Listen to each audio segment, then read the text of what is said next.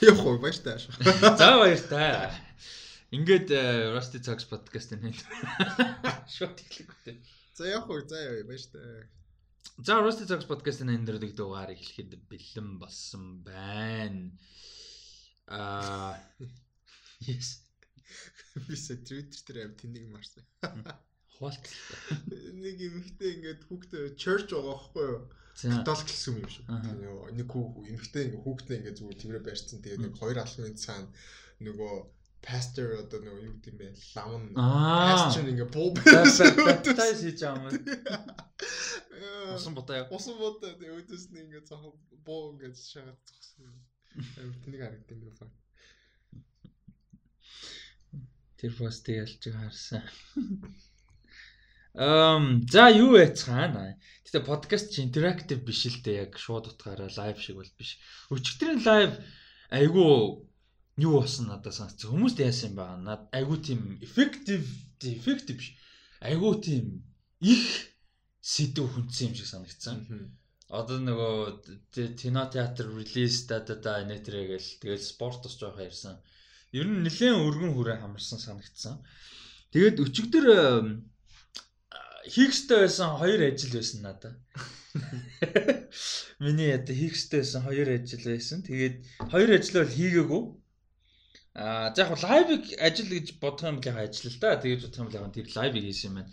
Өөр хоёр ажил өстэй. Тэр нь нэг юм скрипт биччихсэн. Тэгсэн чинь оронд нь юу хийсэн бэ гэдэг бас их сонирхолтой л да. Миний 3 цагийн 3 цагийн хөдөлмөр орсон. Нэр ингэсэн. Тэгээ би яг надад амар кайфтай байсан л да. Би нөгөө нэг юм статистик стат маттэй ийм юм дээр дуртай математик юм байхгүй мөртлөө юм стат мат юм амар дуртай одоо спорт ч юм уу те кино юу гэдэг. Тэгээ статистик гаргалаа. За юунаас ирсэн бэхээр ингэсэн бохгүй юу? Сайн дэж чи заяа. Jersey Zone гэдэг нэг бэлдэлгүүр өгдөн шүү дээ хөлбөмбөгийн уцсан уц цагсны юм ам зардаг. Тэрний залуу зүгээр өөрсгөө профайл дээр Jersey Zone админ гэсэн профайл байдаг. Тэрэн дээр зүгээр нэг пост ширэлцээс аахгүй юу? Зүгээр л нэг ширэлцэн биш зүгээр ингээд нөгөө сэвлж байгаа пост оруулсан нэг спорт сайтаас л юм шүү. Тэр нь яасан гэсэн чинь ингээд сүүлийн 5 сизны одоо 3 топ 3 мэрэгэн боч клубын левелд бүх тэмцээн тэгээд тэгэл Левандовски, Роналдо, Месси 3 байсан хгүй. Үнэхээр амар год левел байгаа хгүй нөгөө тийм. Тэгэхээр нь би зүгээр сонирхолтой санагдаад оо окей make sense тэ энэ 3 үнэхээр амар байсан. Гэхдээ Suarez Center хаана явсан бол гэж бодохгүй юу? Suarez is like a fucking god те. Тэгээд яаж хаад э, яг тэр постыг харахаас өмнө Suarez-ийн талаар бас нэг пост гарсан би зэрэг шеэрсэн. Боён профайл. Тэгээ яг санаанд Suarez ороод Suarez нэр амар өсөж сүүлийн 10 жил энэ гуравтай харьцуулах сүүлийн 5 жил ямар байгаа юм бол гэж бодоод сонирхлоо. А тэгсэн чинь Suarez яалтчгүй энэ гурван ерөөсөө л яг л ард нь орж байгаа юм л да. Ерөөсөө л яг ард. Яг ард. Тийм ерөөсөө л яг тэр. Тэгэл оо окей make sense гэж бодоод тэгснэ ер нь агөөрөө яаж байгаа юм бол гэж бод.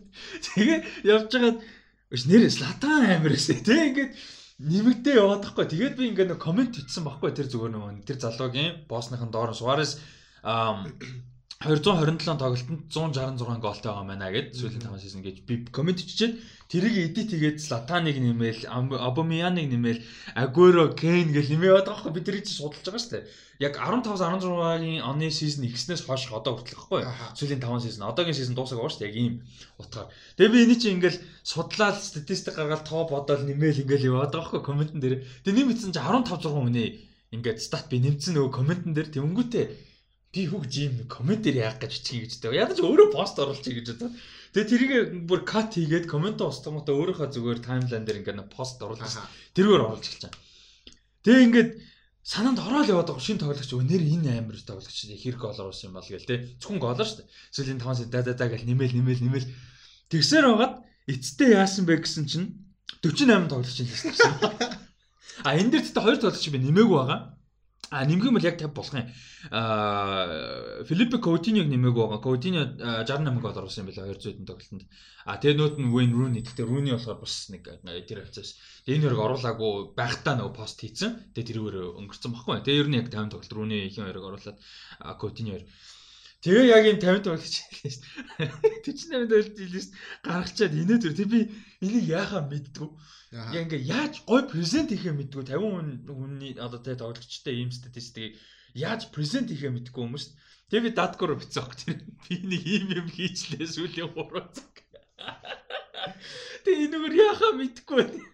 Өстө солиотой юм яваас. Тэгээ чамд ямар санагдсан? Яг одоо хөлбөмбөг дөнгөжтэй сонирхож ихлэ удаагүй байгаа хүний хувьд ямар хөө санагдсан? Сонирхож чадваа. Сонирхолтой байж чадваа ядаж. Сонирхолтой байсан тэгээ яг хоо жоохон нөгөө сүйдлийн нөгөө average нь харчаад гайхсан.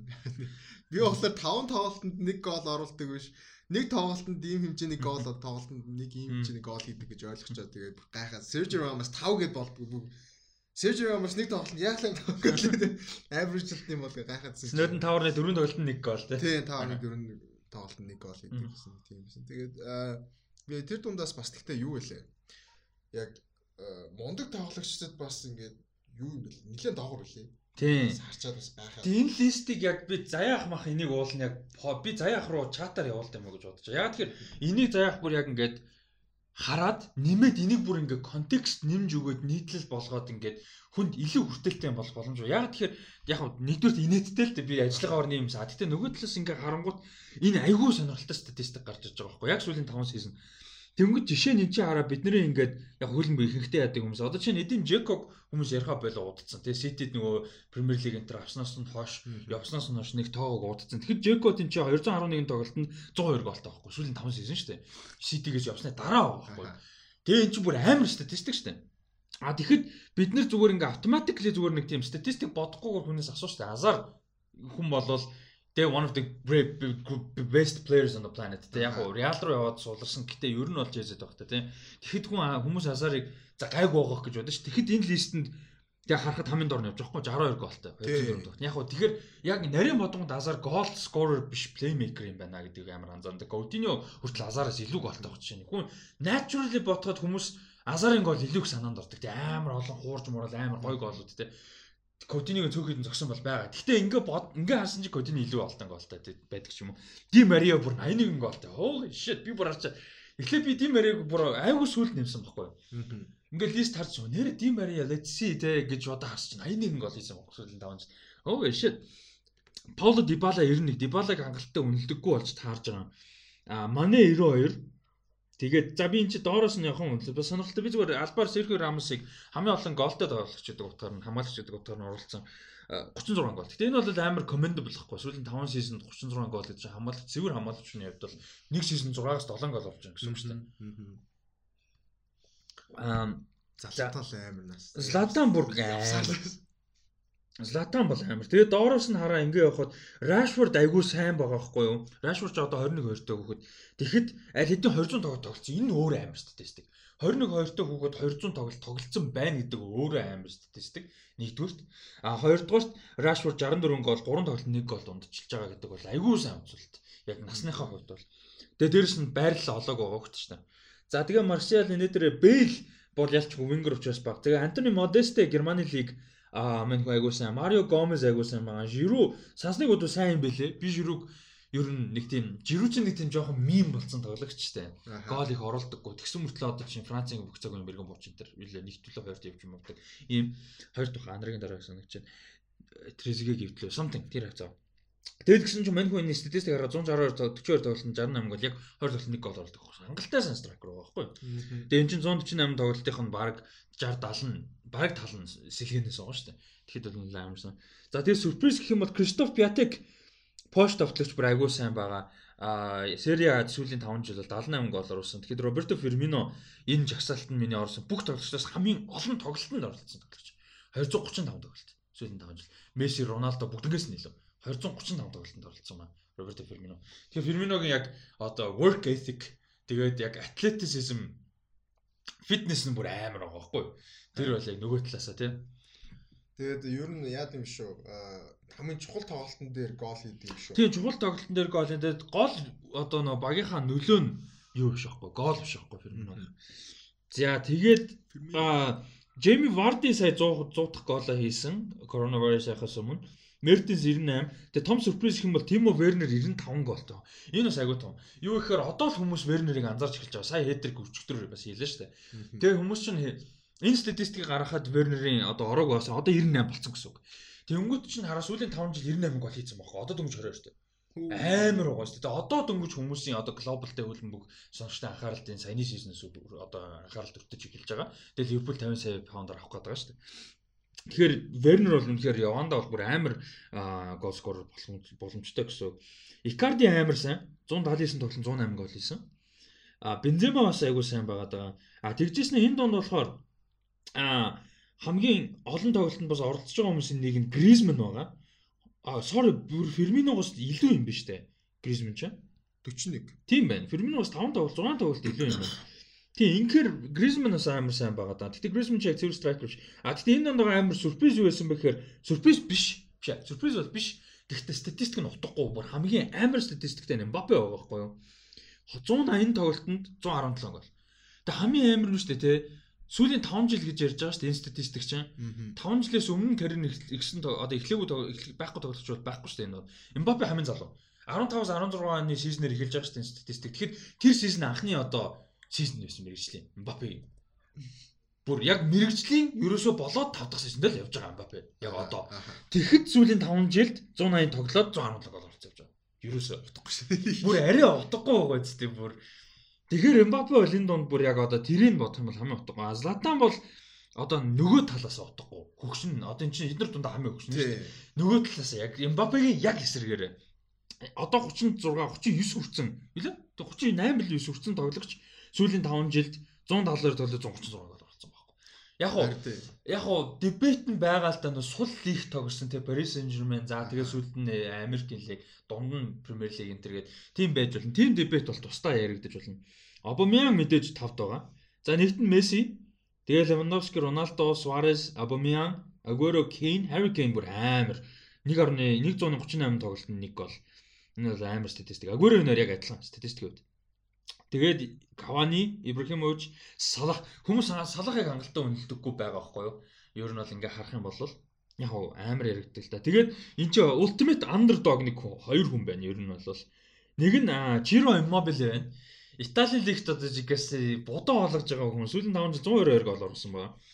Аа 25. Энэ бол бүр амар статистик хүмүүс нэг анзаараг баг. А тэгэл Лукаку хангалттай үнэлдэг юм шиг санагддаг Ромело Лукаку. Эвертон доктор бүр саажсэн. Одоо Интертэй амар байгаа. Юу юунд Юнайтед Карти чинь Интер үлээ бас. Тийм Интерт яг Альбисер Интер гэхдээ Парис Сен-Жермен зээлэр ба. А тэгээ бас нэг амар ерөөсөө үнэлэгдээгүй хүн хинбэ гэхээр Муса Дембеле. Энэ амар том сюрприз. Гэтэ энэ болохоор яг хоо жинхэнэ нөгөө нэг сул лиг гэдэг юм жоохон хүчтэй яригдах хүн л дээ. А Францын залуу одоо дөнгөж 22 тэй. Тэгээ бас Мбаппе шиг байгаа хгүй ингэж харах юм бол 228 тоглолтод 110 голтой явж байгаа сүүлийн 5 сизон. Тэгээ одоо ингэж 22 дэдэг бодлоо 17 одоо мэржлийн карьер эхлүүлсэн. Тэгээ 110 гол алидий хэлсэн. Хийсэн. Хоёр тоглолтод нэг гол золтой юм хийж шүү дээ. Тэгээ яг ганц юм нь юу вэ гэхээр мань хүний ихэнх сизон 3 билүү 4 сизон юунд өнгөрсөн? Селтикт, Шотландын лигт тэгээд Шотландын лигт ч ер нь жоохон монопол шүү дээ Селтик. Ялангуяа Рейнжерс тампуурснаас хойш. Аа тэгээ буцаа гараад ирснээс хойш. Тэгээд одоо бол э, Олимпик Лионд байгаа. Тэгээд Лионд амар сайн байгаа. Тэгээ ер нь том баг бүгд авна гэж алдцаад байгаа шүү дээ. Муса Дембеле гэж байна. Ийм статистик байгаа. Тэгээ энийг сонирхсан хүн байвал а инстаграмын чатаар ч юм уу бичээрээ Rusty Ryan 7 гэдэг амар өвтөйхэн сэг үйж байгаа. Тэгээ Datco инстаграм дээр дагаараа яг 10 хэдэн минут жоохон сонирхол зарим нэг хүмүүс манай подкастыг хөлбөмбөг сонсох сонсдоггүй байх. Гэхдээ миний маш том сонирхол энэ бол Тэгээд мэдээж далилт байдаг учраас шууд энүүгээр эхлүүлчлээ тэгээд сонирхолтой байсан гэж найдаж байна. Тэгээд яг энэ статистикийг сонирхолтойгоор бүр яг нэмж харахыг хүсвэл Rusty Ryan 7 гэдэг инстаграмаар DM биччихээрээ тэгээд би Rooney-ийн хоёрыг Coutinho хоёрыг нэмчээд юу яана бэлтчнэ нэмээд тэрэн дээр тэгээ явуулъя. Хэрвээ сонирхол байвал тийм сонирхол болоод яах вэ? Ийм байна. За Тэгээд чиний хувьд юу гэж? Ер нь зөвхөн хөлбөмбөг энэ статистик юм самар хэр сонирхолтой санагдаж байна. Ер нь хөлбөмбөг чиний хувьд одоо ингээд буцаа гараад эхэллээ шүү дээ. Германы лиг тоглож эхэлж байна. Испани лиг удахгүй эхлэх чинь 6 сард. Премьер лиг чинь бэлтгэлээ игээд эхэлсэн. Тэгээд энэ статистик сонирхолтой юм байлаа. Тэгээд мэдхгүй тоглож шийдэх байлаа дээгүр.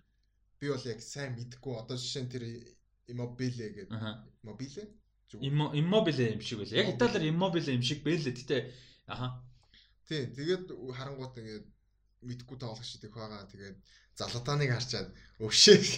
Энэ бас л утгагүй гар энэ хөгшөрч хөгшсөн тэгээд угаасаа ч манай гар дийлдэхгүй гаралтай.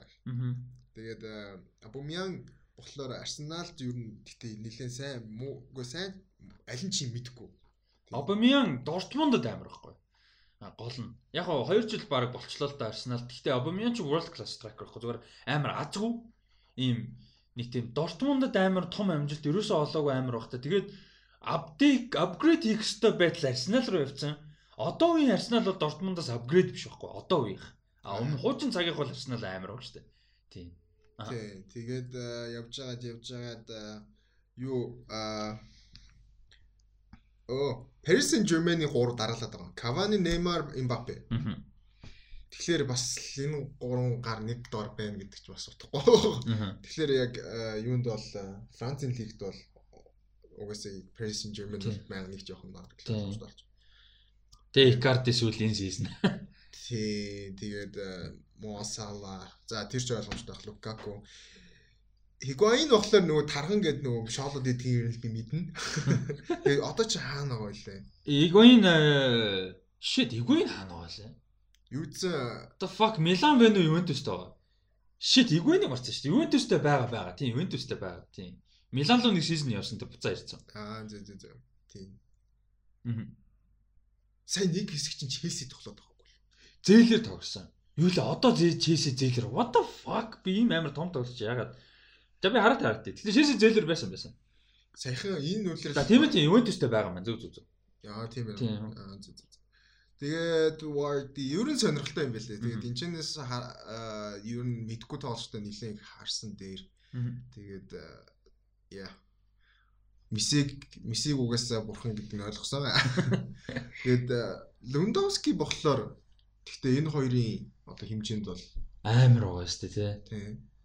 Яг уу тэгээд нөгөө нэг тоглолтондоо оруулж байгаа нөлөө мөлөө гээд ассист мессист гээ явчих юм бол энэ статистик шал өөр болчихно л доо.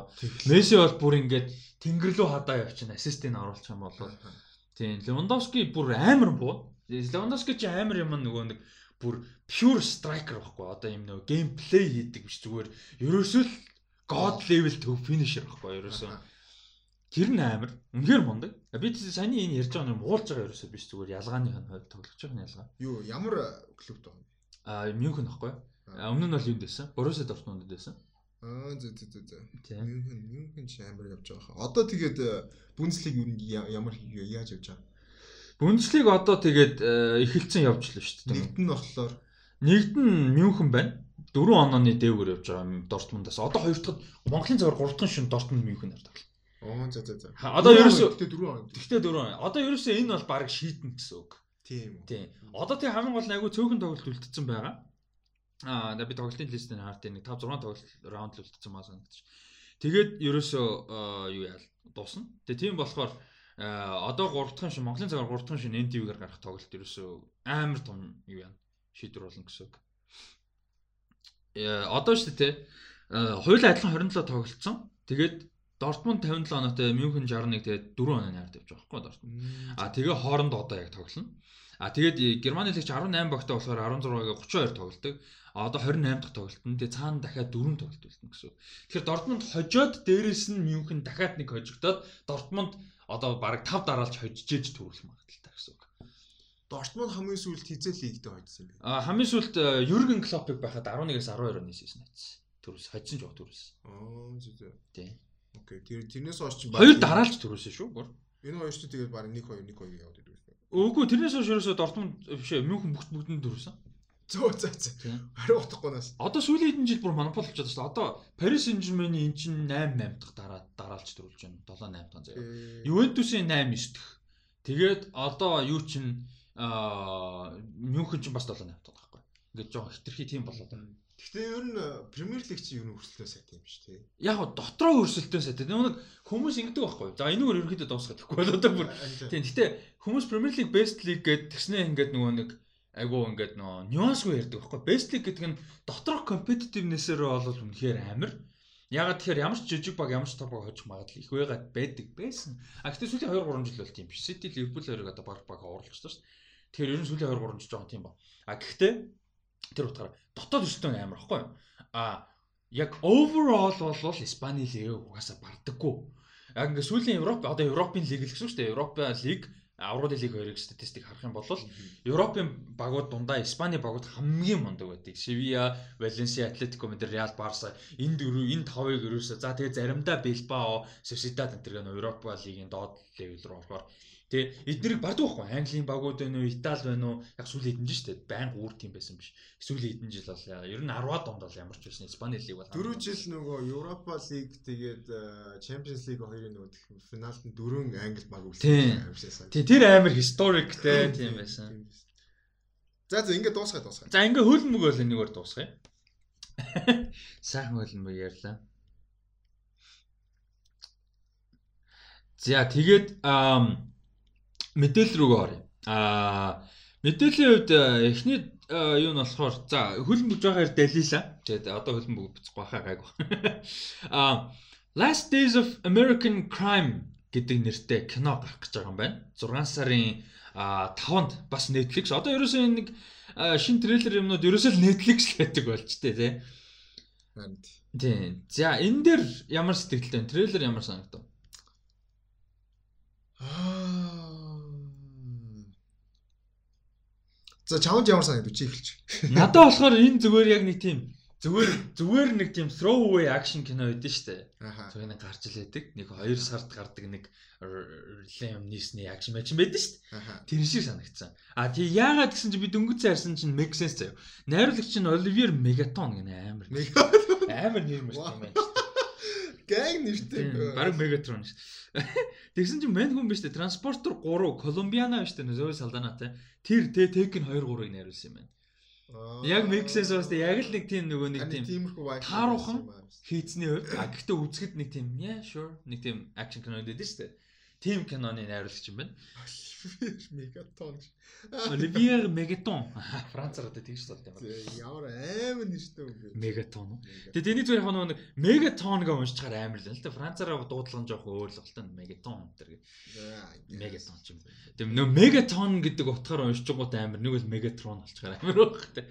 А тэгээ надад бол яг одоо нэг expectation нь юу вэ гэдэг утгаараа таалагдсан баггүй юу? А тэрс одоо нэг тийм амар сайн мэг нь бол зүгээр нэг тийм зүгээр л юм премистэй нэг government хүмүүсийг өдөр даад байгаа юм шиг аа kind of тэнгуүтэй яг гол ID нь тэр нэг rebel rebel баг байгаа. Тэгээ манай гол дүр байгаа. Манай гол дүр мэдээж дүүн нас урцсан дайцтай сайдын character development kind of тэнгуүтэй энэ хоёр нийлээл 30 сая доллар хулгаална тэгээ мэдээж obviously амар супер hot хүн байна. That's it. Ер нь нэг тийм л кино байгаа байхгүй юу? Тэгээ тэр нь яаж амьдрал дээр модель окей fine make sense.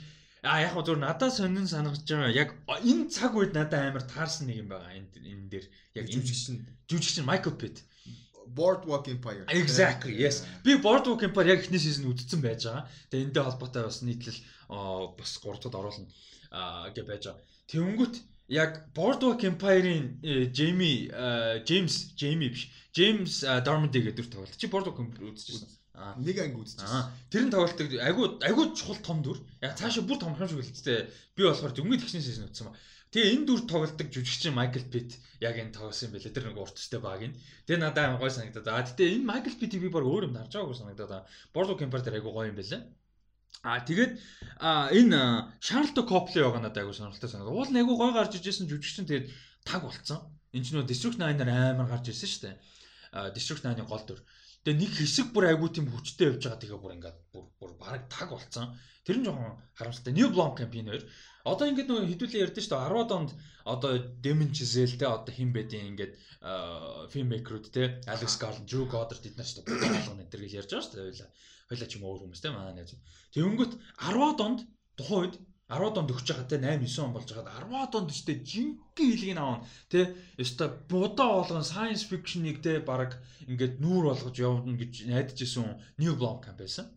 District 9-ыг найруулсан найруулагч. Тэгээ тухайн үед District 9 чи best picture нэр дэвсэн. Үнэхээр ерөөсө хаач харагдаж байгаагүй юм sci-fi кино байсан те. Одоо хүртэл District 9 шиг team sci-fi кино ховор Тэгээ явж байгаад дараа нь Chapik хийсэн. Тэгээл нөө Elysium. Elysium бол муу бол биш. It's fine.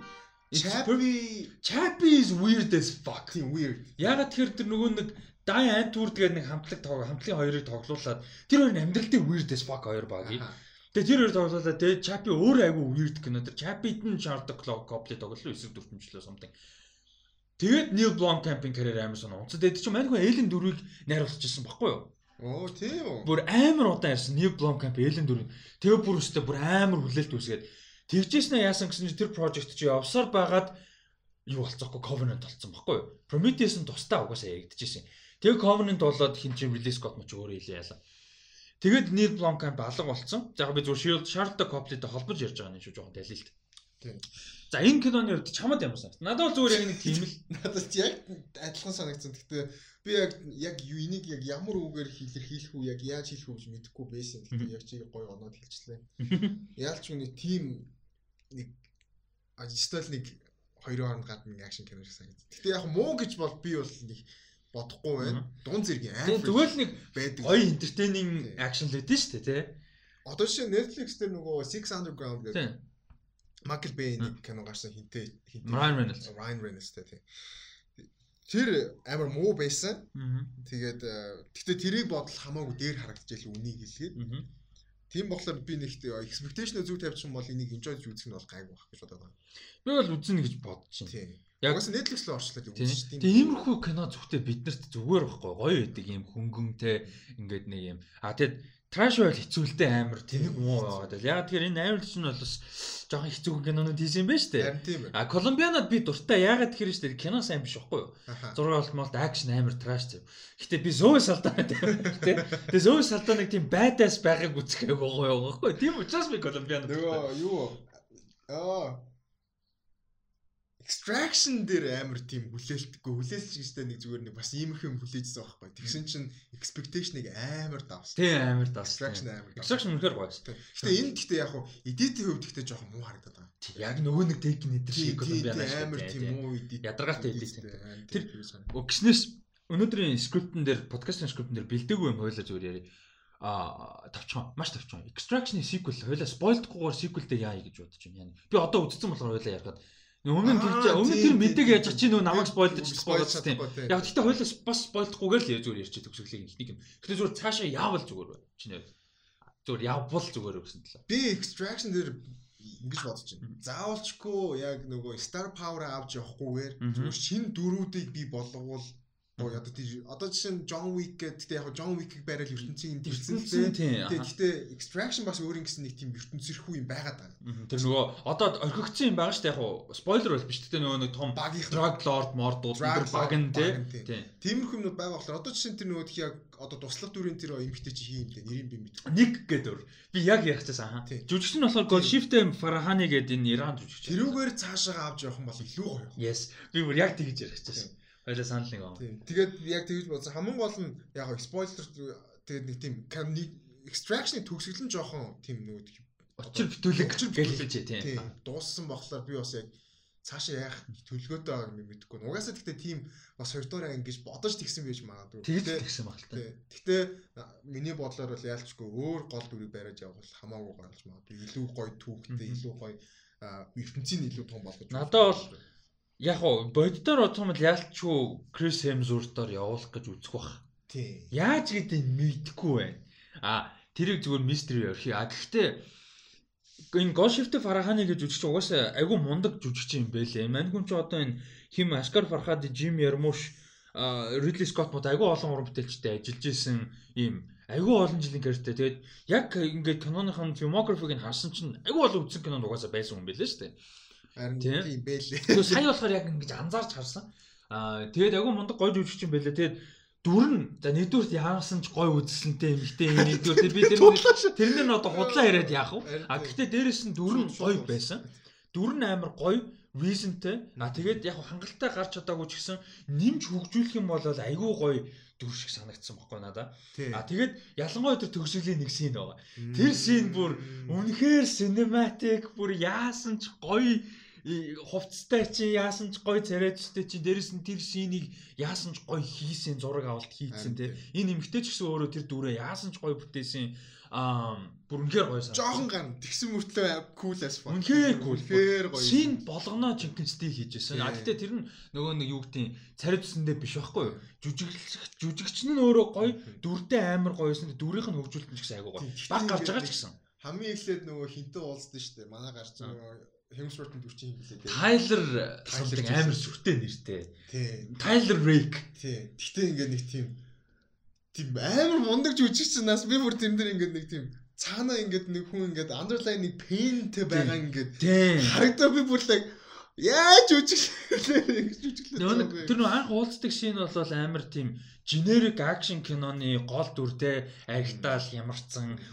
нэг tragic юм болцсон. Тэгэл нэг гой хүүхэн ирээл тэгэл айгуул секстэл нэг team scene байж болох байсан шүү дээ. Эсвэл romantic past. Тэгвэл generic. Team биш байгаа хгүй нэгдүгээр Chris Hemsworth өөрөө амар гоё байгаа.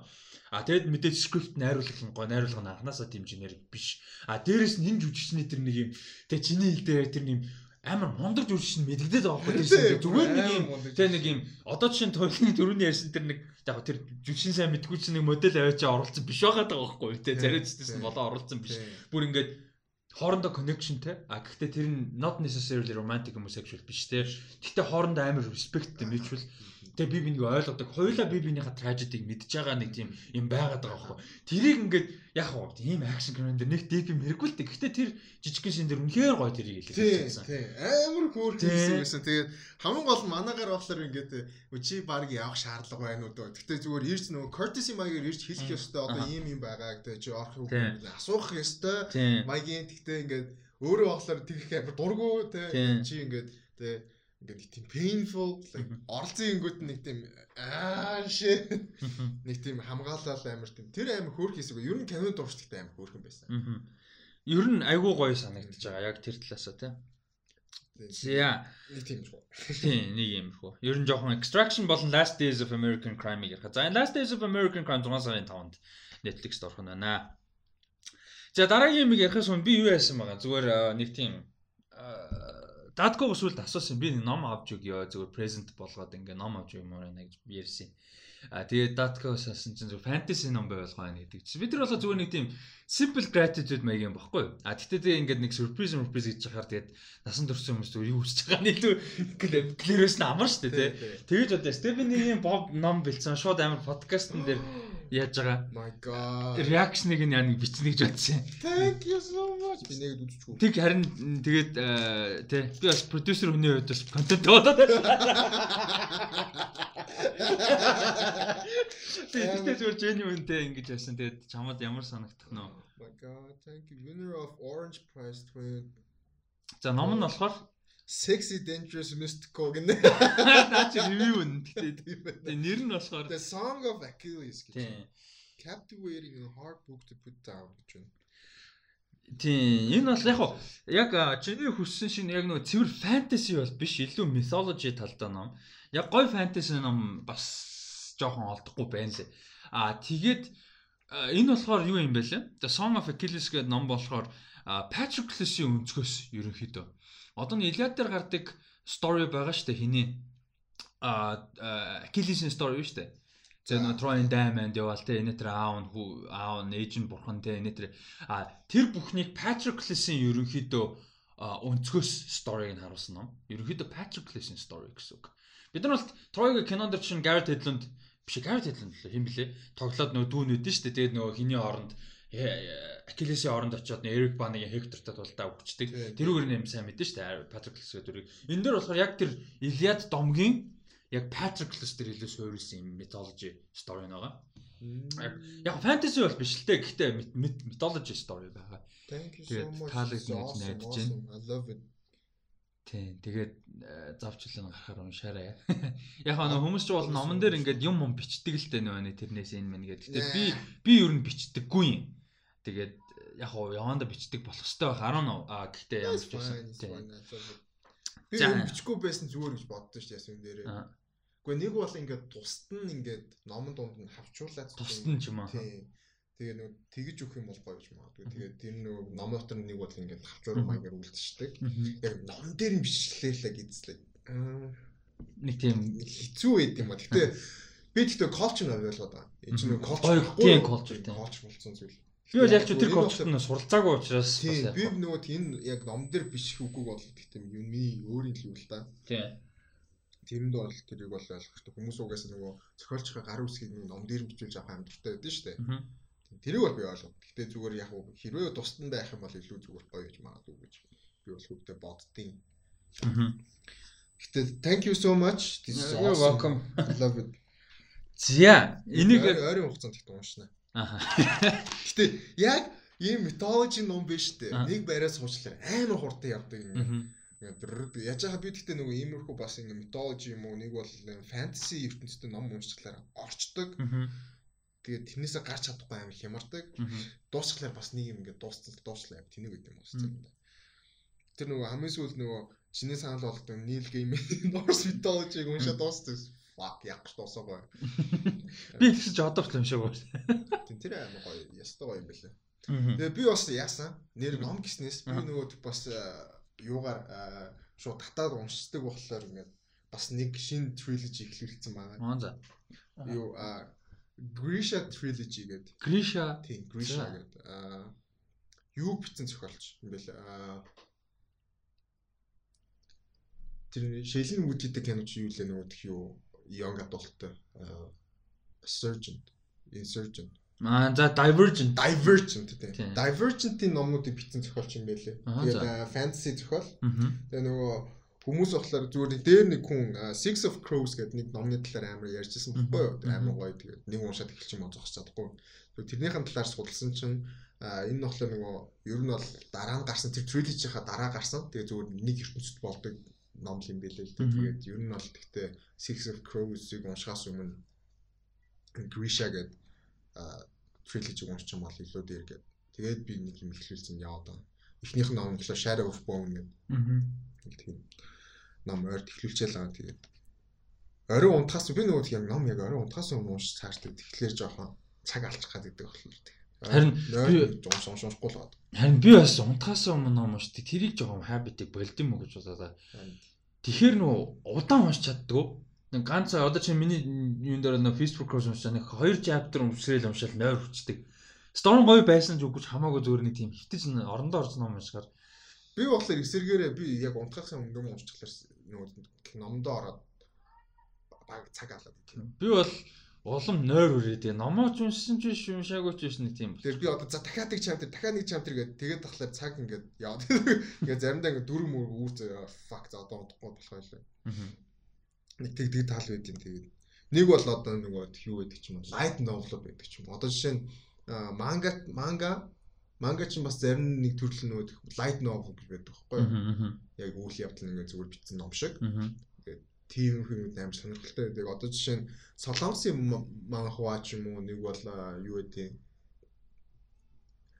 хиттэх шүү дээ юм уу тэгээд light novel амар их байдаг тэд нар амар сонирхолтой яг нь жоохон тавтаад байдаг болохоос Түүний шиг тэд нар бас амар шаналтай. Тэгээ тэрийг уншаад эхлэхлээр бас ингэ шүнжиг унц чадхад тэр зодог гаж чадж гадаг шүү. Тийм тал байдаг лээ. Тэгээд okay, anyways, thanks for the book. It's awesome. Okay. Awesome. Аха, you're welcome. Аа тэгээд би юу уншиж байгаа? Facebook course уншиж байгаа. Хамгийн сүүлийн миний уншсан chapter дээр Brian Biter-тай Hound-ийн юуг маскыг өмссөн. Тэгээ Biter-тай тултаад Brian баг үхээд дууссан. Гэхдээ амьдрал дээр амьдрал дээр story-н дээр цаашаа өөхөг өөхгүйг нь бол мэдчихэж байгаа. Гэхдээ тэгээд дууссан. Ийм байгаа. Тэр хоёр яваалгаа. Бодрик тэр хоёр. Аа. Ерөөсөө нэр Facebook Cross ном тэр чигээр ерөөсөө Brian Podrick хоёр яваал. Яваал нөө. Йоо хоол идэл бороонд нороод зам нь хогийн тэгэл яваа. Бүр гэлээ яа үгүй бүр явж байгаа нь description айгүй их заяо. Ингээд chapter-ын айгүй их хэсэг нь явж байгаа нь тухайн. Ингээд бороо норж байгаа, нар нь мандж байгаа, бороонд хонсон яадаг идэг хүүхдэл зогцсноо таарсандаа яваа л энэ. Мөн залхуу юу. Окей. За дараагийнх нь болохоор аа Spike Lee joint амар тийм хипхоп тайлтай тий. Аа joint гэж. Тийм. Яа officially тэгэж яагаад байна шүү. Тэгээ ер нь бол яг Spike Lee joint. Яг joint гэж агай олон юм ярьдаг л да. Дууг ярина, киног ярина, бас тийм одоо хиллэг байна. За Spike Lee-ийн joint буюу кино. The Five Bloods гэдэг нэртэй кино. Netflix-ээр гарч байгаа юм байна. Netflix дээр 6 сарын 12-нд гарах юм байна. 2 цаг 30 минутын үргэлжлэх хугацаатай кино байна. За энэ кино болохоор Вьетнамын дайны үед одоо дайтжсэн дайнд оролцож исэн дөрвөн цэрэг одоо хөгшрөөд одоо үед Вьетнам руу буцаж байгаа тухай ерөнхийдөө өстөрөө трейлернээс нь харахад бол жоохон учир бүтээлэг яг яг ойлгогдно л доо гэхдээ айгүй тийм Вьетнамын үеийн дүрсийг айгүй холцсон учраас жоохон тийм хүнд трейлер ойлгоход жоохон ядаргаатай трейлер а гэхдээ үйл явдлын хувьд бол ерөнхийдөө тиймэрхүү а тэгээд гол дүр бол Delroy Lindo гэж үжигчин байгаа. Нэрийг сонсоод бол та хэд мэдэхгүй бах. Би ч бол хэлж мэдэхгүй. А гэхдээ харах юм шууд мэднэ. Delroy Lindo бол айгүй олон жил Hollywood angle-д ер нь олон мундаг уран бүтээл тоглож явж байгаа. Malcolm X дээр тоглосон, Gone in 60 Seconds дээр тоглосон. Аа Good Fight гэдэг одоо цуврал тоглож байгаа. Аа тэгээд э, өөр ямар кинонууд Romeo Must Die дээр тоглосон, Sahara дээр тоглосон. Айгүй олон ийм э, одоо юу яасан Тий, харангуй шууд мэдх юм байна. Тий, харуу шууд тий. Ийм уран бүтээлч байгаа. Гол дүртэн тоглож байгаа. Тэгээ мань хүний аа найзууд нь болохоор ингээ өөр бас нэг хідэн жүжиг. Тэгээд ерөнхийдөө ингээд ийм а тэгсэн чинь залуудаа нөхдүүд юу яасан юм шиг байгаа. Вьетнамын дайнд явж байгаад алтоолоод нуус юм шиг байгаа. Тий. Трейлер дээр нь тэгж харагдчихлаа. Тэгээ Chadwick Boseman-ыг би юу гэж бодсон байхгүй. Delroy Lindo-гийн залуу дүр юм болов шиг үгүй юм байна. Тий. Өөр дүр юм байна эдний ахлагчд л тайвшин дүр байж магадгүй тий одоо хэд байхгүй байгааг бодоход тий. Гэтэ ямар ч Chadwick Boseman-ы дүр бол тэр дундаа нэг лидер нэг капитан юм шиг байгаа. Тэгээд нэг алт ийм сав дүүрэн алтуулаад нуугаад ирээдүйдтэй буцаж ирээд олон авна маавна гэж яриад байгаа тий. Тэгээ эднэр тэр алтаа авах гээд ирж яж магадгүй тий. Тийм би бол тэгж бодсон яг буцааж алтаа авах гэж л ирж байгаа юм шүү. Нэг бол нөгөө Chadwick Boseman-ы дүр болохоор би ингээд нуучи Тэгээ би ингээд юу нэг чив нууч тэгээ та нар ингээд цутаа. Тэгээ бид ингээд нуугаад өгчээ. Тэгэхэд ингээд алтаа нуугаад ингээд өгсөн юм шүү санагдсан. Миний хувьд тэгтээ үгүйч биш магадгүй. Тэгтээ мэдээж Нэгдүгээр Spike Lee-ийн кино хоёрдугаар энэ бол яг зүгээр нэг тийм одоо тэр нуусан алтаа болгож байгаагаас илүү өөрсдийнхөө journey байгаа байхгүй personal journey тий. Яг дайнд хийсэн үйлдэлүүд нь дайн хинд ашигтай. Ер нь Вьетнамын дайныг угаасаа амар зориг гутгахгүй дан гэдэг шүү дээ. Тэгээ өнгөт ингээ нөгөө Вьетнамын дайн өөрсдөд нь яаж нөлөөсөн те а инээтэрэгээд илүү тийм deep тиймтэй юу байх бах кино авах гэж бодож байна. Spike Lee одоо тэгээд илүү хөнгө өнгөцсөн юм хийхгүй уу? Тий, тэгээд ер нь тэгэл яг дайны уршгаас болж яг Вьетнам одоо ингээд Вьетнамын дайманаас хойш Вьетнам яаж яг тэрнээс одоо яаж одоо өөрчлөгдсөн. Өөрчлөгдсөн ч гэжтэй дайн яаж Вьетнамыг өөрчилсөн бэ гэдэг амар тийм том асуудал байгаа юм шүү. Тэгээд тэр мэрийг нэлээд харуулах юм уу та. Тэгээд ер нь яг трейлерс нь харж байхад бол Вьетнам амар нэг тийм юу Америкчсан тий. Ингээд нэг тийм тиймэрхүү харагдчихлаа. Тэгээ надад энэ зураглал нь агуу зөвүүн санагдсан. Хоёр цаг үеийг өөрөөр зураглалыг харуулж байгаа нь агуу зөвүүн санагдсан. Тэгээд сонирхоод харсан чинь энэ Ньютон Томас Сиго гэдэг зураглаач байдаг. Энэ хүн юугаар ажиллаж байгаа юм бэ? Зураглаачаар нь ажиллаж байгаа юм. Тэгээ энэ хүн болохоор нөгөө хиний Brian Singer-ийн Usual Suspects дээр ажилласан Ian McSir яг нь Ian McKellen өнөөдөр нэрсээр Ian McKellen-ний төрсөн өдөр 81-аас сурж байгаа. Аа тэгээ Sir Ian McKellen-ний тогс Ad People гэх кинодыг тэрэн дээр за Three Kings, X-Men 1 2 аа Drive аа тэгээд Days of Future Past аа Extraction кинон дээр зураг авалт зураглаач ажилласан юм байна. Сая Extraction дээр ажилласан зураглаач юм байна. Тэгэхээр бас айгу аа сонирхолтой байгаа ийм зураглал нь бол зурглалгүй харагдчихлаа. Гэхдээ зураглалыг бидтэй яг сайн анзаараагүй. Аа трейлерийн эвлүүлэг нилээ яг чиний хэлсэн шиг нэг тийм disorienting тий албаар тий. амар year юм байсан. Яг яг шудраг яг тий жоохон нэг тийм байсан тэгээд. Year гэдэг нь жоохон дотор юу ойрхоор. Тий. Яалчгүй нэг тийм. Тий яалчгүй. Яалчгүй тий байсан тэгээд. Гэхдээ тэр нь албаар мессеж өгнө гэж болно шүү дээ. Минь тэгээ бас трейлер гэдэг чинь өөрөө артынхаа нэг хэсэг байж болно шүү дээ. Ер нь бол expression. Тэгэхээр албаар Вьетнамын дайм болон киноныхоо мэдрэмж өгж байгаа сэдв, хөндөж байгаа сэдв нь өөрөө ийм замбраагүй зорилго муутай ч юм уу clear биш гэдэг мессеж болно. Хүн өөс. Хүн өөс. Тийм. А тэгэд каст бол туслах дүрд нь Chadwick Boseman, Melanie Thierry гэж нэг айгу гоё unique цариуцтай Франц жүжигчин байдаг нөгөө 1900 дээр тоглолдог Legend of 1900 дээр тэгээ Babylon AD гэх нэг random кино үдийн хийний тоглосон Vin Diesel-ийн тоглосон. Би нөгөө sci-fi action трейлер кино дотор үзчихсэн. Тэгтээ амар траш кино тэгээ тэр нэр Монгол Монгол зонгол гэж гардаг. Тэгтээ хэзээ Монгол Монгол зураг авалт аваагүй тэгтээ Монгол гэж гардаг. Өөсө тэгдэм дөө зөндөл юм дээр тэгж. За тэгээд ойр тараагүй хүн байгаа. Jean Reno. Тийм. Манай жоохон махал захалцсан бас нэг те. Гэтэ юмдээ л нэг зүүн харагдчихлаа. Жан Рено байгаа. А тэгээд Giancarlo Esposito бас байгаа юм байна. Gus Fring манай Gus Fring байгаа юм шүү. За тэгээд Terence Blanchard бас хөгжмийн бичиж байгаа маань шин. Terence Blanchard ч одоо а legendary Үнэхээр сая бас Оскар нэр дэвшсэн нөгөө Black Klansman-ы хөгжим өгсөн jazz хөгжимч юм. Ийм а кинонаа тэгээ трейлерыг сэтгэлдээ хуваалцаарай. The Five Bloods а Да Five Bloods гэж уншихгүй шүү. Ер нь бол зүгээр The Five The Five Bloods гэхгүй юу. Яг уу яг яриан донд болохоор The Five Bloods гэж зүгээр зүгээр нэг тийм The Five Bloods л гэж хэлж байгаа. Яг уу зүгээр энэ жоохон хип хоп ч юм уу, жоохон African American slang маягаар The Five Bloods. Гэхдээ түнс хүмүүс андуураа да гэж уншаад байж магадгүй. Тийм бол биш шүү. За за зүгээр the five bloods гонш чинь. Тэг тэгээд ер нь нэг brotherhood ер нь нэг тиймэрхүү байдал нилээл гарах юм шиг үнэлээ. Аа. Blood те. Our blood. Тийм. Тэгээд five bloods гэдэг нь таван ах トゥ ус гэсэн. За дарааг нь болохоор жижигхэн тийзер гэхдээ надад айгу сонирхолтой санагдаад би зүгээр оруулсан байгаа. А нөх ярих юм бол багтаа гэхдээ Lost Bullet гэдэг кино гаргаж байгаа юм байна. Бас тийм синопсис маягийг нь би уншаад болсон. Би трейлерыг нь бол уншаад бол нэг юм ойлгохоор. Тийм трейлер нь зүрхээс айгуу товчонд хийсэн шүү дээ. Товчонд хийзэр. Тэгээд синопсис нь амар сонирхолтой санагдсан. Тэгээд ойрын үед ойрын үед шүү дээ. Аа имгүй төрлийн кинонууд үзээгүй юм шиг санагдсан. Тэгээд нөгөө аа нэг машины машинд ингээд сум зогтцсон Тэгээд э, тэр сумыг олох гэж явж байгаа.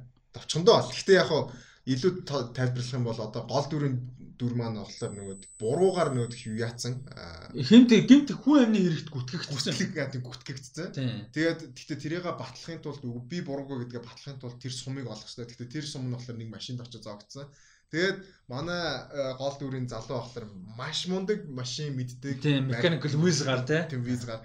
Тэгээд тэр машиныг олох гэж явж байгаа гарах юм шиг. Заримдаа ийм нэг юм маш ер нь John Wick нэг бол тийм шүү дээ. Энэ нэг юм raid ч юм уу нэг юм маш simple straightforward plotтой action кинонд гоё байдаг. Ерөөсөө ингэдэг нэг тийм илүү зөтөө хичээсэн юмгүй маш simple маш straightforward а гэхдээ тэрийг мэдээд сайн хийсэн. Ийм action кино айгуу гоё. Яг го extraction нь жоохон complicated. А raid 2 бол илүү complicated болгосон. John Wick 2 3. Гэхдээ эхнийх нь тэ raid 1 John Wick 1 энэ төр бол амар шулуун шудаг штэ ойлгомжтой алуурчин багийн болцсон байсан. Эхнэр нь үгсэн, үгсэн нохоог нь алсан тэгээд Theo-ыг алах гэж явж байгаа. Ерөөсөө тэгэл болоо. Амар simple те. Тэгээ энэ дээр болохоор би ингээд бас юу бодогдсон юм гэхэл нэг юм машинтай уралдсан те гэхдээ яг ингээд аа яг машины хүч чадал ч юм уу нэг бол машиныг ингээд glorify хийсэн кинод амар хоор болсон юм. Fast and Furious-аас өөр. Өөр. Тийм Fast and Furious одоо тэгвэл амар болсон. Анхандаа бол тийм байсан шүү. Анхандаа тийм байсан. Тэгээд нэг бол одоо такси ч юм уу те Джон багт үзэх дуртай байсан. Тийм такси аягүй гоё. Тийм тэр мөрөн шиг нэг тиймэрхүү кинод амар баг байдаг болохоор. Тэгвэл Baby Driver тэр. Baby Driver гэсэн гоёсэн тийм. Тэгээ яг машин даа үйл явдал нь болоод байгаа ч байгаа байхгүй юу. Үргэлжлээд ингээд одоо нэг урт рейс маяг тий. Яг нь энэ тийм биш ч магадгүй л мэдгүй гэхдээ тэгж харагдаж байна лээ. Тэгж харагдчихлаа. Тэгээ машинтай нэлээд холбоотой тэгээд нэг тэр бол амар таалагдсан. Ойрд нэг тиймэрхүү кино үзээгүй болохоор. Аа тэгээд энэ хаанах Франц кино юм да тий. Хаанах кино юм бэ? Аа тэгээд Lost Bullet гээд аа 6 сарын 19-нд Netflix дээр гарах юм байна. Бол айгу маш сонирхолтой харагдчихлаа надад айгу таалагдаад байгаа. За дараагийнх нь энэ айгу удаан э, тодорхой хэмжээний бас тэрүүхэн дэндээ тодорхой хэмжээний хүлээлт үүсгэсэн юм кино байгаа. The Old Guard гэдэг а киноны трейлер гарсан. Netflix-ийн бас нэлээд хөөрхөн том бажеттай хийсэн а тодорхой хэмжээний хүлээлт үүсгэсэн байсан кинонд нэг. Тэгээ гол дүр нь хин Charlize Theronтой ийм яг вики дээр хиро гэсэн. Супер хиро гэхээс илүү жоохон fantasy kind of ийм акшн триллер кино байгаа. Ерөнхийдөө фэнтези элементтэй акшн триллер гэж хэлж болно. А science fiction юм шиг фэнтези юм шиг. За энэ дээр юу гэж явж гэнэ вэ гэхээр энэ хэсэг бүлэг одоо 4 билүү 5 ийм одоо хүсний алуурчин алуурчин бас биш ээ. Mercenary гэж одоо юу гэх юм бэ? Хүсний цэрэг гэх юм уу? Хөлсний одоо юм мэрэгчлэлтэн гаруудахгүй милитер яг алуурчин бас яг биш. Асаасан биш. Хинжинч талд байж болохоор ийм гаруудын тухай. Тэгээ эднэр болохоор хөлсний цэрэг гэдэг чинь зөв. Хөлсний цэрэг тийм а тэгээ эднэр болохоор ингээд ийм specific mission-ууд те даалгаврыг гүйцэтгэдэг. Тэг хэдэн 100 жил амьдэрсэн? Үүр одоо ийм immortal гарууд. А тэг хэдэн 100 жилийн настай хэдэн 100 жил ингээд хүн төрөлхтний түүхэнд ингээд энэ тэнд янз бүрийн юмд оролцож явсан. А тэг эднэрийн лидер нь бол бидний харж байгаагаар бол ямар ч байсан Анди буюу одоо хин Анди ямар гоё нэртэй те Шарлиз Терон байгаад байгаа. А тэгээ эднэр болохоор яад юм шүү. Би зүгээр трейлерын чамаас асуу тэгээд би харж байхад болохоор трейлераас нь авсан юм юм generational үе үед нэг эднэр шиг одоо юм одоо гентэй ч юм уу те нэг юм байгаад дээ үүрд амьдардаг хүмүүс байгаа дээ шүү дээ эднэр те төрлийн хүмүүс эднэрийн төрлийн нэг юм хүн хүмүүс үе үе ингэж төрдөг юм шиг байгаа. Миний харж байгаа трейлерс нь ойлгосон. Яг тэгэхээр we found another one гэдэг гэдэг байхгүй. Тэгээд тэр нэг өнгөт арьстай охин байгаад байгаа шүү дээ. Тэр охин айгуу чухал дүр юм шиг байна. Аа Lane гэдэг жүжигч. Энэ нөхөр энэ охин бас юм одоо шинээр төрж гарч ирсэн тий. Одоо үеийн нэг юм өөрсдийнх нь адилхан павертай юм шиг байна. А тийм юу нэг generic plot явж байгаа юм л да. Нөгөө нэг том компани живдэл Ejibor яж хат бас л яг нөгөө нэг өөр ямар кинонд нэг юм дүр бүтээдэг үлээ нэг Tom Corporation-ы whatever багийн нэг байдаг санагдаад байна би андуураг. Тэгээд дээр Fast and Furious дээр бас нэг сонин гарлаа байна. Чүдэл Ишуфор байдаг үлээ. Байдаг шүү. Чүдэл Ишуфор уу? Аа, андуурцсан. Бодлоо ярьсан. Аа оо хин Хансу ямар Хансу? Жимон Хансу. Аа, Жимон. Жимон Хансу биш. Тийм. Тэгээ би андуурч магадгүй. Тэгтээ ямар ч живдэл Ишуфор нэг тийм эсрэг дүр, нэг тийм corporate баг юм шиг байна. Тэгээ эднэрийн нөгөө нэг барьж авч генетикийг нь яах гээд Тэгээ нөгөө нэг immortality-г олох гээд ах шиг байгаа юм л та кийг. Тэгээ энэ хэдэн obviously immortal. Аа тэгээд ерөнхийдөө ингээд нөгөө нэг хэдэн 100 жил ингээ явцсан баг нар одоо нөгөө нэг surveillance-тэй интернет инетэрээс болоод одоо ингээд нуугдаж тэ сүүдэрт оперейт хийх боломжгүй болж байгаа гэсэн айдиаг өгж байгаа. Иймэрхүү трейлер байсан. Надаа яг акшн илүү гоё байж болох санагдсан. Амар каттай, олон каттай байсан. Яг нэг тийм гоё байраас акшн бол харагдахгүй л нэлээ. Гэхдээ Charlize Theron гоё харцсан. Тэгээ санаа надад сонирхолтой байгаа. Аа яг нэг шинэлэг санаа бол биш л дээ. Гэхдээ зүгээр сонирхолтой. А тэгээ зүгээр амар инээдтэй, unintentionally инээдтэй надад санагдсан тэр нэг өгтөө селфи авч идэв шүү дээ. Аа тий. Тэр яг ID нь юу байсан бэ гэхээр тэр нөгөө нэг surveillance юм байгаад байгаа гэдгийг л одоо илүү жишээ болгож харуулах гэж оруулсан шин байсан. А кинон дотор тэр шин их инээдтэй биш байж болно. Гэхдээ зүгээр трейлер дээр амар тэнэг санагц. Яг тэгэхээр одоо үед камераас нуух угаасаа боломжгүй. Тэрний хідэн октодын селфиг тэ яасан ч ялаа үгүй ч ялаа. Нэгдүгээрт нэг алхаал камер төртнээс. А тийм. Тэгээ ядж хагаад хоёрдугаар очингуудаа зургийг аваад өгье гээд устгасан чинь амар аргуу селфи авсан байсан. Эмгтэй хүмүүсийг тийм селфи авах уу? Тийм амар муу селфи авах уу те.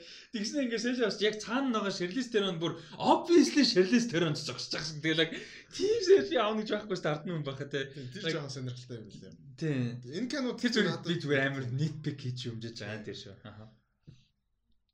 Нөгөө юутай амар адилхан харсан. Яаж хахаас Терон чи яг нөгөө Hancock тоглож исэн Тэгээ нөгөө Hancock ч нөгөөс нөгөө тийш тиймэрхүү шүү дээ нөгөө generation болгонд ингээ нэг тийм хүн болгон өөр өөрөөр хардаг те. Angel super одоо бол бид нэр super hero те.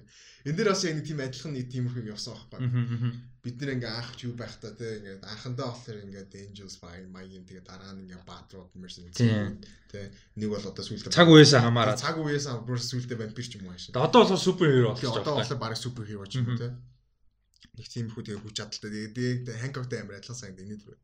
Яаж манай гарч өөрөө тоглолдог ч илүү.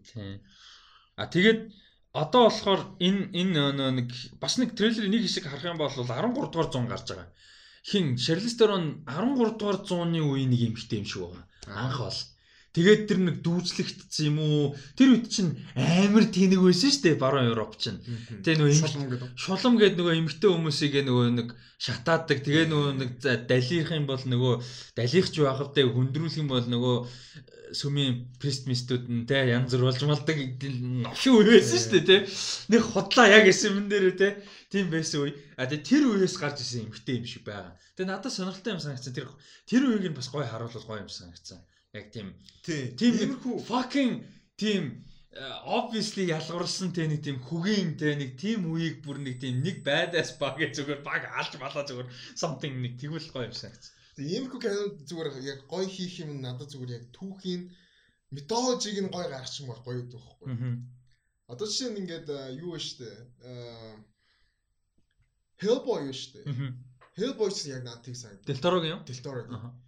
ертөнцийн гоё Тэгээд мэдрийн мэдгүй түүхүүд ихтэй. Одоо тэнцэж ингээл ном те нэг ертөнц байгаад байгаа шүү дээ. Тэгээд тэр ертөнцид юу ч байдیں۔ мангаснууд тэд нар домогтой домогтой. Тэгээд тэр нь баг багаар ингээл гарч ирэл тэрийг баг багаар бид нар ингээл бас хамт мэдээл ойлгол. Тэр мэдрэмж гоё гэдэг байхгүй. Э, энэ дээр болохоор бас их тийм байвал гоё гэж магадгүй. Бас нэг тийм юу юу гэж юм дээ origin маяг юм. Яагаад бас ийм учиртай юм те. Нэг бол одоо тиймэрхүү юмуд нь байвал гоё гэж магадгүй санагдаад байна. Тэрх баха тэр 13 зууны харуулдаг. Тийм тэгээд одоо үед болохоор асуудал нь болохоор өөрсдийнх нь хүчийг нь ингээд яг генийг нь судлаад тэгээ ер нь бол хүмүүст баг ингээд дуртай нь баг тийм болж болохоор маягийн хийх гэл үзээд юм шүү. Тийм. Тэгээ тэр нь амар том асуудал. Тийм. Ер нь үүрд э, амьдруулах гал үзээд байгаа шүү дээ. Тийм. Тэгээд үүрд амьдрдаг болчих юм бол тийм. Тэр тийм амар perennial question тийм нөгөө нэг өрхөн төрөлхтөн жоохон ухаантай осноос хойш байсаар ирсэн immortality гэдэг. Угаасаа боломжгүй бид нар science-ээр боломжгүй мэдж байгаа. А тэгвэл бид нар өмнө нь төсөөлшгүйгээр урт насалдаг болсон. Өмнө нь бол 2000 жилийн өмнө хэд л 40 наслаад өгшөндөө орохоор байсан шүү дээ. Тэг тэр ч одоо тэгээд хамгийн гол нь яг уу environment-ын байг орчин байгаль нь байгаль нь одоо орчин нь тийм одоо аюултай биш байсан бол өөр юм одоо бидрээс илүү удаан амьдрах байх одоо жишээ нь. Гэтэ ер нь одоо ингээд зөв science талаас нь чи одоо scientist хүн. Гэтэ ингээд нэг янгууд чинь scientifically боломжуулж байгаа like the cells that comprise us те бидний ер нь яг immortal байна гэдэг өөрөө жоохон хэцүү одоо жишээ нь тэр чинь нөгөө яг хөгшөрдөг чинь ингээд DNA чинь ингээд багасаал багасаал багасаал тэр хойдолд нэг юм байт юм бид нэр юм байна. Тэр нь багасж байгаа гэсэн үг байхгүй юу? Тэгээд хурдан одоо cell division те одоо эс чинь хуваагдах юм удаашраад процесс нь процесс нь удаашраад тэгээд ер нь бол ингээд нэг тиймэрхүү байдалд орж байгаа. Гэхдээ яг уу мөнх амьдрах гэдэг нэг бас нэг нөгөө л одоо ингээд нэг тийм cancer cell байгаа. Тэгээд хорт хавдрын одоо эснүүд хорт хорт хавдрын эснүүд чинь болохоор ингээд үхгүйгээр олшоод идэг. Тэгэхээр бас тэрний нэг цаад утгыг олчих юм бол бас ингээд өөрөөсөө тэрийг manipulate хийгээ сурчих юм бол бас нэг тийм бас мөнх амьдрах боломж нь зүгээр тэнцээ нэг айн шүү байгаа юм шиг. Гэхдээ яг хуу нас урцгах гэсэн тал дээр бол ер нь бол scientist амар олон хийдэг л дээ. Тэгээд олон юунууд аргууд байт юм шиг байгаа. Тэгээд тэрийг судлаад идэг. Тэгээд одоогор бол яг high ceiling болвол нэг 100 нас байгаа даа шүү дээ. Гэхдээ лимит нь бол шүү. Лимит бол 122 л 3 а recorded officially recorded юу бол Гэхдээ ер нь нэг тийм high ceiling бол нэг 100 нас байгаа даа шүү дээ. Монголчуудын хувьд одоо high ceiling 70 юм одоо. Тэгээд хүмүүс юу humanity яг нь science сайн хөгжөөд илүү хөгжөөд үнэхээр ингээд урт насах талаар ингээд судлаад ирэх юм бол бид нэр ингээд цаашдаа 200 наслах ч юм уу те юу гэдэг мөнх биш юм аа гэхэд нэлээд насын уршуулах талаар бол нэлээд явах боломжтой. Угаасаа ч өөртөө боломжтой гэж яриад байдаг. Гэтэ тэгээд ганц таны яг хөгшин хүн болоод 100 жил амьдрах юм. Яг 60 70 хүрээд Тэгвэл ахалтаа нөгөө хамгийн гол нөгөө эсийг нь хөшрөх процессыг удаашруулсан. Гэтэ тэр тархины яаж нөлөөлөх вэ? Жишээ нь бидний одоо за одоогийн хүн төрөлхтний дундчнаас 80-д мэдгээд байгаа шүү дээ 70-д ч юм уу 80-д. Тэгвэл ийм хүмүүс за нэг за 18-тай тийнейжер нас дуусч байна гэж ерөнхийдөө үздэг. Kind of 12 3-таа эхлээд. Тэгэнгүүт тэгж селийг нь одоо тэ нэг сел сплит хийхийг одоо процессыг сайжруулчих юм бол за 200 наслаа л та. Тэгэнгүүт тэр одоо энэ юу н доторх хуваарлалт нь тэ наслалт нь доторх. Тэр нь өөрчлөгдөх техник процесс. Тэгсэн чинь одоо ингээд 25 хүртлээр тийнейжер байдаг болох юу? Эсвэл 30 хүртлээ. Тэгтээ 200 насалдаг ч юм. Тэр миний бодлоор үгүй яг хоо мэдээж ямар нэгэн туршилтаар одоо ч юм уу нэг шинжилгээ ухаанаар ингээд ямар нэгэн бүтээ болоод ингээд за удаан наслах болчлоо тий. Тэгээ тэгээд яг амьдрал дээр би болонгош тэр чинь өмнө ингээд бодоогүй ч юм уу тий. Таамаглаг зөндөө гарч ирнэ шүү дээ. Яг чиний ярьж байгаа дээр бол яг би бол яг тэр тэрэн дээр бол нэлээд их юм гарч ирэх байх яг тархины хөгжил нэг бол одоо тархитын үнийн төрийн тархин нөлөөлөх нөлөөл. А одоо жишээ нь за нэг бол одоо биднийхтэй инженеэр бас яг ялгаагүй 18 хүртэл ингээд тийнэж байгаа. Тэгээд хоёр ингээд adult life гэж явж идэл одоо 80 100 насад ирэхэд тархины бас ингээд хөгжлөн тэ одоо capacity-ийн тулах бас магадлал бас байж болох ч юм уу те хүн өмш нэг бол одоо жишээ нь бидний одоо Alzheimer гэдэг өвчнүүд ч юм уу те тэр өвчнүүд нөлөөлөд одоо ингээд бүгд бүтэн ингээд яг 200 наслах байтал ингээд дунд нь аваачаад ийм өвчнүүд гараад ирээд байвал ментал өвчнүүд гарч ирээд их юм бол асуудалтай болж байгаа. Нэг бол тэрнээс илүү бүр нэрнгээс ментал өвчтэй өвчнгүүд ингээд давмгаалдаг болчих юм те. Тэрийг нь өөрөө тийм capacity capacity naturally naturally тийм биш байх юм бол асуудалтай болж байгаа. Одоо чинь physically чи 200 наслах гэдэг. Гэхдээ тархичин physically одоо naturally чадахгүй те. Physically угаасаа чадахгүй байвал тэгээд чинь шаардлага болж байгаа. Яг го тэрэн дээр бол нэлээд асуудал гарч ирлээ. Science fiction дээр ийм ерөөсөө бай би ерөөсөө байхгүй гэж хэлж болох байж магадгүй мэдгүй юм байна. Миний мэдгээр одоо ингэ нэг хүмүүсийн ийм удаан насалдаг болцсон science fiction world ерөөсөө гарч байгаа юм те. Яг immortal эсвэл вампирууд ч юм уу нэг тиймэрхүү янз бүрийн байдаг те. Яг нэг Alter Carbon гэдэг миний үзээд байдаг дээр болохоор яг уу тиймэрхүү. Тэгэхээр боодыгоо солилцож байгаа. Боодыгоо солилцож байгаа. Тэгэхээр Ghost in the Shell энэ төр бас байгаад байгаа байхгүй. Kind of. Гэтэ асуулт нь өөр philosophical асуулт. Зүгээр зүгээр л naturally яг science-аар хүмүүс нэг 200 200 насалдаг болчвол ямар асуудал гарч болох вэ? За, окей.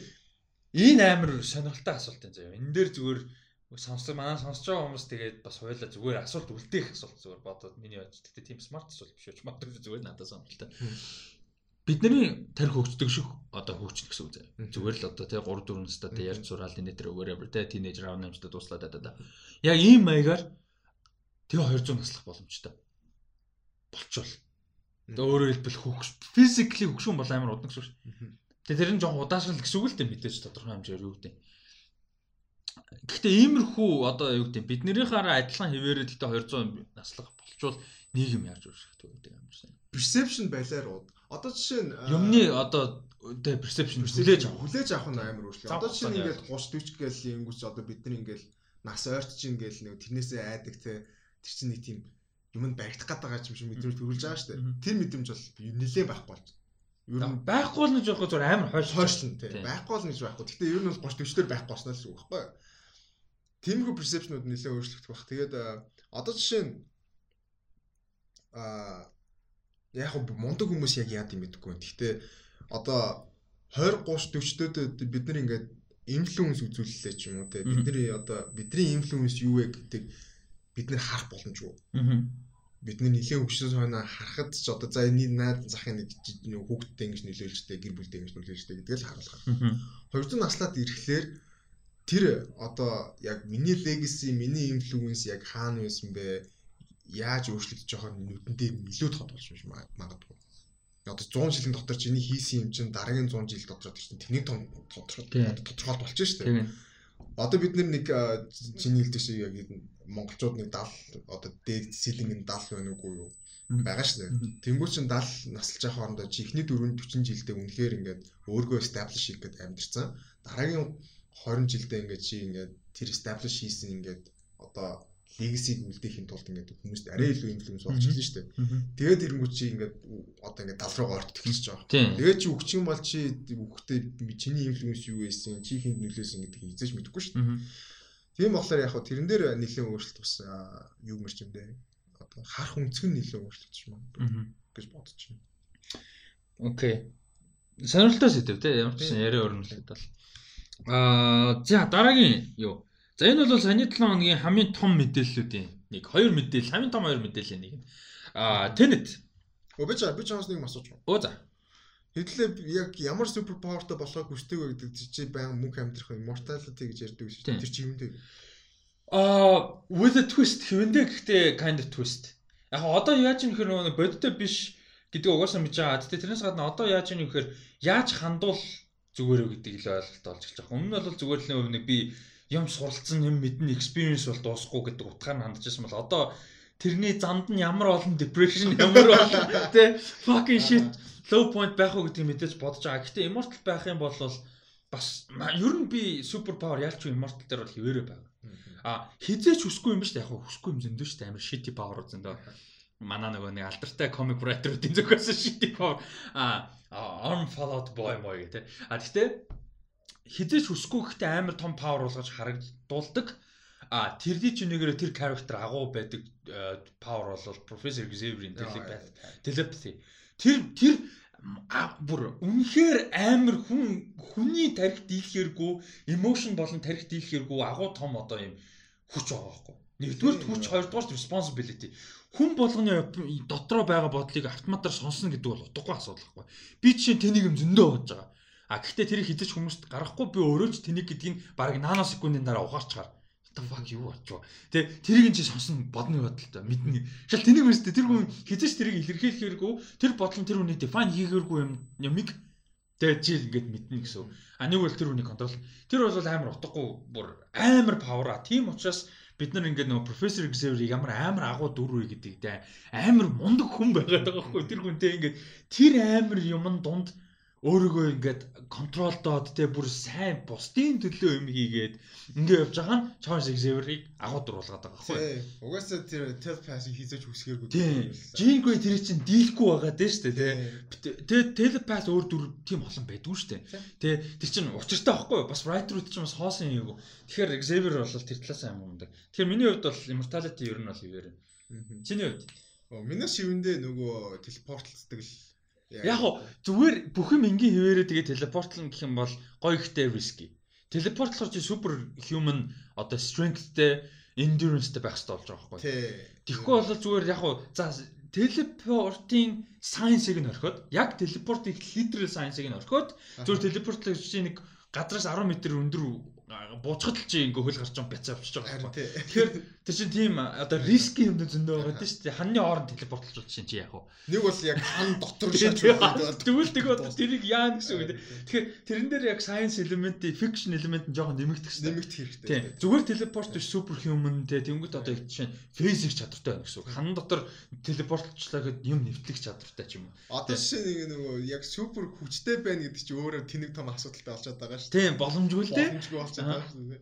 Яг физикээр бодох юм бол амар хэцүү. Одоо жишээ нь ингээд тэнэг хүчтэй тэгээд хэрвээ чи яг тэр хүчтэйгээ тэнцэх durability байхгүй бол чи юмд хүрээд өөрийнхөө гарыг хугалаад чи өөрийгөө алчих гэдэг байна. Тэгэхээр чи бүх ингээд яс мас чин dance as fuck тий.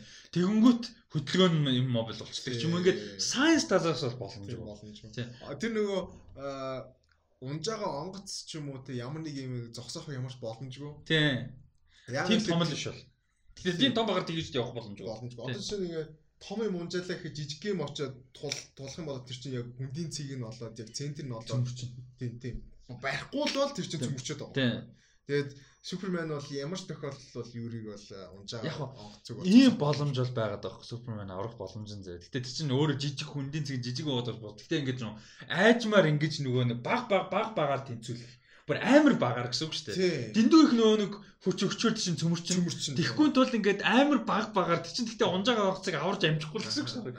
А нэг бол шүү дээ амар sci-fi option зөө. Онгоц сүрж байгаад онгоцоор аврах. Очоод их адилхан онгоц адилхан доороос нь төвлөнгөтэй өвөө. Нэг бол нэг бол нэг бол зүгээр баг багаар биш нэг яг хүчин тааруулаад зөгчих юм бол яаж магадгүй огцон могцон пад яг тэг цэгийг тааруулаад цэгийг тааруулаад яг. Гэтэ тэрний сайенсыг нь супермен мэдгүйгөө ч юм байна. Тийм асуудалтай. Ядаргатай шүү. Угаасаа тэр нөгөө тхий флаш флаш чи гуглэрэг үгээс дэлхийг сөнгөж гэдэг. Тийм ер нь бол яг флаш павертай хүн байх юм бол утгагүй зүгээр бүх юмыг сүрүүлээ таа. Тэр тэр тэр boys дээр гаргад юм шиг байл шүү дээ.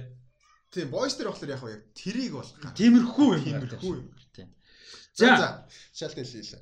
Гэтэ би бол ялч юм immortality хэвээрээ шүү. Гэтэ бодолтой. Imagine all the TV shows you can watch. Imagine all the books you can read те. Яг ялангуяа одоо үед бол жишээ нь би одоо immortal байх юм бол амар 50 хаанд байхгүй. Яарахгүй. Ямар нэг ааваа. Хүч ингэ төсөөлтөө ингээд чи нэг төлөвлөгөө гаргалаа зөв. Тэр төлөвлөгөө чинь хэдэн 100 жил дамжсан байна гэдэг. Чи тэрний result-ыг харах гад.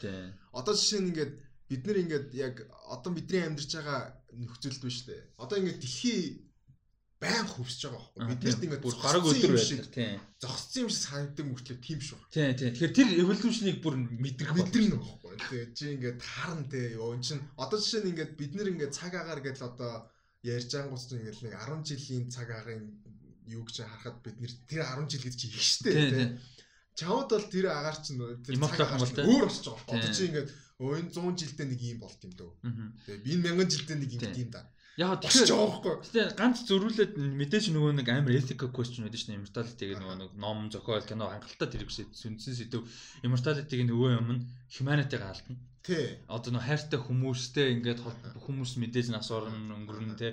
Humanity-гаас detachment. Угсаа чи humanity-г харах нь өөрчлөгдөж байгаа. Тий. Тэгэхээр амар detached болно гэсэн үг. Амар detached болно. Яг тий амар детач. Тэр чинь нөгөө нэг одоо чинь Castlevania-гийн Dracula ч юм уу яг тэр тэгтээ жоох өөр юмнаас л та. Гэхдээ л тэртэй эсвэл ингээд нөгөө нэг одоо immortality-тэй ямар нэг холбоотой сэдвийг хүндсэн сайн зохиолч, сайн уран бүтээлчдийн кинонууд яагаад immortal хүмүүс нь илүү depressed илүү detached гэж гаргаад байдаг чинь шалтгаан илүү тэр байхгүй. Humanity-гаас өндөрчдөг. Тэгэхээр ерөөхдөө яг тэр амар том золиос нь болж байгаа байхгүй. А тэгэхээр би тийг хүсэж гэсэн үг шүү дээ. Яг зүгээр Super Power хүсэх юм бол тийм гэсэн үг. Яг би одоо immortal болох болох гэх юм бол шал өөр ethical question болчих тээ. Аа яг ингээд тоглоом ярих нэг өөр scientifically боломжгүйг мэдж байгаа учраас тоглоом болоод ярих өөр шүү дээ. А жихнээсээ нэг багийн magically гарч ирсэн literally you can be right now. Гэх юм бол би Тэгээ надад нэг хитэ хоног өгдөг гэх байхгүй шууд тэгж хэлж чадахгүй байхгүй. Тэ. That's gonna be weird.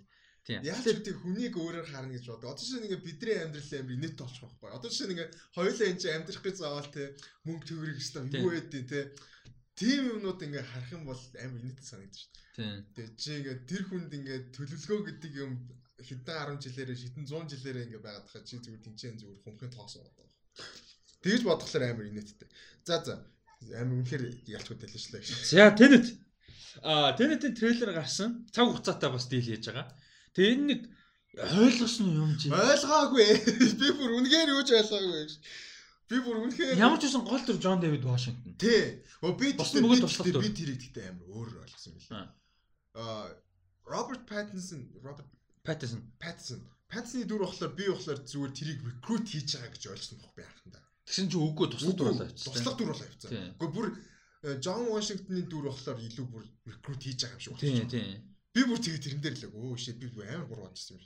Тэр нэг ирээдүйтэй холбогдох хүмүүн гэж байгаад байгаа эйжент манай хүн болохоор нэг эйжент байгаад байгаа нэг организашн. Тэгээ дэлхийн 3 дугаар дайны prevent хийх гэдэг нэг байгаа. Тэгээ апокалипс үг шин тэрнээс долоон дараа. Тэгээ нэг юм технологи байх шиг байгаа. Тэгээ цаг хугацаа ухраадаг. Ухраадаг биш. Болоогүй байгаа юмыг презент хийдэг. Би тэгж ойлгосон болгож байгаа юмыг паст гэж харуулдаг kind of. Одоо чинь чивтэр яг ингэж сууж хат нүдэн дээр подкаста дуусгаа босоо явж байгааг нь харуулаад гэхдээ тэрийг нь ухарж байгаа гарч байгаагаар харуулж байгаа. Би тэгэж ойлголоо. Би бас яг тэгэж үгүй би болохоор ингэж ойлгосон. Хаахандаа болохоор ямар нэгэн үйл явдал болонгууд тэрийг нь ухрааж байгаа. Яг тийм ихний трейлер дээр тэгэж санагдчихсан. Гэтэ тийм simple биш юм шиг байна. Тийм. Тэнгүү саяных дээр болохоор яг чиний хэлж байгаа дээр яг өнгөрсөн болсгүй болгож байгаа юмыг паст болгож харуулад ухраагаад байгаа. Ирээдүйн рүү ухраагаад байгаа байхгүй kind of.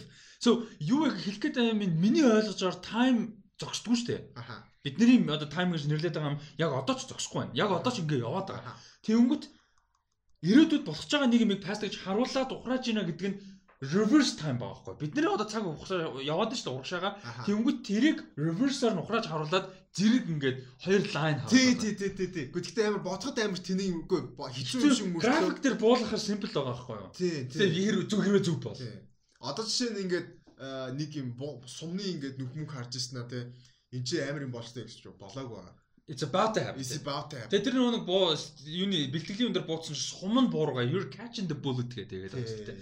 Тэнгүүт тэр чинь тэгсмэрлэг consciousness нь тийм биш байгаа байхгүй юу? Forward хөдөлж байгаа. Одоо яриад яалаа бидний цаг чинь linear тийм нэг шугамд ингэж as far as we know. Тийм far as we know нэг шугамд чигээр явж байгаа шүү дээ.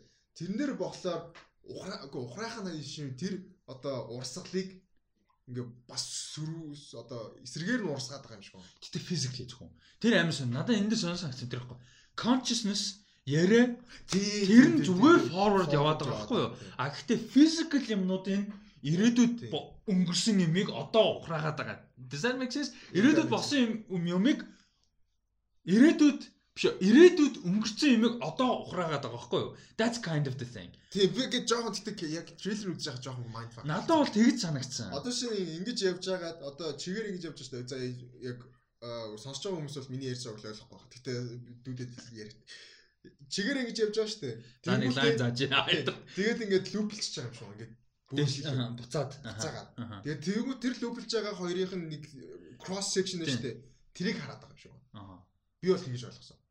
Яг уу яг linear That could be very interesting. Тийм. Ингээд loop ер нь одоо ингээд нэг цаг хугацаан дээр нэг 3 4 3 билүү option л байдэн штэ. Alternate timeline, ганц timeline тэгээ linear биш cyclical гэсэн ерөөхдөө нэг юм л байгаа штэ. Option-ууд л байгаа штэ. Бид нар ингээд хэрэв цаг хугацаа өөрчлөх юм бол alternate timeline үүсгээд байна. Аа тэ нэг бол а нэг юм өөрчлөх юм бол бүх юм өөрчлөгдөн butterfly effect kind of а нэг бол а юу лээ нэг бол нөгөөд нь юу лээ а cycle цаг cycleтэй энэ өөрөө cycleтэй таймлайн гэдэг нь өөрөө цикл гэж опшн байгаад байгаа. Тэгээ энэ ер нь тэнэт бол ямар ч цаг хугацаагаар тоглох нь амар тодорхой байгаа. Тэгээд яг яг яаж тоглох вэ гэдэг л айгуу сонирхолтой байна. Тэгээд ямар шинэлэг айдиа гаргаж ирэх вэ гэдэг бас айгуу сонирхолтой байна. Цаг хугацааны аялал те time travel болон ер нь цаг хугацаа гэсэн асуудал дээр ямар шин юу гаргаж вэ? Опшн гаргаж үү? Харин тий жоохон бодоход жоохон хэцүү санагдаад. Гэхдээ унших үзэж байгаа л одоо бодол шийддэг баг. Одоо яг яа ямар учиртай гэдэг. Аа тэгээд юу юм бэ? Tenet гэдэг үг нь өөрөө ямар нэг юмны итгэл, үнэмшил, ямар нэг юмны principle ёс зүй гэдгийг одоо Tenet гэж хэлдэг юм байна. Яг одоо ямар ч юу байж болно Гэхдээ ямар нэг итгэл үнэмшил, ямар нэг принципл яс зүг ер нь бол тэнэт гэж нэрлэдэг юм байна. А тэгэд сонирхолтой мэдээлэл өгөхөд би одоо л мэдэж байна. А за нэг нь бол мэдчихсэн зүйл юу гэхээр 205 сая доллараар бүтсэн кино маань. А бажет нь. Тэгээд Кристофер Нолны бол карьерийн түүхэнд хамгийн өндөр өртөгтэй бүтсэн кино байгаа. А тэгээд энэ кинонд бол цалин аваагүй байгаа юм байна аваагүй юм байна. Цалингүй ажиллаж байгаа. А тэрний учир шалтгаан нь юу гэхээр нөгөө нэг зарим нэг фильммейкерүүд бас жүжигчд ингэж ажилдаг. Одоо чинь Robert Downey Jr. Avengers Infinity War Endgame дээр ингэж ажилласан гэдэг ч юм. Жишээ нь юу вэ гэхээр а Avengers дээр тийм дөрвөн Avengers дөрвөлн дээр юу вэ гэхээр first dollar gross орлогоос нь авна гэж байдаг. Аа одоо global ticket box office-оос хувь авах. Хувь авах. Тийм. А юу бол тэгдэг A24 тэгэж ажилдаг. Том жүжигчтэйгээ ер нь бол цалин баг өгдөггүй А тэгээ бокс офисоос нь хувь өгдөг, амлдаг. Ийм байдаг. А тэгээ энэ дээр бол а 205 сая долларын production budgetтэй бүтсэн. Тэгээд ер нь бол дундж одоо иймэрхүү том хэмжээний киноны дундаж маркетинг өртөгөд продакшнтойгоо зэрэгцдэг 200 орчим сая доллар болно гэсэн үг. Ерөнхийдөө маркетинг бол тэгж зэрэгцэж ирдэг global production биш маркетинг. А тэгээд ерөнхийдөө break even буюу одоо бүх зардлаа тэнцвүүлнэ гэсэн үг шүү дээ. А Tenet кино бүх зардлаа тэнцвүүлэхийн тулд 400 саяас 450-аас 500 сая долларын орлого дэлхийд даяар олж иж одоо ерөөхдөө зардлаа нөхнөө гэсэн юутай юм тооцоод байна. А тэгээд Кристофер Нолан болохоор first dollar gross буюу одоо глобал орлогоос нь эхний өдрөөс гэсэн үг. Хамгийн эхний билетний орлогоос одоо театрын run дуустал глобал орлого нийт орлогын 20%-ийг авна гэсэн юутай байна. Гэрээтэй байна. Бас том юу байгаа шүү дээ. Тэгээ энэ гэхдээ бас риск гэдгээ мэдэж л байж гэнэ гэсэн үг л дээ. Бас одоо ядаж хахад одоо коронавирус энэ төргээд яахгүй ч. Одоо чинь зүгээр 700 сая доллар а оллоо гэж утгад л манай хүн бүр будаа олохоор байгаа шүү дээ. 140 сая доллар авах гэсэн үг шүү дээ. Ари тий. Бүр тэгээ зүгээр тэгээ хамгийн амар нь first gross одоо first dollar gross-ийн одоо амар том давуу тал нь юу вэ гэхээр юу нь хамаагүй. Студент ашиг орлох, зардлаа нөхөх, мөхөх, маркетинг баж эний тэр ямар ч хамаагүй шууд. Ерөөсөө л глобал юуных нь шууд хариу гэсэн. Яг тэрнээс нь яг нөгөө нэг татвар матар юм байдаг. Гэтэ одоо тэрнэр одоо студент гомдлохгүй гэсэн үг байхгүй юу? Тэгээ одоо ашиг олж чадаагүй 100 сая болоод тэнэт дампуурлахад нол нь 20 сая доллар авдагаараа л авна гэсэн. Тийм. Тэгэхээр тийм гэхдээ яалчгүй ийм тохиолдолд гэхдээ яг нөгөө найруулагчийн нэр нэг болж үжичингийн нэртэй баттай гэдэг утгаас талаас амар тэг тийм байна. Аа. За Marvel-ийн. Marvel-ийн кинонд ч одоо Avengers. Тэр ч яг хөө тэр ч одоо яг тэр ч утга алдсан шиг тийм. Гэхдээ Nolan гингүүт ч нөгөө бүүн фанууд байгаа шүү дээ. Жижиг утга алдтай. Тийм болохоор тэрнээс шалтгаалж байгаа байж магадгүй. Аа. За. Өчигдөр амар хинэттэй пост орсон чи sorry дараагийн сэдвээр яг орчихсон чи. Хөлн бүр уул нь ярихгүй гэж ярьсан. Гэхдээ тавчих юм байна тавчих дэлээс чи амар инээдтэй. Нөгөө Тимо Вернер би ярьж байсан шүү. Дөнгөж одоо 22-т 98 ингээд өчтөр 98 дахь гол ээчлээ хедер гэсэн ингээд. Тэгсэн чи амар инээдтэй ийм статистик гэсэн баггүй. Өчтөр Майнцга баг эсрэг хедер гэсэн 4-0-оор хоцсон. Тэгээд тэгсэн чи өмнө нь Майнциг энэ үлрэлийн өмнөх тоглолт 8-0-оор хоцсон баггүй. Лайпциг. За. Тэгээ ингээ 12-0-оор хоцсон хоёр тоглолтод. Тэгээ өмнөх тоглолтын дээр бас Тимо Вернер хедер хийсэн хоёр тоглолт одоо ингээ хом уу хойлон дээр нэг баг эсрэг хедрэг хоёр удаа иж байгаа юм. Тэгээд тэгсэн чинь Майнц өчтөр ингээд Тайм Овернер тавьжигтайс чинь Майнцын official Twitter заяо. За. Ингэсэн Клопо can you take him already гинэ. Нөгөө Ливерпул нөгөө Тим Овернерийг авах гэж яриад байгаа шүү дээ. Тэгээ нөгөө Майнцын эсрэг хоёр удаа хедрэг гэсэн чи Клопо can you take him already. Ингээр амар гоё байдаг ш нэг юм том байгууллага ч юм уу те ингээд нөгөө хөлбөмбөгийн баг ялангуяа хөлбөмбөгийн багийнхан миний мэдхээр багийн твиттерүүд амар доо ялцдаг би миний амар. Тэгээд одоо энэ дээр тэгээд хамгийн гол чинь ингээд тоглож гарч ирэхлээр томууд нь ингээд алцаад авчдаг амар хэцүү. Тий. Тэр нь жоох хэцүү. Тимүүгээр нь ч гайгүй бас хөө хаа очиж олон жил яг 22-т дөнгөждөгтэй бас хаа очиж гайгүй тоглолцлоо. Заримдаа очиж 18 9-т ингээд ядаргаатай зодаа авчаад байгаа амар хэцүү. Одоо тэр Эдвардо Камавинга байлоо. Ямар вэ? Ямар винга байлээ? Эдвардо Камавинга хаа нэг тиймэрхүү банд байгаа. Сая одоо ерөөсөө сая намар анхны мэрэгжлийн дебютээсэн. Одоо 17 догт. Тэгээд нэг 30 тоглолоо тийм. Яг амар юм бэлээ бүр тасархаа юм бэлээ. Гэтэ 17-д одоо ингээ бүх багууд алцаад эхэлсэн. 17 догт. Нэг бүтээлээр тоглоо. Тэгээд 50 60 сая доллар авна гэдэг. Бишээ паундер. Одоо за зөвлөн мэдээж ярихгүй. Одоо жихнээсээ файн. За. Аа, одоо fan questions руу орно. Fun questions. Fun questions руу орно. За, ер нь Instagram дээр яасан байгаа. Тэгээд roster band 7 гэдэг Instagram дагцаагаарай. .go @.go гэд дагаарай. Дагараа. Дагараа. За, эхний асуулт George доогуур зураас TCT гэж хүн байна. За, дөрвөн асуулт нийтдээ асуусан байна. За, Tenet кинонд хэр хүлээлттэй ямаргүй кино болох гэж бодож байна. За, энийг бол хоёлаасаа ярьсан трейлер дээр. За, хүлээлт нь хэрэг. Би бол өндөр л. Уус өндөр. За за. Screenplay энэ тэрэ хүртэл Chris Nolan ихээхэн нууж байгаа сурагтай. Тийм ер нь тэхэнч зүйл баг л та энэ том project те нууцлалтай байх нь зүг баг. За дараагийн асуулт Тэнгис доогуур зураас Батбаяр гэж хүн байна. Ремейкийг юу гэж боддог вэ? Санаа дууссан юм шиг байх нь том продакшнууд гинэ.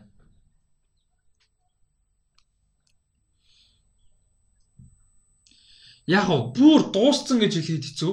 Одоо зүгээр IP-г ямар амар чухал вэ гэдгийг л хүлээгээд авчаад байгаа хгүй томчдод. Тийм учраас байнгын ремейк хийгээл байнгын адапташн хийгээд байгаа шүү дээ. Оригинал одоо энэ Нолан шиг оригинал хийж байгаа юм цөөхөн байгаад байгаа шалтгаан нь тэр. Ялангуяа том орлого олдог бол бүр цөөхөн шүү дээ. Шалтгаан нь бол тэр. IP гол нь орлого болоод байна. Нөгөө Эсагийн зургтай байгаа Эсаг гараад гарч орлого болоод шүү дээ гол нь. Сая Frozen 2 ямар киносэн бүү мэд. Нэг хэрэгтэй. Амар муу ёо. Гэхдээ тэр юм болж байгаа хгүй. Тэгэл minions байна. Юу гэсэн бөөмөд тэгээ тэр болцсон. Тэ? Чи ингээд ийм сони юм зөндөө тийм учраас яагаад байгаа. А тэгвш том кинонууд үнэхээр ремейктэй ядрагтай бодвол гоё жижиг кинонууд хайж үз. Өө Европ кинонууд үзээ. Европ кинонууд үз. A24 кинонууд үз. Neon кинонууд STX те зөндөө яг үзэх кино олдохгүй нь хийж яг энэ хүн хэлээгүй шүү. Зөв ер нь generally тэгж гомдож байгаа бол үнэхээр утгагүй шүү. А зүгээр энэ хүний бид хийж хэлсэн гэж юм биш үү. А зүгээр энэ хүний асуултан дээр л яг хуу ер нь бол тийм санаа дутсан гэдэг бол биш. Хариулт нь санаа дутсандаа биш зүгээр IP-гаар орлого олох нь амархан байгаа учраас тэр гэж байна. Мөнгө олж лээвэл тэгэл. Гэхдээ яг хуу юу мэрч юм дээ. Мэдээж урлагаа хаяхгүй л тээ. Obviously. Гэхдээ мөнгө олжлаа байгаа л тэгэл зэрүүгээр яа. За Жорж TCD-г угаасаа Нолангийн тэнэт л асуусан юм л да. Шин трейлер хүртэл үнэхээр зөв харагдчихлээ гэжсэн юм тий. Зүүнний хөдөл зөв харагдчихлээ. Гэтэ like who knows what happens. Тэгээд жүжигчд гоё харагдчихлээ. Elizabeth Debicki айгуу гоё харагдчих. Метр 87 8. Тэгээд бүр нэг тийм сүрлэг харагдаж байгаа шүү дээ. Яг хийний Жорж Дэвид Вашингтон, Джон Дэвид Вашингтон яаж. Тэгээд Паттисон аа гоё. Ингээд төгсгөлөөс ингээд уушаа явуул яах вэ? That would be fine. I guess kind of. Um за тэгээд за тэгээд амжилт гинэ баярлаа. За анар одоо хүү гэсэн юм байна. Snyder Cut-ийн скрипт нь ямар шуу санагдсан ба. За скриптийг нь одоо мэдгүй. Би Warner Bros ажилддаг юм шээс уншиж үзээгүй. Скрипт нь гарсан юм. Мэдгүй. Би яг өчтөр лайвэр хийсэн тийм лик мик нь би дургүй гэдгээ маш клэр хийсэн. За а Justice League Snyder Cut за тэр угаасаа ярина ойлгомж дээр хэлсэн байгаа. За энэ хин бэ? За жаа. Энэ зүгээр бот уу эсвэл таньдаг хүн үү? За энэ бот юм шиг байна. Юу чинь? Тэгэхгүй. Hey, WhatsApp энэ төр гэсэн. Бот юм шиг байна. Тэр Instagram-аар дөрвөн бот амир ядраад. За. Дараагийн мөнх санаа гинэ. Хостяхын найзынхын дуртай эртэж үжиж юм бэ? Чи битгий юм уу тэгээ тэрийг? Аа би мань хүнээс асуусан. Тэгээд хариултыг нь та бүхэн тохиолцъё. Ron Atkinson maybe гинэ. For аа. Must for Mr Bean all of its sketches, movies and animated series гэж. За Ron Atkinson буюу бидний сайн одоо дүрээр нь мэддэг те Mr Bean. За toxic positivity-гийн тухай сайхан халаач хоёроо тэгээд хайртай шүүгч юм аа. За toxic positivity. Toxic positivity. Toxic positivity яа. Зүгээр давтарч хэлээд toxic positivity талаас нэг юу уншиж байсан. Нэг юм одоо нөгөө нэг том жүжигчд байгаа даа шүү дээ. Media trend. Нөгөө медиатай яаж харилцах уу, яаж явах уу энэ төрөө бүгдийн нөгөө тренд тэр нөгөө одоо publicist хүмүүс нь дандаа нөгөө хажууд нь байж байгаа. Юу хэлж болох уу гэм мэд. Тэгээ тэрэндээ тэгсэн чинь ингээд нөгөө нэг бидтэй одоо яагаад гэ тайлбарыг мартчихлаа л да. Why are you looking at like me like that man? Or not just looking at me like but like looking like that. This is my real face. The fuck man. Тэгээ He's making weird faces. Тэгээд юу Тэрнээс өгч чинь нэг нэг асуулт асуудаг шүү дээ хүн. Тэрийг дахиж ингэж өрдөөс нь репит хийгээд тэгэж ингэж хариулахыг амар зөв ийм юм уу гэж нэг юм уншижсэн баггүй юу? Хүний одоо чинь ингэж чи надаас асууж штэ нэг юм. За би ингээд сүлжээ селебрити би селебрити яг заав селебрити юм шүү дээ. Миний дөр уншсан жишээнд юм байсан. Тэг ингээ асуугууд аа одоо чинь чиний дуртай 5 жүжигч аа миний дуртай 5 жүжигч нөө аа за миний дуртай 5 жүжигч тэр репит их тэрийг ингээд яагаад үл амир зөв мүү гэдэг нэг тийм байсан байхгүй. Don't тэт сайн жаан нэг давтаад байна гэхээр. За toxic positivity. За toxic positivity угаасаа үгнээс нь ойлгож байгаа л үүдээ. Тэгээ toxic одоо эрг байдал, эрг үзэл гэх юм одоо хоосон, хийг хоосон тий toxic э? Toxic тэгэхээр одоо toxic юм хэрэглэмээр л байгаа үстэй та нар. Тэгэхээр боль заяа юу? Хүмүүсийг хүмүүсийг загичтэй яг тэрийг юу гэж бодож байна? Загнаш та нар одоо боль. Машин. Нэг тэгж загд хүмүүс байдсан шүү. Та нар одоо болов тэг гоё та нар одоо боль тэг болиш. Нөгөө болиш. Нэр за за боллоо. Toxic positivity гэдэг. Ер нь бол э, Instagram дээр болон Facebook ер нь social media дээр нэлээд анзаарэгдэж байгаа. Аа За энийг яг юу гэж ярьж эхлэхээ би сайн мэдэхгүй байна. Гэхдээ амьдрал гэдэг бол угаасаа л э, дэндүү аж аргалтай байгаад байх юм бол зовлон болдог тий. Тэр уулагаас балер клишэ ч үг байна. Тийм болохоор ингээд амьдрал гэдэг бол одоо дээшээ доошотой тий гэдгийг хүмүүс өөртөө хамгийн гол нь хүмүүс гэхээс илүү одоо залуучууд илүү сайн ойлгох хэрэгтэй байна. Хэрэгтэй байна. Хэрэгтэй байх. Тэгээд хамгийн гол нь зүгээр та нарын залуучуудад ойлгох ойлголттой болоо. Яасан юм. Хаашаа. Одоогийн хүмүүс. Хаашаа таа. За бүр юм 8 талдаж. Аа Гэтэ хамгийн гол нь зүгээр одоо өсвөр насныхан ч юм уу тийм хүүхдүүд яг сошиал медиа аим хөгжсөн үед яг ингээд хүмүүс ингээд юу авч олж хараад байна гэхээр ингээд сошиал медиа болон ингээд пэйж юу гэдэг инстаграм ингээд аж аргалтай л хүмүүс байгаа даа байхгүй. Инфлюенсер гэж яаж байгаа тэр инфлюенсер гэдэг нэртэй инфлюенсер. Одоо бодвол тэгээ инфлюенс хийж байгаа болохоор инфлюенсер л багтаа. Тэгээд э, зөвхөн гоё гоё амьдралынхаа гоё өмчүүдийг харуулдаг ингээд гэлцэл өнгөтэй Тэгэл нэг л ааж аргалтай хүмүүс. Гол нь дандаа тийм. Дандаа тийм. Хамгийн гол нь. Дандаа тийм. Гэтэ хамгийн гол нь яг би бол одоо бол тэр үнцгээс бол харахад бол тэр хүмүүсийг ойлгоно шүү дээ. Тэ. Угаасаа мөнгө хийж байгаа. Угаасаа ингэжээж нөгөө одоо хүмүүс татна ч юм уу. Ингэжээж одоо тэгээ фолловерсаа нэмэх юм бол фолловерс нэмэж байна гэж чинь мөнгө олно гэсэн үг шүү дээ. Тийм тэгээд нэг тийм болохоор за яг тэр талаас нь хаад ойлгож байгаа. Гэхдээ ингээ хүүхдүүд тэрийг чинь яг тэгж ойлгохгүй байна. Угаасаа ийм баймаар байна ийм хүсэл. Тэрийг хүсэл нь болчихж байгаа байхгүй? Тэр мөнгө гэж хараад байдаг нэгдүгürt. Хүнд юм өгөхтэй биш. Хоёрдоорт нөгөө талаас нь тэрийг хүн цэвэр мөнгө хийх чинь гэж харж байгаа биш. Лайфстайл гэж хараад байдаг. Эсвэл инфлюенс гэж. Тэгээд инфлюенсер гэдэг юмд нь би амар дургу яага шалтгаан нь гэхээр инфлюенсер гэдэг хүн чинь өөрөө ямар нэг профешнтэй, ямар нэг салбарт, ямар нэг олон ч юм уу юм хийж байгаа хүн нөлөөж хүн инфлюенсер байхгүй юу? Тэгээс инфлюенсер by itself is nothing. Баггүй юу? Ер нь болол. Тийм биз дээ. Тийм шүү дээ. Дангаараа инфлюенсер гэдэг юм байхгүй байхгүй. Инфлюенсер гэдэг мэрэгжил, инфлюенсер гэдэг ажилтан хүн байхгүй. Байх ёсгүй. Тийм what the fuck. Хийж байгаа юм чи өөрөө инфлюенстэй байх хэрэгтэй байхгүй. Аа тэгээд миний нэг амар яагаад гэдэг юм нь аа тэр тэгээ явандаа олон дайсантай болох бах. Тэрнээс болж. Ер нь байгаач байх. Дайсан гэдэг нь нэг драматик үг. Гэхдээ ер нь дургу хүмүүс л гэсэн үг л дээ. Аа хийж байгаа юмаа мэдгүй хийдэг хийхийн тулд хийдэг. Хүмүүс төрөхийн тулд олон view авах гэж, олон лайк авах гэж, олон follow, олон subscription. Тэ, ерөөсөө тхийн тулд хийж байгаа. Энэ 7 хоногт энийг л хийхгүй бол follower алдна, тэ, тэм балдна. Юу гэдэг юм. Тэр хийж байгаа юм мэдгүй, ач холбогдол өгөхгүй, сэтгэл байхгүй тэрийг мэддэг. Тэгээд тэгтээ зөвхөн мөнгөний төлөө views, subscription, subscription юу гэдэг юм юм юм юм төлөө хийдэг. Би тэрэнд амар дургаа. Гэтэ би тэрийг хинээс ч нуудаггүй. Хамт ажилдаг тийм хүмүүс байгаа. Би худлаа ярихгүй. Хин нэг нэг нэрлэхгүй. Гэтэ зөвхөн яг тэгж цэвэр тэгж юм хийдэг хүмүүс байгаа би болуулаа. Би тэгтээ маш дургу. А тэгтээ тэрийг би хүмүүсийн хийж байгаа ажилд оролцохгүй шүү дээ. А гэхдээ миний stance бол тэр. That's it. А that's not how I will do things. А гэхдээ тэр чинь юу золиос юугаар money money money золиос байгаа байхгүй. Money л та. А тэрийг мэдчихээн. А гэхдээ энэ миний зүгээр золиос нь бөгөөд байлаа.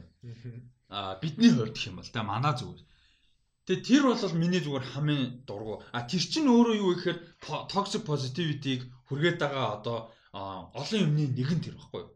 Олон юмны нэг. Би жишээ нь өөрийнхөө алдаа ч юм уу үл буруу ойлгосон зүйлтэй тийм насаа ерөөсө буцдаггүй болцсон. А тийм бол дандаа байсан гэж бодлоо ярихгүй л тий. Ер нь алдаатайгаа одоо санал нийлэх тэрийг хүлэн зөвшөөрч тийм амар процесс бас биш шүү дээ хүний үед. А гэхдээ тийм болж байгаа хамаагүй тий ингээд хамаагүй нээлттэй publicтэй тэгэж ингэж сурдаг болж байгаа бас perfect бол биш. А тийм болохоор ингээд toxic positive байхыг ер нь дэмждэггүй. Тэрний чинь ID нь бол ингээд балансыг нь л харуулах хэрэгтэй байгаа даа. Тийм, балансыг нь хар. Одоо жишээ нь тийм чи ингээд жишээ нь шүү дээ, Instagram дээр одоо юу гэдэг нэг юм супер модел дагдаг тийм гоё имижтэй хүн байж болно шүү дээ. Зөвхөн эстетик хандлага хүнийг дагдаг хүн байж болно шүү дээ. That's fine. Бид нар гоё машин дуртай, гоё царилэг залуу дуртай байж болно, царилэг эмэгтэй хүн гоё биетэй. Юу тэр хамаагүй байхгүй. That's fine. Гэхдээ тэр чинь ингээд over too much болоод нэг хүн нь too muchтэй ингээд юм glamorize хийгээд ирэхээр subconsciously эсвэл consciously авж байгаа санаа нь тэр glamorization болчиход байгаа байхгүй. Тий, тий, тий. Гол асуудал нь тэр. А түүнээс биш fucking Alessandro Ambrosio харахад fucking perfect human being шиг харагдаж байгаа шүү дээ. That's fine. Гэхдээ удаан ингээд хараад ирэнгүүт what is that person the emit одоо ингээд э, emitting the what energy. Тэг хүмүүс яаж ингэж хэрэгтэй юм ч үгүй байгаа байхгүй. Everything like 7 billion people aren't supermodels. Yo, come on. Гэдэг юм гарч байгаа. Тэгэхэд орондын Zoe Saldana-г жишээ нь дагахад хамаагүй юм аа. Адилхан үзлэнтэй юм хта. Тэр тэ эстетик би зөвхөн pure эстетик нь яхад. А тэгээ тэрнээс гадна тэр хүн адилхан тэ карьертай мундаг артисттэй жүжигчин. А тэрнээс гадна мань хүн юу хийж байна? Ямар сэдвээр юм хөндөж чинь тэ? Амьдралын тэнцээ ингээд мэдээж бид нарыг бодвол миллионер хүн тэ гэр бүл сайхан амьдарч байгаа шүү дээ. Гэтэ тэрийг яаж илэрхийлж байна? Тэгээ тэр дунд амьдрал нь ямар бид нартай ялгаагүй адилхан одоо асуудал байна те юм байна. Тэг хүүхдүүдтэйгээ яаж харилцаж чинь нөхөр нь ямар харилцаж Тэш ингээ хамаагүй гоё юм авч байгаа байхгүй гоё инфлюенс авч чадж байгаа байхгүй тэр хүнээс. Жиш би зүгээр амар жижигэн жишээ. Бид нэг хүн юм болж нөгөө хүн яаж юм шиг би өөрөө тийм дургу. Гэтэ зүгээр ингээ тийм объектив харьцуулалт хийхэд. А тэгээ нэг хүнээс нь юу авах гэж яаж байгаа дагж байгаа нөгөө хүнээс юу авах гэж авч дагж байгаа. Бас нөгөө талаас одоо дагж байгаа хүнийхээ анхных нь одоо юу л да одоо хариуцлага л да тэр нь өөрөө давхраасаа. Анханасаа тэр тэрийгээ өөрөө хүн бас юутай байх хэвээр. Одоо фильтртэй а бас ингээд зоригтой. Яг энэ За одоо контент ч юм уу те шоу ч юм уу дуу кино уран бүтээлч инстаграм whatever. Энээс би яг юу авч байгаа вэ? Яг юу авах гэж байгаа вэ? Юу авах гэж хүлээдэг вэ? Кино ч гэсэн киноны хайп бүртэлтэй шүү дээ би ингээд өндөр үнэлгээтэй кино үзсэн чинь таалагдаагүй шүүмжлэгтэй судлаа яагаад байна гэдэг тийм байж болох байхгүй тий тэгээ чинь хүлээлтээ мэдчих хэвчээ шүү дээ тодорхой хэмжээр яг 100% мэднэ боломжтой. Гэхдээ аль болох. Тэгэхээр Instagram одоо инфлюенсинг хүртэл одоо яг тийм л нэртэй болж ч лээ аккаунт дагдаг ч юм уу те? Toxic positivityтэй холбоотойгоо зүгээр энэ аккаунт ч юм уу контент энэ юмнуудыг явах та юу хүлээж авах юунаас нь юу авах л мэддэг байх хэрэгтэй аль болох. Тэг балансаа олох хэрэгтэй гэж бодсон. Тэгэхгүй бол toxic positivity гэдэг чинь амар муухай юм баггүй. Угаасаа toxic гэж нэрлэж байгаа нь шалтгаантай шүү дээ ямар ч боломжгүй юм дандаа ирч хүчтэй байцгаа шин шин залуу лидерүүд хинж дагах юм. Зөв сайн дагдаг хүмүүс бүрдүүлээ л да ирээдүйд. Тэр олон лидерүүд баг хин дагах, хин ажлыг хийх гээд байгаа. Лейбер нь хаана байгаа. Тийм биз дээ. Ингээд гой сайн нягтлан хүн гаргая л да. Залуу. Тэ? Fucking fucking good at this job тэ. Ингээд агүй олон юм байгаа байхгүй. Сайн мундаг цэвэрлэгч хүн хүртэл хэрэгтэй үстэй тэр чинь. Байгуулгын юу бид нар доошоо хараад байгаа юм шиг яригдээд байдаг үгүй л байхгүй юу? Тэ тэр чинь ингээд яг би амар олон юмыг ингэж toxic positive руу ингэж одоо generalize хийгээд тах шиг байна. Гэхдээ тэр чинь бүгд хамаатай байхгүй юу? Тийм. Бүх юмыг амар toxic болгоод байгаа юу? Бүх юм бид нар бодоо олгоно ирээдүй өстэй стартап бүх бизнесээ байгуул их сургууль хайсан Steve Jobs, Mark Zuckerberg хоёр их сургууль хайсан. Like what the fuck дээ тэр хоёрын нөхцөл судлал та. Тэгээд hard work гэдэг юм ойлгохгүй байхгүй? Тийм. Ингээд тэрний арт яаж адуу машиг өдөр шөнөгөө зүтгэж те бүр ингээд зовж ядуу. Те ингээд намайг ч гэсэн сая ингээд яхад ингээд амар жаргацсан юм яриад байгаа байхгүй. Оо кино үзээ сууж идэг баг би би одоо би худлаа ярихгүй би киноны тухай ярьж мөнгө олдог болчлоо. Яа би баяжаад байгаа юм алга Гэхдээ ямар ч үсэн нэг нэг тогоо төлөөд, уцаа төлөөд нэг гэрте хоолтой сууж байна. Тэгээ анхуутаага киногоор штэ. Тэгээ энэ чинь цаашаага ингээд зөндөө контент мандад юм хийх хүсэл зөндөө байна. Тэгээ энэ чинь багаа өргөдүүлэн те чинь дөнгөж эхэлж байгаа юм баг. Тэгэхэд биш те би энэ үрд хүрэх гэж за даатгүй бол угаасаа сайн байж одоо 8 жил болсон найз те. Дунд нь би энэ процесс хүрэхийн тулд өөртөө үнэнчээр яаж зовж ээж та хэдэд ядаргаатай. Тэгээ найзууд тойрон яаж Иш амархан процесс биш тэ хүсээд ингэ хийдэг юм биш байгаа байхгүй. Зүгээр би өөр дээр. Би ерөөсөө өөр дээр дэлхийн хамгийн баян хүмүүст харж байгаа шүү. Зүгээр би энгийн жишээ авах. Жишээ би toxic positive байх боломжтой байхгүй юу? Жишээ. Тэ? Тийм шүү дээ. Гэхдээ no it's shit life is shit ёо тэ ийм болох гэж ямар амар shit байсан. Тэ ингээ бодит юмнуудаа яагаад хүмүүс нуудаг тэ жишээ нь ингээд одоо юу гэдэг энэ чинь ингээд нэг юм аргу рекордер дээр хийсэл л ирсэн. Арай гэж нэг мөнгөтэй болоод 50 мянга рекордер авсан, мик авсан тэр нь болж байгаа ч юм уу гэж юм асуудалтай байна тий. Ингээд цуглуулад мөнгө рекордер микрофон авъя гэсэн чинь нэг хүн үнэхээр явуулъя гэсэн тэр нь амар баярлж байгаа. Гэдэг ч юм уу. Энд чинь ингээд бодит юм а бодит л байлгаа л та. Нэг амар будаа болгоод түн шахаад байгаа юм шиг жүжиглээд байгаа ямар шаардлага байхгүй байхгүй юу. Аа хүнд хүртээлтэй юм хийж өж toxic биш юм хийн. Зөвхөн positivity ч toxic negativity ч гэж байгаа. Тэр нөгөө гадаадын юм ярих юм бол нөгөө Tommy Lauren, Martin, Alex Jones, Mons тэ fucking тэд нар чи toxic negativity асуудал байхгүй юу? Манай тэр нөгөө нэг Монгол комент энэ тэр. Тэр toxic биш юм хийх хэрэгтэй байна. Тэ аль болох хүмүүс юм аваад а хүмүүс нь яаж юм авах тэрнээс юм авах чадвар нь бас тэр хүмүүсээс хамаарна л да хийж байгаа хүмүүсээс 100% хамаарахгүй. Энд чи өөрөө хоёр талтай relationship шүү дээ.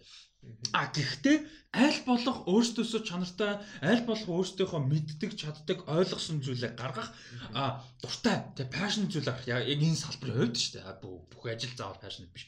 А тэгээд тэрнээсээ гадна алдаа гаргасан бол дутуу дутмаг зүйл байвал тэрийгэ хүлээн зөвшөөрдөг баха. Хүлээн зөвшөөрөх процессыг үдж байгаа, дэмжиж байгаа, харж байгаа, сонсож байгаа хүмүүс тэр процессыг нь явуулах боломжийг нь олгодог баг. Ягаад тэр хүнийг алдаа шууд тэр оо миний буруу хизээч тэгдэггүй л баггүй юу? Ямар ч мундаг хүн тэрийг процессыг шаардлагатай. Алдаа хүлээн зөвшөөрч өөрөө айгүй амаргүй процесс. Би алдаж зөндөө алдаж үзсэн. Би одоо хүртэл ингээд боддог юмнууд байж л байгаа тийм. Алдааг процесс хийх тэрнээсээ суралцаа дараагийн удаа гарахгүй байх гэдгийг хүнд боломж олгох хэрэгтэй. А яг гэмт хэрэг бол өөр асуудал тийм. Зүгээр алдаа гэдэг утгаар тийм одоо юу гэдэг мэдээл буруу ярьсан ч юм уу те. Инээ тэр. Тэгээд жишээ нь би тэрэн дээр нөгөө нэг миний нөгөө нэг том хүмүүс тоглоом болгоод нөгөө кино цог дээр нөгөө catch phrase гэдэг нөгөө би буруу санаагүй бол гэдэг. Тэр чинь тийм учраас таахгүй би алдахыг хүсдэггүй те. Буруу ингэж хүмүүс мэдээлэх хүсэхгүй. А тэгээд би эргэлзээтэй байна гэдгээ clarify хийж байгаа байхгүй хүмүүс те. Би нэг ингэ те шууд чижэр мэдгүй шүү те. Эргэлзэж байна гэхдээ би алдаагүй бол энэ юм шүү гэж ярьж байгаа ухаан дээр байхгүй? Тий, тий. А бусад юм дээр ихтэй учраас тэгж байгаа. Тэгээд яг юм контентууд ч байд юм уу? Юу юм хүмүүс хөнгөж байгаа бол би ингээд тэгж боддог байхгүй. Зүгээр ингээд happy face одоо юу мэрч юм дээ монголоор би яг юу гэж хэлэх мэдгүй. Гэхдээ challenging байгаа ч тийм хүмүүс шинэ opinion өгөөч, шинэ үнцэг гаргаж ирээч. Тэр хүмүүсийн бодлыг нь ингээд challenge хиймээр байгаа. Тихгүй болохоор зүгээр гэлцэл юу байдیں зүгээр гоё юмнуудаар ингээд одоо өксөөр байгаад хүмүүс бүгд тэрэндээ тасцсан. Одоо юу үзчихлээ зүгээр entertaining юм байвал үзнэ. Тийм тийм тийм. Тэр нь амар асуудалтай болсон. Тэгээд одоо ингэж юм хийх юм бол зүгээр гоё асуулт тавьдаг тийм. Нэг бол одоо нэг юм үзчихэд what the fuck энэ хүн яагаад ингэж бодож байгаа юм бол яг өөрх нь бодлоос эсрэг гэж болно шүү дээ. Гэхдээ тэр чинь challenge байхгүй. Тэр хүний өнцгөөс нь харж болж байна. Нэг бол тэр хүнийг ойлгох гэж хичээж болж байна. Одоо жишээ нь дүүдэд ингээ баярлдаг одоо бид нар манай найзны хинхэн баг надтай адилхан бодолтой явдаг баг. Анх дүүдэдтэй хэлцээд яа тэнийг юм ярьд юм бэ гэж боддог гэсэн. Манай найзууд намайг дүүдээ гэдэг чинь энэ анхны удаа яг officially хэлж байгаа байх гэхдээ тийм. Тий. Тэгээ maybe 10. Гэхдээ би дүүдээ Rust гэдэг нэлээд хойлт юм байсан.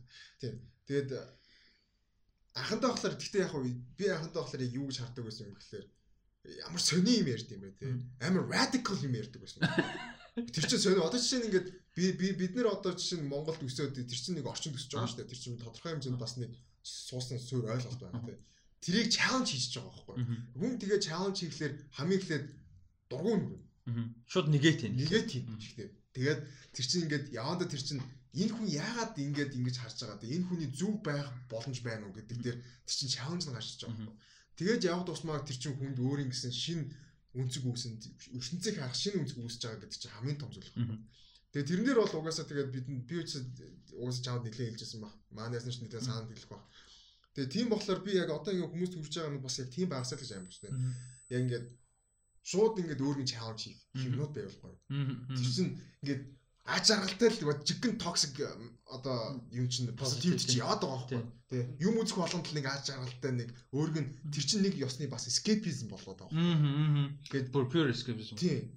Чи өөрийнхөө асуудалтай нүр тулахгүйгээр өөртөө амьдралт чинь байгаа хэцүү юмтай нүр тулахгүйгээр тэрнээс зугатаагаад байгаа тий өдөр болгоо зугатаадаг зүгээр ингээд өөргөө ингээд зүгээр тэр өдөртөө гоё аж аргалтай гэдэг мэдрэмжийг авахын тулд чи гоё юм үздэг нэг бол одоо юу гэдэг ууж идээд гартаж за юу ч байдیں۔ Тэр чинь хамгийн том асуудал болоо. Тийм, exactly. Наа чин бүр яг одоо яг хөрсөн дээр буухаараа хамгийн балиар бууж байгаа юм наа чин баггүй. Ингээд юмыг ингээд эрэг юм болгон эрэг юм болгон сайхан. Одоо чинь ингээд хэсэг хүмүүстэй ингээд юм яриа сууж хат. Аа найз дээр яг тэр дунд нэг олон дунд сууж зүрхүүл гэдэг айдыг ярьж байгаа байхгүй. Тийм депресsion утгаарч зүгээр л тэр концептыг. Тэ ингээд хідэн настай яаж болох бид нар одоод ямар санагдчих 40 гараа ямар санагдчих энэ дээр зүгээр л тийм ерхий концептын яна найз дээр байсан. Тэгэхэд чи нэг нь орж ирсэн ээ. Та одоо та хоёр одоо ингээ баг гоё уур амьсгал унгаагаад их мгөл мгөл яриа. Одоо залуу хүмүүс юм юу наад чинь би баг 40-тэй хүрч ижил бодно модно. Тэгж хандж байгаа байхгүй. Э зүгээр нэг жишээ. Тийм байж болохгүй зүгээр би амар хөнгөцсөн жишээ авч байгаа шүү дээ. Эн чинь өөрөө амар токсик юм позитивтэй худлаа позитив юм баахгүй тэр ганцхан жишээ. Тэгээ зөвхөн тэр нэг so called whatever influencer хүмүүстэй ч биш. Ер нь бол хийж байгаа ажил юм амар бодтой байна. А гэхдээ тэрний чинь асуудал нь юу гэхээр би нөө яриад ш кинод урлаг хөгжихийн тулд ингээд дөрөв одоо ингээд толгой хөршиг юм дээр босмоор байна. Тэгээ критик хүмүүс үзэгчд дамжуулж байгаа одоо сувг те одоо Look TV Vision тийм их сувг болон кино театр те одоо платформ нь а тэгээ хийж байгаа уран бүтээлч. Энэ дөрв чинь ингээд зэрэгцэж те зогсчээж ингээд тэгшхэн баланстай өгчнө гэж тэр шиг контент яг би энэ салбар дээр ярих одоо контент ч юм уу эсвэл social media following ийм юм ярихад эн чинь бас уулын адилхан хоёр талтай юм баггүй. Зөвхөн Аа sorry би цонх явах гээд. Тэгэд зөвхөн одоо юу биш байхгүй юу? Зөвхөн одоо хийж байгаа хүмүүс нь тийм байхаас гадна хүлээж авч байгаа, үлдэж байгаа, дагж байгаа, сонирхож байгаа хүмүүс өөрсдийн гэсэн фильтртэй, өөрсдийн гэсэн юу авч байгааг мэддэг. Аа тэр юм хийгээд байгаа хүмүүс буруу давшихгүй хийж байгаанаас юу авах вэ гэдгээ өөр мэддэг хэвээр. Тэгээ тэр чинь нөгөө нэг хувцсыг эвхэд идэг эмгтэй биш. Тэр чинь хүмүүс юм аваад байна шүү дээ. За юм тэгээ эвхдэг юм авч болж байна. Үзэхэд pleasure юм байж болж байна те. Инээ тэр pleasant байж болж байна. Тэгэхдээ тэрийг хэтрүүлэх юм бол яах вэ? Тэ тийчээс яг юу авч байна.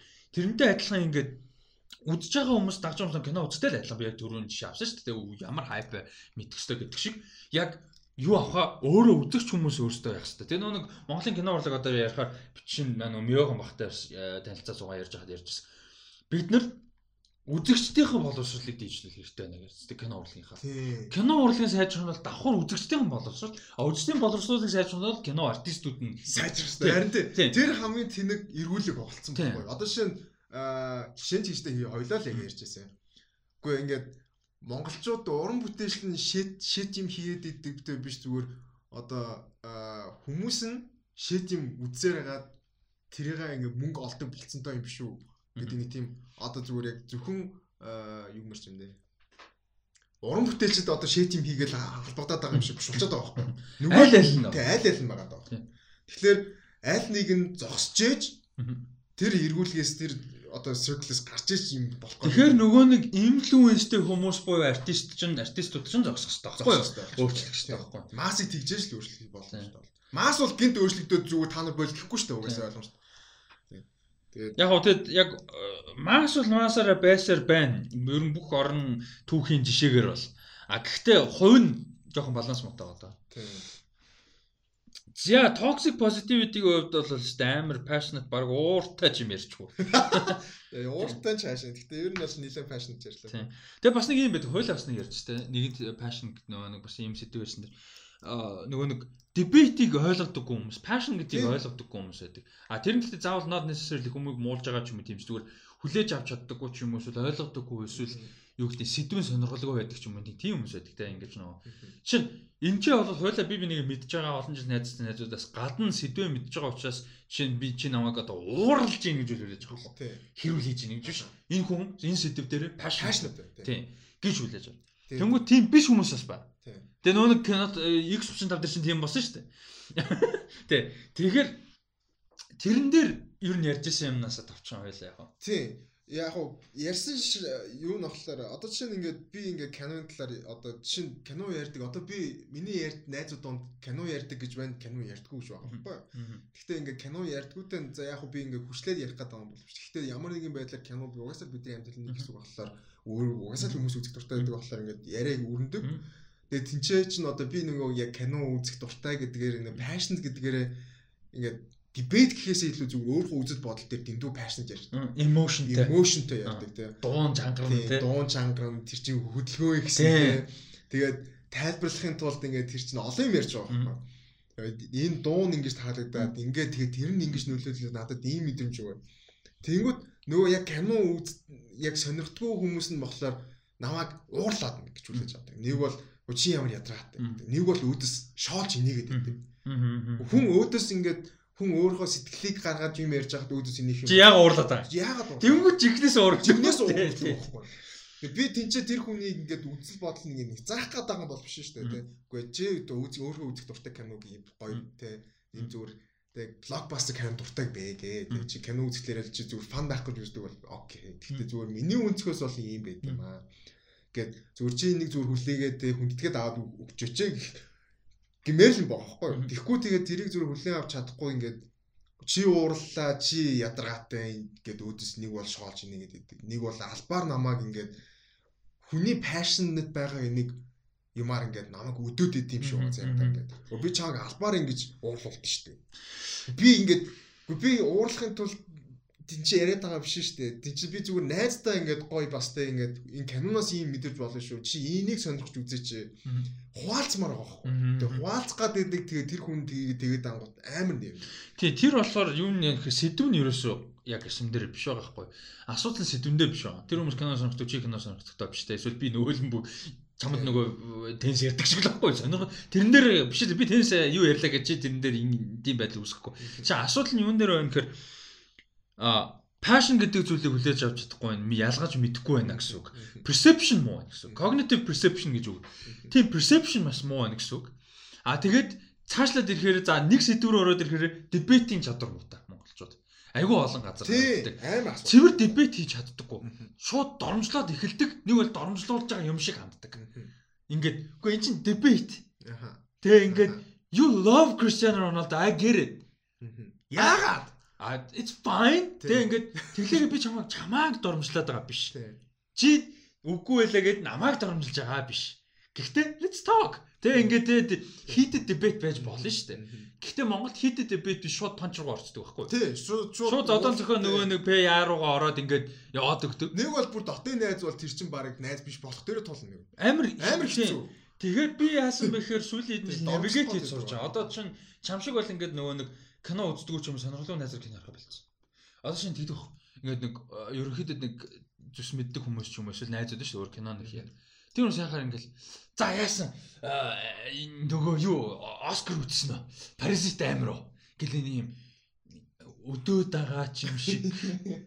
Эсвэл одоо би нэг тийм ультимейт хариу мэддэг хүн ч юм шиг тий. За тэр паразит амир байна тий. Тэрийг одоо үзэхгүй бол болохгүй юу? Гэж байна. Тэг ингээд тэр хүн genuinely асуугаад байгаа ч юм уу, намайг доойлоод байгаа ч юм уу. Тэг ингээд тийм хэцүү. Ингээд тиймэрхүү нөхцөлд агүй гардаг болчиход. А тэгвэл би яаж хандаг болсон бэ гэхээр би зүгээр өө тэгэд яг тэ би яриад өнгөрсөн шүү дээ гэдэг. Ер нь бол яг вэ гэл ингээд нэг тийм нөгөө нэг эвтэйхэн brush хийдэж шүү дээ. Тэгж өнгөрч байгаа. Тэгэхгүй бол ингээд нэг тийм яг юу дутагдсан юм шиг байна. Бас нэг нөгөө талаас бид нар чинь мэдэхгүй байхгүй. Чи бид хоёр бол манай найзуудын хүрээлэл чинь киногоор нийсэн хүмүүс шүү дээ. Киноны сонирхлоор нэг их сургуульд байгаагүй, нэг газар ажиллаагүй, нэг дүүрэгт амьдраагүй, шал рандом хүмүүс зүгээр кино урлагийн сонирхлоор болон тэ би бинийхээ найз найзгээд амжаад Тийм болохоор бид нарт ингээд нэг тийм дутагдаагүй нэг кино ярих. Тэгэхээр нийгэмд би кино цогоос хойш амар анзаарч байгаа. Нийгэмд кино урлагийн талаар ингээд өөрсдөө хүслээр ингэж ярилцах одоо юм амар дутагдсан байсан юм гэж амар анзаарсан. А киноны нэвтрүүлгийн анхны бол биш кино зог тий зөндөө байсан. Гэтэ тэд нар амар өөдөгтэй байсан байгаа байхгүй. Тэд нар ингээд аа buried in the pond ингэж Тэгээ нэг бас бокс гардаг юм тий. Шиндлерс лист кино үнэхээр гайхамшигтай кино юм аа. Гэт тийм байсан байгаа даа байхгүй. А тэр нь буруудаа биш зүгээр өөр вершн нь байгаагүй байсан даа байхгүй. А тэгэнгүүт тийм юм амар дутагдсан байна гэдэг юм анзаарсан. Би зүгээр хин нэг нэг ерөөсөө энэ муулч яаж ерөөсөө биш шүү. Зүгээр бодит ингээд анзаарсан зүйлүүд ярьсан. Тэр тийм амар дутгсан санагц. Тэнгүүд тэрнээс хойш яаж юм хэр кино цаг нэг 20 дугаар гараад ирэхлэнгүүд хүмүүс тийшээс нэг хагас жил яваад ирэхээр илүү тогтоод ирж штэ. Тэнгүүд хүмүүс яаж юм хэр ингээд кино ярих гэдэг. А тал нь болохоор ингээд яг миний төрөнд хийсэн нөгөө дөөд байгаа юм уу? Гүм мэддэхгүй. А тал нь үнэхээр ярих хүсэл байд юм байна. А тэгээд хүмүүстэй ярих газар орчин байдаггүй юм байна гэдэг ямар анзарч ирсэн. А тэгээд нөгөө намар movie night man манай явжсэн. Тэгээд би харамсах яг кино цаг одоо ингээ хүмүүс яасны нэг үед movie night man явжсэн болол тийч conversation бас бүр илүү гоё өрөөдөө байх байсан юм. Movie night-д ирэх хүслийг хүмүүс их басан байна. Бид нас тодорхой хэмжээний тийч одоо ингээ бизнес тэрнээс халцах хүсэлтэй хүмүүстэй өөргөн чаленж хийж байгаад нь баярлдаг хүмүүс байх аим гоё дээ. Одоо жишээ нь ингээд би бас одоо зүгээр найстайгаа муудалснаа л яг үгүй муу найстайгаа муудалсан шааш юм дээ. Гэхдээ нилээн ингээд хүмүүст үл ойлголцол их байдаг найзлж гэлтгүү.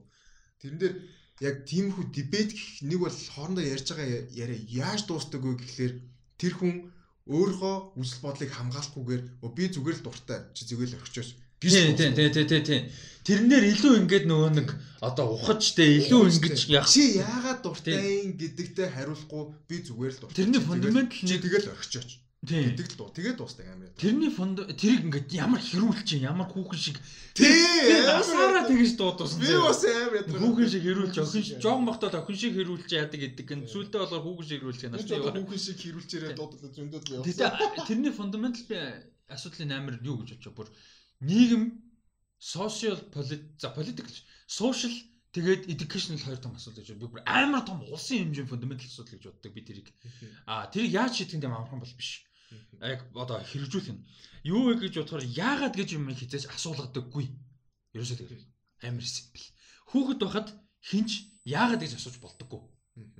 А яагаад гэж асуухаар эцэг их нь багш нар нь орчин нь мэддэггүй эсвэл хариулахыг хүсдэггүй. Ядаргаатай санагддаг тайлбарлахыг хүсдэггүй өөртөө амрыг боддог эсвэл мэддэггүй.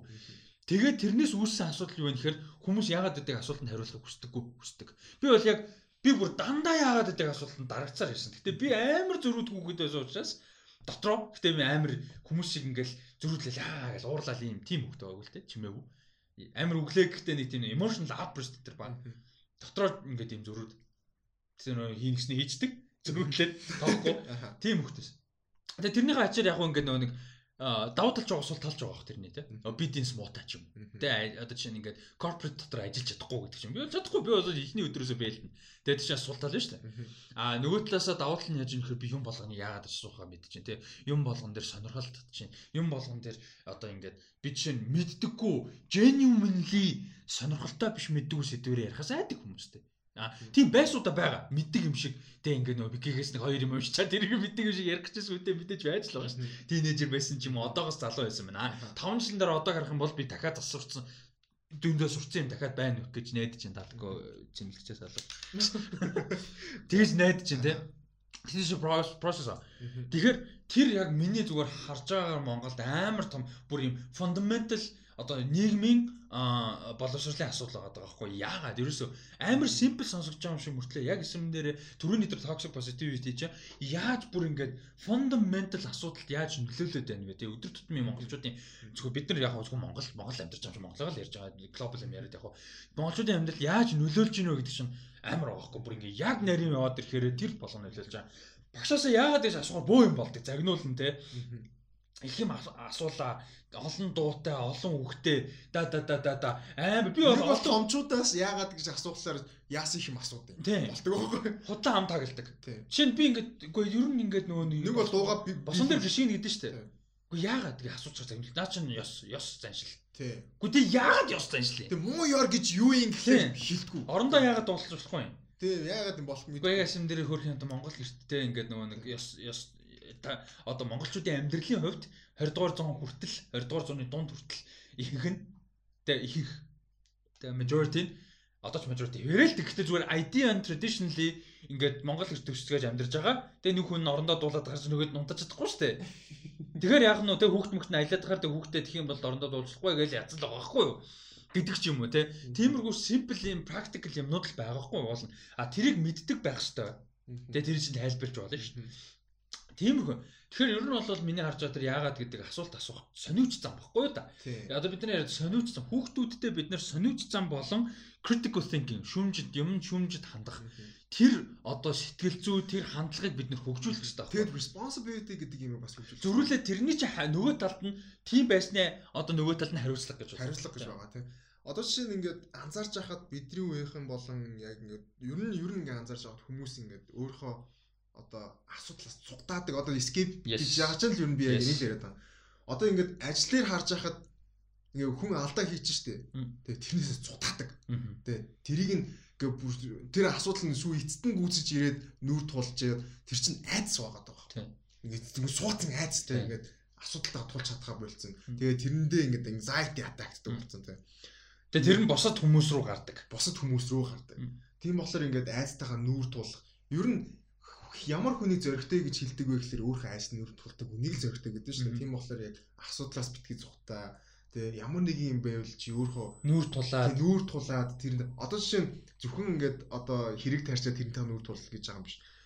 Одоо сэтгэл зүүн санаа зүй дээрс тийм байхгүй. Одоо чамд хэвцүү байвал чи тэр таа нүүр тулах хэрэгтэй байхгүй. Одоо жишээ нь ингээд зутаах зутаах биш.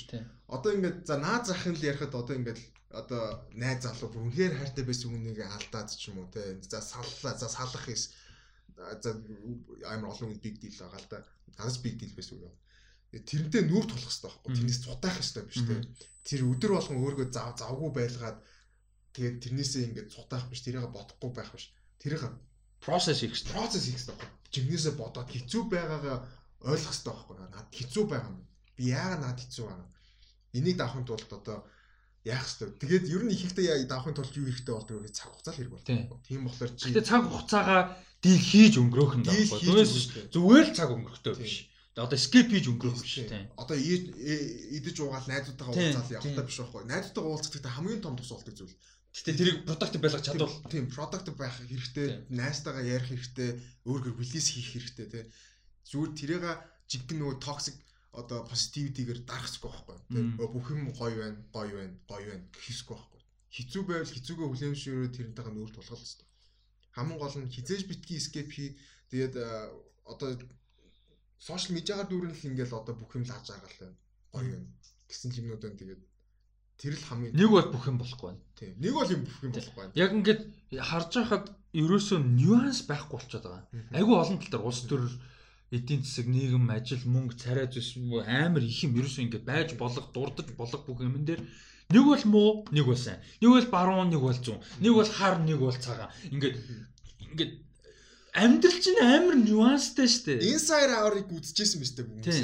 Inside Out миний миний бүр шүү дээ. Бүр ингээд амар уйлсан хэсэг яг тэр Sadness Joy-оор холсон memory, bitter sweet memory гарч ирдэг. Би тэрэн дээр бүр ингээд амар уйлсан бранх уцчих ёо. Амьдрал тийм байхгүй. Тийм. Чи байн гажаргалтай байна гэж байхгүй. Чи байн хямраад зоод нэгж байхгүй.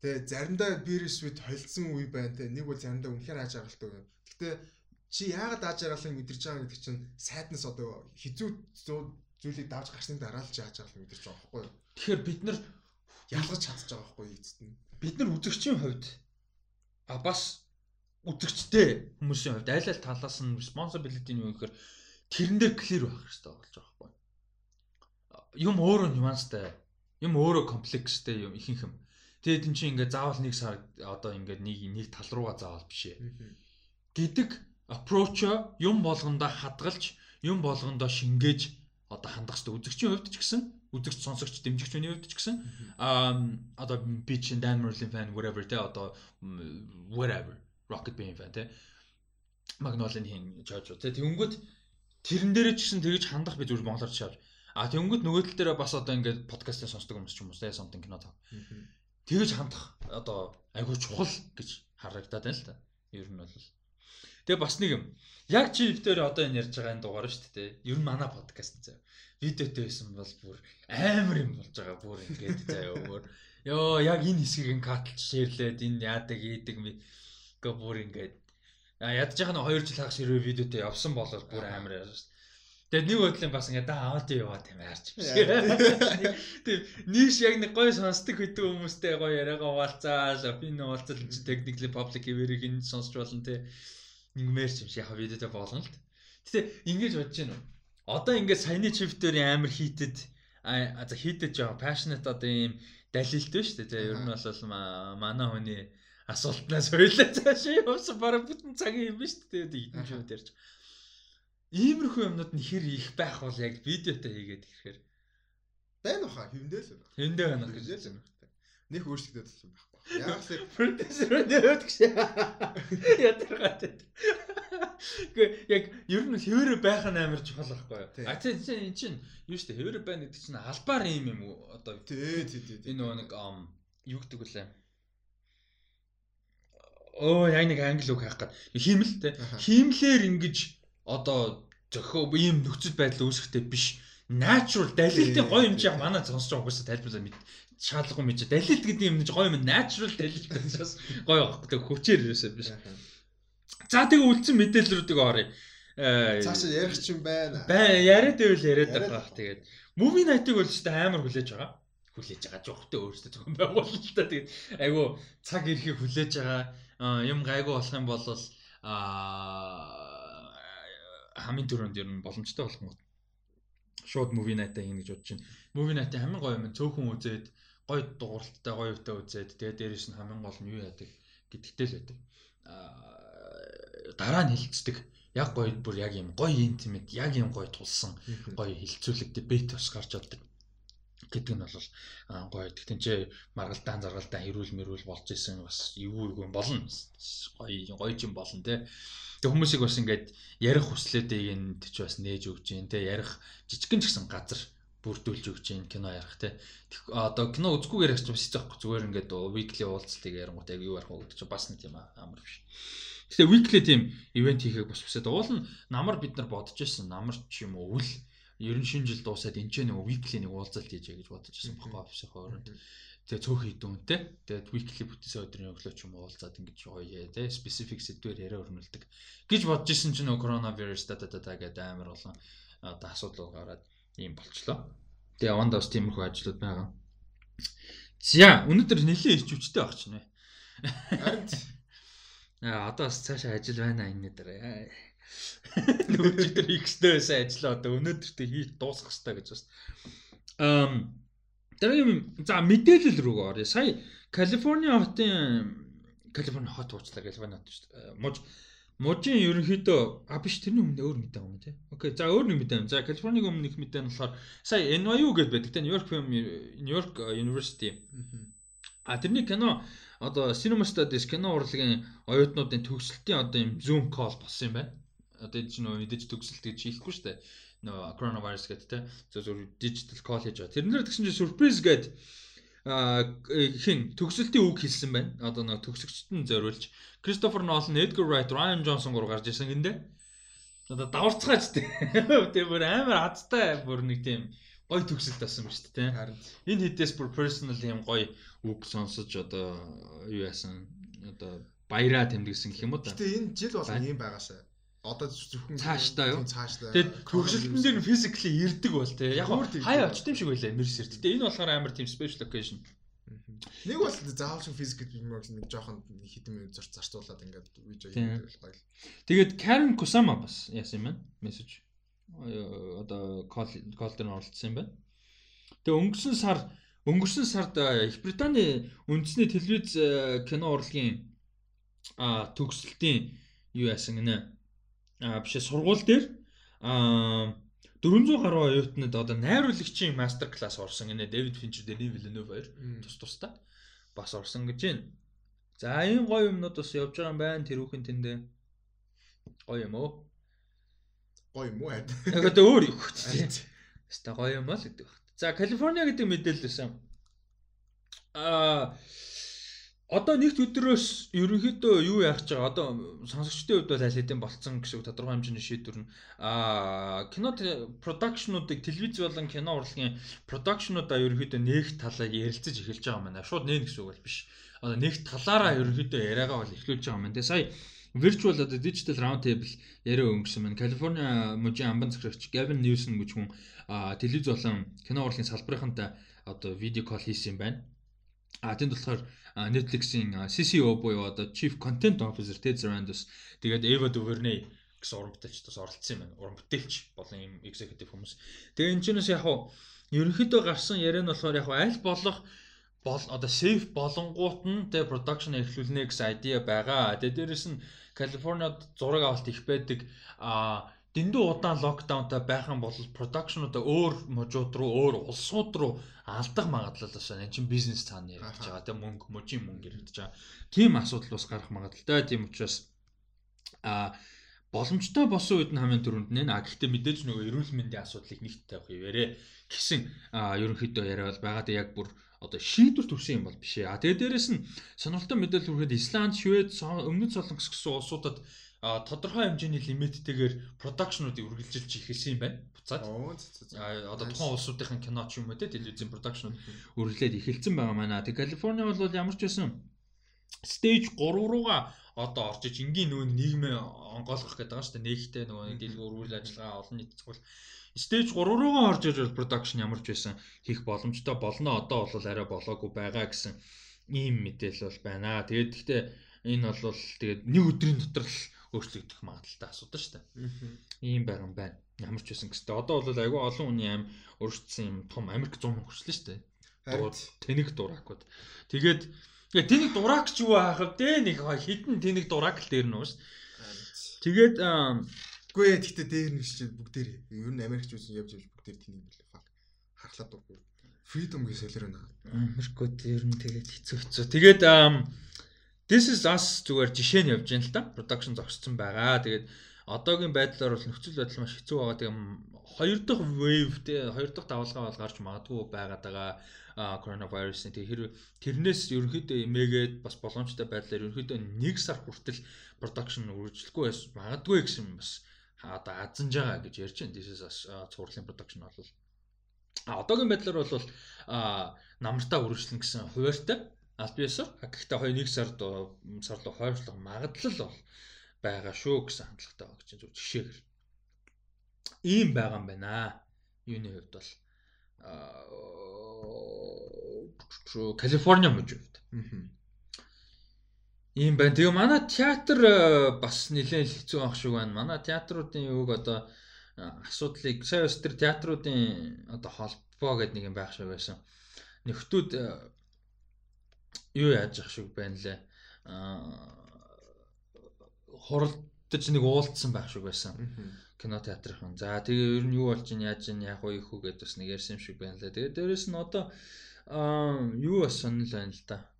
Хизээ нээх хүн нэгэд яаж ажиллах уу гэдэг бас сонирн байна. Ер нь театрын уул нээчил гэдэг байгаа. Тэгэхгүй бол бизнес давхуурлаа гэдэг. Тэгээ одоо 100 хэд 100 бараг 100 гаруй хонцоод байна гэсэн нөхцөл байдалтай байна. Тэгээд сая өнөөдөр онцгой усан онцгой компс хуралдаад ер нь 6 сар дуустал баг энэ 20 зэрийг өргөлжлүүлчих шиг боллоо шүү дээ. Яг альбиасаа 6 сар дуслах гэж хэлээгүү. Гэхдээ хөрсөхийн ярьсан юмар бол ер нь баг тиймэрхүү болоо явчлаа. Тэгээ хил мэлийг бол ойрдоо нээхгүй. Гэхдээ энэ ямар ягаад ч надад зүгээр ингээд сонгуул. Тийм exactly yes яг ярангуут боддоор юу вэ нөхөр сонгуул наадам байгаа хгүй. Тэгснэ наадам энийг солиороод. Гэхдээ наадам яах гээд хийх гээд байгаа юм. Хөлбөмбөгийн лигээ тоглохгүй гэж нэ тоглоулна гэж зөвшөөрөнгөтэй хоёр өдрийн дараа нь болно гэж шийдвэр гаргасан шүү дээ дуракууд. Тэгэж боо юм болсон сая. Тэгэнгүүтээ наадам хийнэ гээд байгаа. Тэг яг яг яаж наадам хийх гэдэг хүн зуглуулахгүй гэдэг байхгүй. Хүн зуглуулахгүй стадионы гадаа өөрчлөлт хийхгүй. Тэгснэ наадам хийнэ. Тэг хайшаа масклын нөхцөл 2 м 2 м-ийн цагаас цаанаас ингээ агаараар телепат бишээ телекинетик павераар барилдах юм хайшин. What the fuck. Тэгээ бүр амар тэнэг наадам хийн минь ингээ солиороод Тэснэ тэр нөгөө нэг гөөгөө дээр ч юм уу икон дээр ингээ тэр наадмын талаар ингээд нөгөө нэг мэдээллийн доор нь комент нь оршуур. Йоо тэр Америкуу тэнэг цаашаа заяа монголчууд бүр алан шүүм үү юу минь наадмаа хийлгүй яа тийм аа ингээл доор нь заяа. Йоо бүр Аа угаасаа тэгэхээр тэр нөгөө тхиүү бүх одоо байралтас бүх нөгөө тхиүү лээ Монгол бүх National үндэсний бүх за үндэсний бүх аа шээ. Үндэсний бүхийн бүх чи ингээд нэг тэнийг том ингээд industry байгаад байгаа. Наад амар амар хөгийн toxic балер тийм дотроо асуудалтай юм мөнгөний заваа юм биш амар заваа юм биш байхгүй юу? шижиг юм. Тэгээд нөгөө тэр чин пик нь болохоор наадам бохгүй? Тэгээд тэр нь байхгүй болох гээд ангууд чинь тэр бум төгрөг хэрэглэж нээлтэд байхгүй юу? Гэтэ одоо хамгийн гол нь зүгээр би бол яг бодож нэг өсрэл нэг 5 10 жил 5 7 жилийн дараа гэхэд ер нь үнсний бүх мөнгө гэдэг юм их утгаа алдчихна. Алдчихсан гэсэн нэг сонирхож болж байгаа. Би бол Манусын дээдлийн яг үе явах байгаа штэ. 40 төгсөж байгаа нэг хүмүүс байгаа штэ. Тэдний үеийнхэн одоо хамгийн одоо юу гэдэг нэг тийм ахмад хүмүүс нь болоод ирнэ штэ. Ахмад гэдэг нь хөгшин гэдэг утгаар шүү. Одоо улс төрийн эрх мэдэлтэй компани захирал том тэр бүр яг юм одоо хамгийн powerful хүмүүс нь болно ш. Нэг 60 60-д 50 60-д төгсөн 60 гарсан. Тиймэрхүү болоод ирсэн үед ер нь наадам цагаансаар энтрийн ач холбогдол нэлээд баг. Яг гоо алан болохгүй шүү дээ үндсэн юм. Наадам ч уулна манай independence day уулна. А гэхдээ а үндэсний том баяр л да. Баяр нь алан болохтой ш. Наадам гэхээс би бүхэн дээр нэрэд байхгүй илүү. Тий, тий, тий. Бүхэн ач холбогдол. Наадам гэхээс наадам ч юм Тэгээ наадам тэр цагаан сар ялангуяа тэр цагаан сарын бүх мөх. Ер нь тийм юм нилээн баг болох. Яг алга болохгүй л дээ мэдээж энэ чинь яаж бид нар бидний өвс хойлохгүй. Тийм энэ чинь мэдээж үндэсний traditional value шүү дээ. Тэрийг бид нар үүсгэхгүй. Аа зүгээр багасгах нь. Тийм багасгах. Нилээн багасгах байх. Биш багасгах нь багасгах байх. Тийм. Тэг ач холбогдлоо жоо. Нилээн нилээн багасгах байх. Би бол яг тэгж бодоод байгаа юм. Бидний Гэхдээ яг эсэмэн дээрээ шүү дээ. Их байлыгад одоо value мундаг нэг үл үгүй байхгүй. Яг юм дээр value нь одоо fucking trash байгаа юм шүү дээ. Үндэсний бүх тий. На цагаан сарч бас яг үндэсний бүх бол э, одоо value үнэлгээ нь тий хүмүүсийн хувьд одоо ач холбогдол нь дээ. Тийм шүү. Ийм байхын оронд илүү баг байгаад илүү үн цэнтэй байвал гоё байхгүй. Бид нар жоохон мохт үн цэнтэй л Сүхбат аваргын барилгыг үзгээл тэ Сүхбат авар баяр хоёр тэ ингээл үзүр төрөнд нэг бол бат эртэн аврах хитэн дуудааш яасан тий. Ядаргаатай шүүн болтол зогсоол гэдэг тий.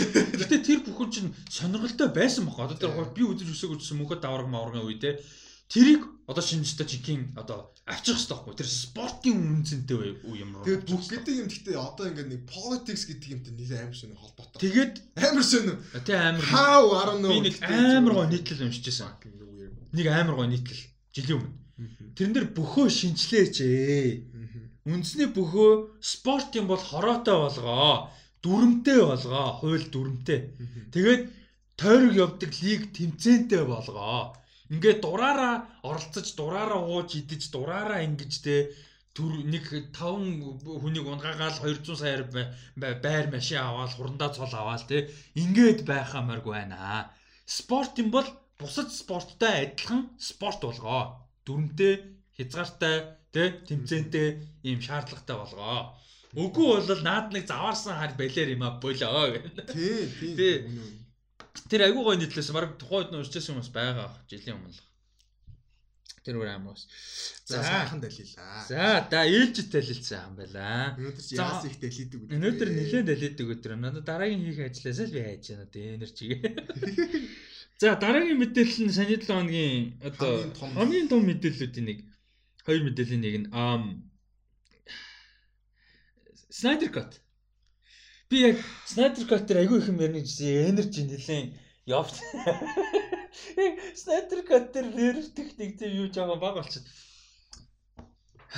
За, мэдээлэл үргэе. Эхний ээлжинд.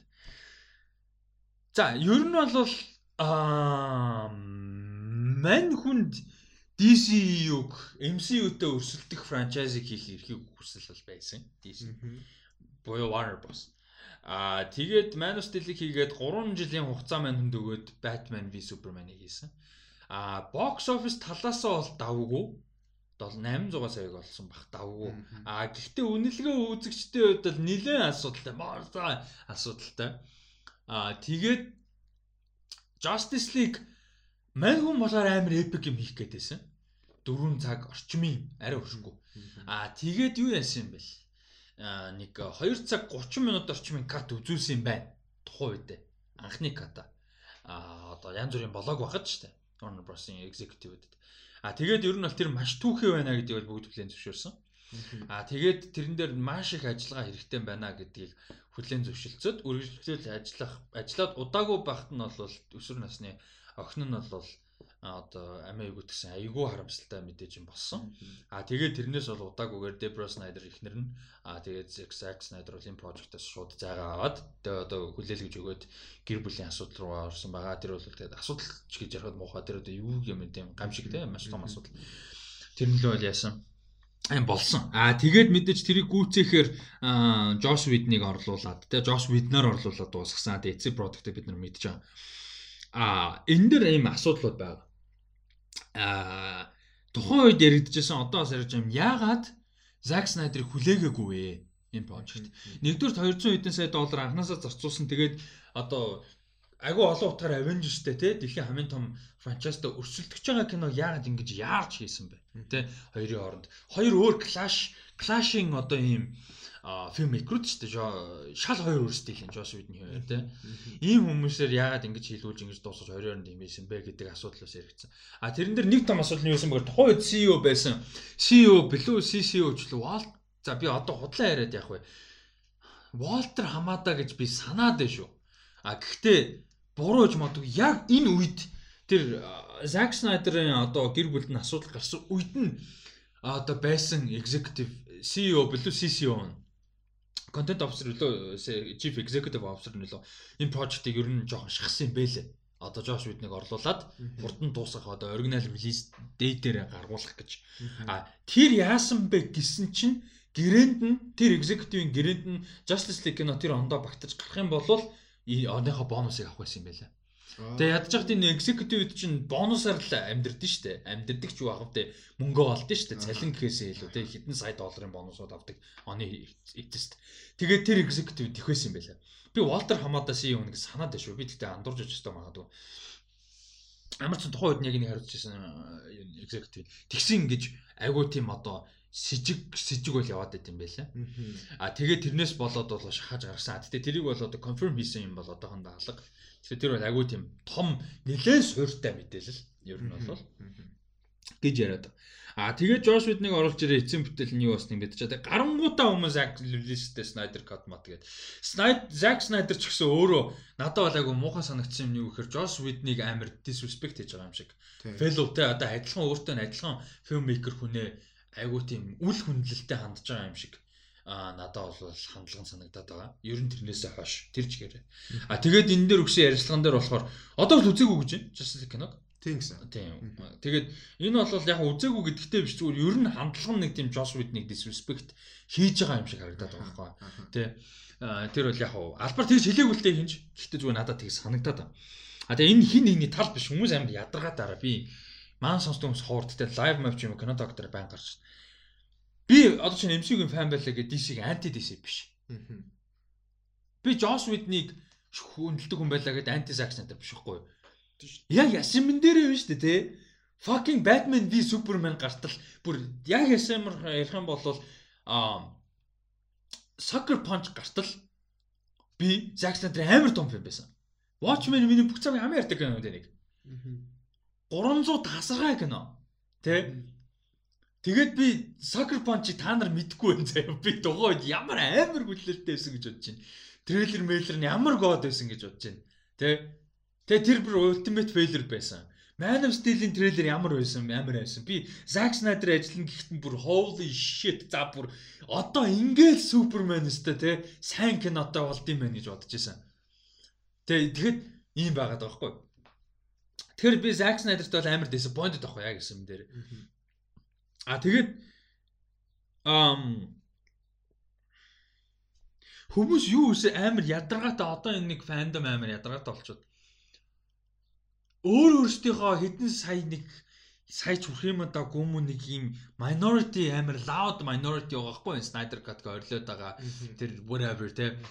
Ийм хүмүүс чинь ийм loud minority юу үсэж байгаагаа үзнэ гэж бодд юм шиг байна. Тэгээд харангуут ямар ч бүтээл хүссэнд нь хүрэхгүй байхгүй. А нэг асуудал нь а нөгөө асуудал нь аль хэдийн шийдтсэн. Ингээ бүтээлэн гараагүй байхад Снайдерийг л гарах юм бол угаасаа дуртай байна гэж шийдтсэн. Тий. Одоо тийм үү? Снайдер кат гараад амар шийдвэ шүү дээ. Тэнгүүт шийд гэдгийн дотроо мэдчихсэн ч хүлэн зөвшөөрөхгүй. Ягаад тэр шийдтсэн байсан өмнө. дуртай болно гэдэг. Тэр шиг тийм асуудал айгүй их байгаад байна. Ямар ч үсэн болсон үйл явдлын үед ерөөхдөө юм гэдэг сайн 11 сард мань хоёр ингээ байжсэн чинь эйжент нь ярьсан юм байна. Аа тэгээд э, HBO Max-аас Warner Bros дотроо HBO одоо Warner Bros чинь Warner Media гэдэг компани болсон шүү дээ. AT&T-тэй нийлээд. Аа тэгээд одоо бол HBO Max нь тусдаа дотроо компани гэж явж байгаа. Ерөнхийдөө одоо хөгжүүлэлтээ хийх юм бол. Тэгээд HBO Max-аас олбогдсон юм байна. Ер нь бол. За тэгээд энийг энэ дээр одоо энэ Justice League дээр ямар нэг юм хийх боломж одоо хүсэл сонирхол юм байгаа юу гэж асуусан юм байна. Тэгээд 2 сард энэ хоёр бол одоо танилцуулга хийсэн юм байна. А тэгээ танилцуулгын дараа бол гэртээ энэ том executive-ийг бүгдийг өрсөн юм байна. DC-гийн Warner Bros-ийн одоо Warner Media-гийн те HBO Max-ийн ийм олон хүмүүсийг өрөөд а тэгээд энэ одоо юу гайм rough cut үзүүлсэн юм байна л да. Яг кино одоо rough cut гэхэр чи яг найруулгатай кино гэхээс илүү зөв дүрснүүд гэсэн цуглуулга дүрснүүд үзүүлсэн юм байна. Тэгээ нөгөөд нь потенциалтай гэж хараад тэгээ HBO Max-ийн project гэж явах юм байна. Энэ бол одоо Warner Bros юм уу DC Entertainment гэхээс илүү HBO Max-ийн одоо project гэж явна. Өөрөөр хэлбэл одоо Zack Snyder бол HBO Max-ийн хариуцж байгаа одоо удирдлагатай хариуцж одоо холбоотой ажиллана гэсэн юм байна. А тэгээд дээрэс нь аа Мань хүн болохоор ерөөсө прожекта дуусгахдаа өөрөөхөө тэр одоо авсан нийт кат гэхээсээ илүү футэж харданда хуулаад аваа явцсан юм байна. Гэрлүүгээ. Тухайн үед нь одоо болгохтой. Гэтэ тэр нь одоо хэр лиг юм бэ байл. Одоо лиг л болоод ингэж нээлттэй ярьж байгаа байлгүй. Тэгсэн юм байна. Аа тэгээд тэрнээсээ ерөөхдөө кат хийж байгаа. Тэгэд яг уу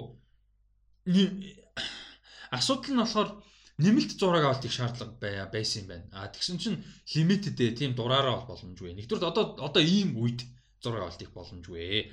А гэхдээ юунууд бол их боломжтой. Одоо post production-ууд те одоо эвлүүлгүүд, visual effects 20-30 сая долларын бажетал гаргаж өгч болж байгаа. А тий тэрэндээ тааруулж бол мань хүү хийнэ гэж. А тэгээ дараагийн нийтлэл энэ Hollywood Reporter дээр анх зарлагдсан Hollywood Reporter болон бүх айгу олон юмар зарлсны дараа өчтөр дахиад нэг шинэ мэдээ slash film дээр юугаар дамжсан. А юугаар дамжлаа А Heroic Hollywood сайтаар дамжаад slash film дээр гарсан нийтлэлээр болохоор яасан бэхээр нэмж confirmation нь болохоор cast бол ирж ирэхгүй reshoot хийхгүй байна. Cast бол reshoot хийх боломжгүй. Уусаа гэрээ мэрээ гэдэг чинь. Яг гоо гэрээ байж магадгүй гэхдээ одоо нөхцөл хамгаалал логистикли амар том асуудалтай. Энэ хүмүүсийг цуглуулаад production хийнэ гэдэг нь. Тийм учраас боломжгүй. А тэгээ зүгээр crew бол эргэж ирнэ гэж одоо sound, sound, effects, technical те. Ягаад тэгэхээр ихэнх юм дээр гэрээсээ ажиллах боломжтой. А тэгээд ер нь Zack Snyder хүсэж байгаагаар нэмэлт зураг авалт reshoot хийх бол ямарч боломжгүй. Мөнгөж байхгүй логистик асуудал, cost одоо коронавирусын асуудалтай гэж байгаа юм байна. А тэгээ энэ дээр яг уу а харж байгаа юм нь болохоор Warner Bros болон одоо Warner Media болон HBO Max-ын давуу тал харж байгаа юм яасан бэхээр 2 жилийн хугацаанд энэ ч өснө Debra Snyder өөрөө өгсөн ярилцлага байсан. 2 жилийн өмнө бол тэрийг одоо хүссэн ката гаргахтай ийм боломж бол бага байсан тий кино гарсан гараад гарсан хувьбараар тэгээд дууссан. А одоо бол боломжтой болчихаа тэгэхээр стриминг гэдэг юм одоо хүчтэй болчлоо. Шин юмтай болчлоо тий HBO Max гарч байна. Энэ дээр ингэж мөнгө цацах боломжтой болчих. Энэ бол амар том жишээ. Одоо давуу тал байна. Тэгээ HBO Max өөрөө маш сул лонч хийж байгаа. Одоо сая лонч хийжлээ шүү дээ. Өчтөр Америкийн цагаар өчтөр лөө өнөөдөр лөө лонч хийж байгаа болов. Лонч хийж байгаа. А тэгээд маш weak, маш сул лонч хийж байгаа. Ер нь бол одоо хүснээс нь. А тэгээд ер нь бол тэрийгэ хүчтэй болохын тулд контент агуу хэрэгтэй байгаа. Тэгээд энэний одоо далим болчихж байгаа байхгүй маркетинг. Тэ. Ер нь бол амар том өө нэрээ нэг юм юм байгаа шүү дээ. А тэгэд чинь бас нэг юм яаж юм гэхээр бүх production зогссон байгаа. Одоогийн байдлаар шин контент хэрэгтэй байгаа гэдэг. Тэ. HBO Max явуулах. Тэгээд бүх production зогсчоод байдаг. Тэгээд одоо 20 оны production зогсож 21 оны олон юмнууд нь байх болчихж байгаа шүү дээ. Тэгэхээр яаж уу? Өө нэрээ нэг юм байгаа шүү дээ. Justice League тэ. Нэг дотор хэвчсэн нэг юм ш тэрийг гэж яг ийм давуу тал үүсэж байгаа. Тэгээ Zack Snyder-ийн хувьд бол яг мэдээж артист хүн өөрийнхөө вижныг аль болох боломжоор гаргана гэдэг боломж бол сайхан.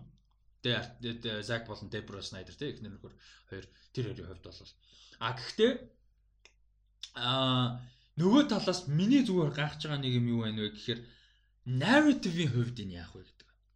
Ямар ямар ач холбогдолтой юм кино гарснаар 21 онд хаа байсан. 4 жилийн дараа Justice League-ээс Ямар ач холбогдолтой юм. Эн чин тэр одоо Zack Snyder өөрөөхөө хийх гээд байгаа Justice League чинь нөгөө нэг хим мэн гараал те нөгөө Thanos биш ээ. Thanos-ын copy, copy ч Thanos ч өөрөө copy ч лөө. Dark Side. Dark Dark Side гарна гэдэг аа. Confirm мэдэн шүү дээ сайн энэ дээр нь гарна. Нэг ганц хоёр шин байгаа юм шиг үл. Тэгээд Dark Side суур тавь. Тэгээд энэ чинь хоёр одоо part киноны нэг хэсэг байсан шүү дээ. ID. А тэгээд эн чинь өөрөө одоо юу гэдэг DC-гийн том баатруудын эхлэл байсан шүү дээ. Эн чи өөрөө Wonder Woman, Aquaman хоёр чи энэ дээр анх гарч ирсэн. Flash чи энэ дээр анх гарч ирсэн. Биш Batman v Superman дээр анх гарсан билүү. Yeah, whatever. Тим point нээсэ. Юу гэд миний юу гэхэд нөхөр Justice League кино гэдэг кино чи өөрөө universe-ийн эхлэл нь байсан байхгүй юу? End game нь биш. Infinity War нь биш. Тэ эхлэл нь байсан. Тэгээ эхлэн байгуулсан кино алидийн фэлдгээ фэлдэд ингээд дуусчаад байхад Тэр чинь тэгээ орлого олоогүй шүү дээ. Тийм амар олон мундаг үзэгч байсан бол үзэх нь яасан юм. Тэгээд одоо 4 жилийн дараа гарахад тэр storyline-ы нөлөө юу ах вэ? Энэ чинь үргэлжлэхгүй шүү дээ. Тийм шүү. DC ч өөрөө одоо ингээд ер нь тусдаа киноноор авчихсан. Aquaman 2 тусдаа болгон тодорхой. Shazam 2 тодорхой. Wonder Woman тодорхой өөр байгаа shit the batman тусдаа тодорхой whatever the flash альбисер байгалаа би итгэхгүй л. Тэр ингээд тэ Бүүдэд болсон байна. Тэгэхэд энэ яг ямар одоо ингээд narrative явд киноны агуулгын ямар нөлөө зүгээр нэг хідэн loud minority satisfaction дэ satisfy хийх гэж байгаа мó гэдэг амар их зослох narrative тал дээр шээ. За миний хувьд бол ингээд би дугуй болъё. Чиний хувьд би бол одоо бүр амар олон минут ирчихлээ. Тий тэгээд ер нь бол чамтай адилхан бодолтой байна. Аа яг одоо гарах гэдэг яг зорилго нь яг юу юм те. Одоо яг чиний хэлсэн шиг Ингээд 4 жил одоо 4 жил болчихж байгаа юм тий. Одоо 21 он гэхэд 4 жил болж шүү 17 он болсон шүү. Харин тий тэгэнгүүт яг 4 жилийн өмнө гарсан одоо дахиж цааш үргэлжлэхгүй юм дээр яг яах гээд байгааг би бол ойлгохгүй байна. Хамгийн том асуудал бол надад бол тэр л. Яг л DC-гийн кинонууд ч одоо суперхиро кино ч тус тустай арай илүү одоо би даасан кино болох гэдэг шүү дээ. Universe гэхийн оронд. Надад тэр нь хамгийн гол нь аим таагдаад байгаа. Киноч сайн болоод байгаа. Киноч сайн болоод байгаа. Тэгж яхад одоо ингээд зүгээр Snyder Cut-ыг гарах гэдэг нь бас нэг тал нэг тийм petty байгаад байгаа санаад байхгүй. Э, yes, yes. Тэгээ тэр нь ингээд нэг тийм анханасаа би Snyder Cut гэж яадаггүй зүгээр борилцохоо тий. Тэгчээсэнд орвол Zack Snyder илүү гоё прожектууд аваад цаашаа авч явал илүү гоё байхгүй. Зүгээр л өө миний хийжсэн кино Josh Whedon тэнэг болгочлоо гэд тэн дээр PT хандаад байгаа юм шиг яриад байгаа та. Тэгээ нөгөө хүмүүс нь Zack Snyder хийх юм бол гоё болно. Тийм. Үгүй яг тэр кинон дээр яг томын асуудал юу байсан дөрүүдийн хөгжүүлэлт аим уу гэсэн. За одоо бол шинэ одоо дүрсүүд орж ирээд тэр нь яг уу тэ дөрүүдийн дээр арай дээр utilize хийж болох юм би бол за тэрэн дээр бол за окей. Гэтэ Stephen Fall сайн болох уу? Гүү хэвгүй. Йоо тэр бүр fucking monstrosity сайжрахгүй байхгүй юу? Одоо бүр мөнгө байхгүй дээр тэрэн дээр сайжна гэж байх уу? Гүү хэвгүй юу та? Угаасаа л вилэн муу байсан бол угаасаа шийд штэ. Тэр дээр бас нэг том таалагдаагүй юм Batman дүр амар тэнэг. Аа. Ямар ч хэрэг байхгүй гэсэн юм дээр. Тийм. Зүгээр амар аргу. Аргу. Тэгээ одоо энэ дээр тэгээ тэрийг яаж сайжруулах гэдэг. Нэмж зураг авахгүй. Харин нэмж зураг авахгүй. Гэхдээ тэгээ одоо тэгээ дөрөв нь бас ингэ атмосфер киноны атмосфер тооныг өөрчлөлөө гэд тэр нь сайжирна гэсэн. Сайжирна гэсэн үг биш байхгүй хамгийн гол нь. Тэгээ би бол үнийн хэлэхэд бол нэг сайн бол хүлээхгүй. За сайн болоод гой боллоо гэвэл би үнэхээр баярлана. Би бол DC-д хайртай дуртай дагсаач үзэж өгсөн. Гэхдээ би яг одоо үний хэлэхэд энэ Snyder Cut гэдэг юм бол одоо бол үний хэлэхэд үнэхээр залах чинь. Үнэхээр залах чинь. Анх тэгж яхад нь баг залхаад эхэлжээс одоо бүр одоо бүр үнэхээр явсаар хагаад одоо гарахаарч болчлаа. Тэгээд мэдээж obviously үзнэ. Тэрийг бол үүсэхгүй. Үзхийн үед бол үзнэ. Гэхдээ үний хэлэхэд хүлээлт бол надад алга.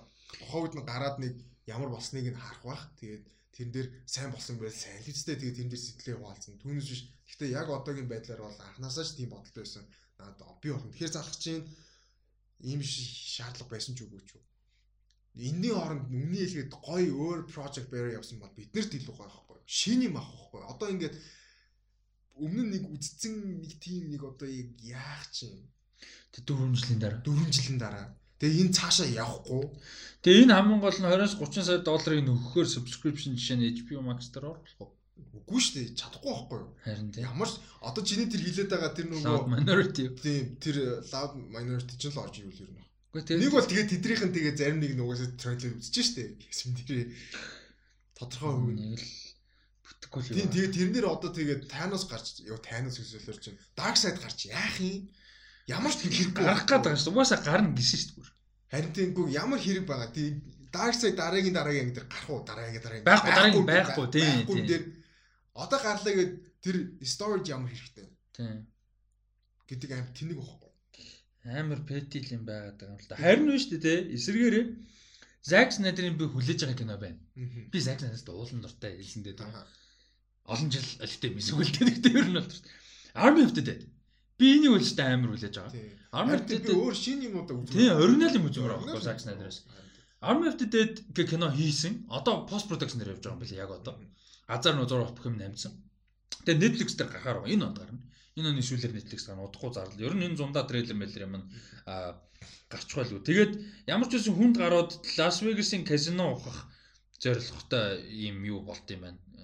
Юу плоттой. Тэгээд нөгөө зомби апокалипс зэрэг яг болж байгаа үед харж мардаг. Тийм хөл кино юм байна. Тэгээд каст нь бол Дэв Батиста гол дүр.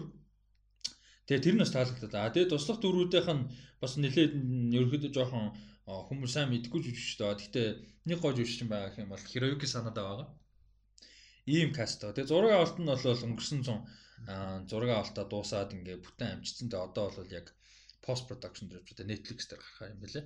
Army of the Dead. Би энийг л өстэй амар амар хүлээж байгаа. Тэгээ одоо ингээд би хоёулаа ингээ ярьчихсан гот одоо бөөн DC гейм фанууд нь одоо орч ирээд уурлан заяа. Тоор ингээд баг үзье ядаа. Тийм биш ээ. DC тайртай, Zack Snyder тайртай. Гэтэ зүгээр шин юм үзмээр байна. Ингээд одоо зүгээр фейлдсэн бол фейлдсэн гэдгийг хүлээмжшөөрөөд цаашгаа одоо илүү гоё болоод байна шүү дээ DC. Уулна. Уулна. Тэрийг хамаагүй одоо хөгжүүлэх хэрэгтэй байхгүй. Тэрийг үзье гэж яах хэрэгтэй байхгүй. Уулна. Тий. Тэгэхгүй тэгээд одоо өнгөрсөн болсон юмний араас хөөцөлтэй л ах юм бүр ингэж ойлгохгүй байхгүй. Харин тийм ээ. Тэгээд тэр нэг би DC fan DC fan гэд байсан ч гэсэн би угаасаа comic book fan байхгүй юу? Би Marvel тартай DC тартай. Би тэглээ тэглээгээд би ингээ одоо Zack Snyder гоё олно аа гэдэг юм байхгүй л байгаа үстэй. Тэг хүмүүс яг нэг тийм юу юм шүү. Юу хүсэж байгаа мэддэггүй юм шүү. Тэгээд яг тийм Justice League кино муу болонгоо Zack Snyder л хийчихвэл ерөөсөө мундаг болчихно гэсэн юм. Тэгээд дээрэс нь одоо энэ хүмүүс а фэнүүд, дээрэс нь студ тэгээд түрүүн би хийсэн Zack Snyder Josh Whedon-д амар disrespect бол хандж байгаа. Тэр амар disrespect. Гэтэ би яг бас нэг үнцгийг харж байгаа нь Zack Snyder-ийн хувьд амар emotional юм байж магадгүй. А бас тийм юм байна. Холбоотой тийм үү. Яг л тухайн үед яг юу болсноос нь шалтгаалаад дуусгаж чадаагүй. Дуусгаж чадаагүй дээрээс нь тэгээд юунаас болж дуусгаж чадаагүй гэдэг нь амар том бас юм байгаад байгаа. Тэгэхээр ч гэсэн продюсер шүү дээ. Тэгэхээр бас. Тэгэхээр яг хөө зүгээр тэн дээр бол яг хөө нэг бол бодох юм бол байгаад байгаа. Яагаад гэхээр тэр чинь нэг emotional нэг даацтай юм байна шүү дээ. Би дуусгаж дуусгаж байгаад нэг бол тэр зүгээр тухайн үед болсон юмыг давж гарах байгаа юм. Тийм тийм therapy болох гэдэг. Тийм therapy болох байгаа юм уу те тэрийг бол би хэлж мэдэхгүй. Тимч байх гэж би бол хөвдө бодоод байгаа гэхдээ. Тэр үетэйгээл зууралдаад байж магадгүй л дээ Justice League-тэй холбоотой. Justice League-ийг яагаад ингэ гарах гад зүтгээд байгаа бас нэг талдаа тийм байж магадгүй. Аа. Тийм болохоор яг зөв тэр талаас нь харах юм бол би ойлгож байна. Sentimental. Тийм sentimentally би бол ойлгож байна. Гэтэ үнийлэхэд яг ингээд фаны хувьд гэтэ энэс илүү шин юм тэгэд энэс ч илүү therapy болох юмнууд бас байж болно шүү дээ. Зүгээр тэгж харуул яасан бэ л гэж бодоод байна. Гэтэ хүмүүсийг би бас ингээд бас хүмүүс хүлээж байгаа бүр үнэхээр хүлээж байгаа хүмүүс байгаа. Ингээд ашгуудыг гаргаж байгаа гэдэгт бүр үнэхээр баярлаж өгөх гээд байгаа хүмүүс би бол мэдчихээн. Тэгвэл тэр хүмүүс хандж хэлэхэд буруутгах аргагүй л дээ. Тийм. Гэхдээ expectation-ы зүг тавиараа гэдгийг л хэлмээр. Тэ. Дэндүү яг чиний хэлж яг юу хүсэж байгааг мэдгүйгээр expectation тавиад байх юм бол хэцүү. Яг яг юу үүдсэн тэ энэс яг юу өөрчлөлт болох уу юу өөрчлөлт болохгүй гэдгээ бас сайн бодож байгаад үзэхгүй болохгүй байхгүй. Одоо би сая хэлсэн шүү дээ. Вилен муу. Степен Муфиг одоо өөрчлөн гэдэг хэцүү. Хизүү байхгүй баг impossible. Тийм болохоор зүгээр тэрийгээ сайн бодоод яг тэнцэнээс юу хүлээх үү тэнцэнээс яг шин юм юу байх вэ гэдгээ сайн бодож байгаад үзээрэй гэдэг л гэж л хэлмээр. Expectation-аас хамаагүй олон зүйл тавих хэрэгтэй. Тэгэхгүй бол одоо хэцүү л байна те Snyder бол. Харин Snyder Cut бол. Ямар ч гэсэн сонирхолтой тэгээд аа юу Snyder Cut ямар ч гэсэн 4 цагийн нэг бүрийн хэмжээний кино одоо Snyder Cut нэг бол 6 одоо эпизод шиг те мини шиг хуваасан юм болж гарнаа гэсэн мэдээлэл бол байна. Одоогийн байдлаар тэгтээ тодорхой ш. Яг хаа давуу тал нь Zack Snyder 21 он хүртэл нэгэн дээр ажиллах боломж нь байна. Army of the Dead-д дуусгаад. Тэгэхээр яг хаа ядаж цаг бол байна. Zack Snyder-т. Аа өөр боломж хэцүүч гэсэн цаг бол байна. Гэтэ энэ түүхэнд юм сонирхолтой юм болж байна те. Тэ. Түүхэнд болж байгааг л баг. Яг яг хим Blade Runner-ын Final Cut мат гэж хийж л байсан л да. Blade Runner ч хитэн катта 7 8 кат маттай шүү дээ. Амар олон шүү дээ. Тийм. Тийм яг байдаг л да. Өөр катууд. Гэхдээ зүгээр ингэж амар fundamentally бүр найруулагч нь бөө юм болж өөрөө баг кампань хийсээр бод ингэж аваад үзэгчд дааж кампань хийгээд хоорлоо. За дараагийн мэдээлэл. Zack Snyder дээр юм их байна. Тэгээд дараагийн 7 хоног манай DC-гийн хоёр DC Talks-ын хоёр маань эдрээ мөбо хоёр подкаст нь маань ирж оролцсон гэсэн гэж ярьсан. Манай хоёр бас энэ дээр ямар бодолтой байгаа юм. Тийм, өнөөдөр уулан байсан бол их таарсан баг. Гэтэ яг хуу дараагийн агт бас тэр хоёр орохоор ярих байх гэж бодож байна. Аа ярина гэ орно гэ ярьсан байгаа одоогийн байдлаар бас мэдээ юм да тэр нь. Аа за дараагийн юу болохоор мэдээлэл болохоор Питер Dinklage, Jason Momoa хоёр нэг юм fantasy action кино тоглож байгаа юм байна. Аа Good Bad Undead гэдэг нэртэй. Good Bad and Undead гэдэг нэртэй. Ийм кино юм байна. Тэгээд вампир вампиртэй кино. Вампиртэй. Тэгээд Dinklage болохоор энэ Van Helsing-ийн дүр тоглож байгаа. Тэгээд Van Helsing гэдэг нь Abraham Van Helsing биш. Van Helsing удмын хүн те. Аа тэгээд ийм сүүлийн Van Helsing. Аа тэгээд магаар тэгээд scientist л байна. Магадгүй. Тэгээ үгүй Hunter гэж байгаа. Vampire Hunter. Hunter. Тийм. Тэгэнгүүтээ Момо Vampire, Jason Momo. Тэгээ энэ хоёр юм партнер амар weird партнер. Яагаад энэ хоёр партнер вэ гэсэн чинь хэн болохоор Момогийн вампир болохоор ерөөсө дахиж хизээж хүн алахгүй гэдэг юм одоо юм тангараг өргөцсөн ийм вампир. А тэгээ энэ хоёр хамтдаа ингээд тосгон тосгоны хооронд явж Ван Хельсинг худлагаасаа вампирыг нөгөө Момоог алж байгаа болж худлаа яагаад мөнгө цуглуулж явдаг хоёр гинэ. Нөгөө яаж тэгээд тэгжсэн чинь нөгөө Джейсон Момо вампирийн нөгөө юу баунти дээр бүр амар epic bounty тавигдаад манай толгой дээр тэгээ энэ хоёр одоо цутахаас өр аргагүй болдог гинэ. Бүтэн world of full world full of monsters and magic now after them гинэ. Ерөөсө байж бол баахан монстр вампир янз бүр юм айн хоёр араас л хөөх юм байна л та. Тийм. Гэтэ би ийм кинонд амар дуртай шүү дээ. Яг ийм төрлийн. Гэтэ би яг төсөөлөг гэж байна. Энэ чинь зүгээр яг fun кино. Тийм, fun fantasy тий. Одоо чинь нөгөө хинтээ аа манай Hawkeye ээж биш чинь юм бэлээ. Jeremy Renner. Jeremy Renner-тэй нөгөө Hansel and Gretel гэдэг нэг Witch Hunter гэдэг нэг тиймэрхүү кинод байдсан шүү дээ. Би яг тэрэг гэж юм шиг. Тиймэрхүү төр одоо шинэ нэг бол Van Helsing ч юм уу. Тийм тийм тийм. Hugh Jackman-тай тийм. Тиймэрхүү кинод амар гоё үү. Underworld. Underworld. Underworld гэхдээ сайн. Нэгдүгээр ангаалсан. Тэгээ нөгөө Like-нтай ангууд нь бас гоё. Ер нь ихний 3 гоё. Ихний 3 гоё ер нь. Тийм гоё шүү дээ. Тийм. Тиймэрхүү кинод амар дуртай. Тэгэхээр би яг энэ гарныг амар гоё юм. Мэдээж энэ бол нэг тийм сүртэй бодоод авах шаардлага байхгүй зүгээр л акшн гоё фан тий. Гоё фан байхад. Тэгээд энэ хоёр нөгөө chemistry нь гоё байх юм бол амар болж. Тэгээ энэ хоёрын chemistry ямар гоё гэдэг санаа байна тий. Аа тэгээд найруулагч нь Макс Барбаков гэж найруулагч юм байна. Энэ тэгээд саяны нөгөө Sundance-аар нээлттэйгээ тухайн үе Sundance үеийн подкастаар ярьжсэн да Palm Springs гэх кино амар өндөр үнэлгээтэй явж байна гэдэг ер нь Sundance дээр хамгийн их яригдсан кинонуудын нэг нь юу гэх кино байсан. Palm Springs гэх кино байсан. Тэгэд энэ киноны найруулагч найруулах юм байна. Аа тэгээд зохиолчиг нь яг idea нь Mark Swift, Damon Shannon гэдэг хоёр хүний idea-наас сэтүүлсэн гинэ. Тэгээд энэ Damon Shannon Freddy vs Jason-ы зохиолыг бичсэн юм байна. За тэгээд Peter Dinklage хин хоёр бид Джейсон Момо хоёр хоёлаа бас продюсераар ажиллах юм байна. Гоё л шүү дээ. Ийм кино бол сайн л байв. Зя. Энэ дээр ямар өөр вэ? Үгүй амар гоё. Надад бол би хувьдаа баяртай хүлээж байна. Тэгээд энэ хоёр гэхдээ гоё байна хаа. Тэгээд Peter Dinklage funny тэгээд Jason Momoa ч бас funny байж чаддаг. Тэгээд яагаад чи нэг энэ хоёрын нэг тийм body энэ чинь нэг тийм body fun юм байх юм шиг санагдаад байгаа. Би нь гэхдээ би нэг яг энэ мэдээллийн талаар би зүгээр яг гарчин уншаагүй юу гэж харсан бэ гэсэн боо яг зөв хамгийн ихэнд болохоор Jason Momoa, Peter Dinklage гэж байсан байхгүй юу? Миний толгоонд Twins гэж толгоонд орж шууд. Аа нөө нэг Danny DeVito шурцныг надад яг тэгэж толгоонд орж ирсэн. Тэгээд яг нөгөө title нуурсан чинь Vampire гэх нэ хаанцаа. Нэр дээр Twins-ийг ремейк хийх гэж яриад байлаа. Тэгтээ тэрийг чинь Rock хийнэр хийн гэдэлээ. Дээр хийх гэдэг лөө. Kevin Hart Rock уу? Үгүй Kevin Hart Rock биш ээ. Rock дээр хийх гэдэгсэн санагдаж. Гүчж магадгүй. Хөөе амар сонаа хараа. 2000 а 19 оны За за 2019 оны 6 сарын 18-нд цацагдсан интервью байна заа юу. За. Джейсон Момогийн. Тэрэн дээр тэгсэн чинь Питер Динклэжтэй хамт руу хамтрах юм бол Twins бол дуртай хийн гэж ярьсан биш тийм үү? Бүр яг 6 сарын интервью дээр тэгж ярьсан шүү дээ. You're spot on dude. За.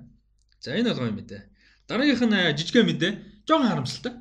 Mission Impossible 7 дээр Nicholas Holt одоо орж ирсэн ингээ сайхан айгуу гоё тийм yes гэ ярьж байсан. Тэгээд эсрэг дүр.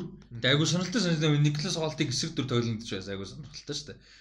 Тэгээд тэгж ярьж байсан боловч аа болсон байна. Тэгээд Nicholas Holt бол Mission Impossible-с гарсан байна. Тэгээд оронд нь Isai Morales гэж жүжигч ер нь бол дүрийг нь орлохоор болж байгаа юм байна. Тэгээд ер нь ихэнхдээ телевизийн ерөнхийдөө бүтээлүүдээр хүмүүс төрсэн юм байна. How to Get Away with Murder за тэгээ Titans цуглууд дээр туслах дөрүүдс бүтээдэг юм байна.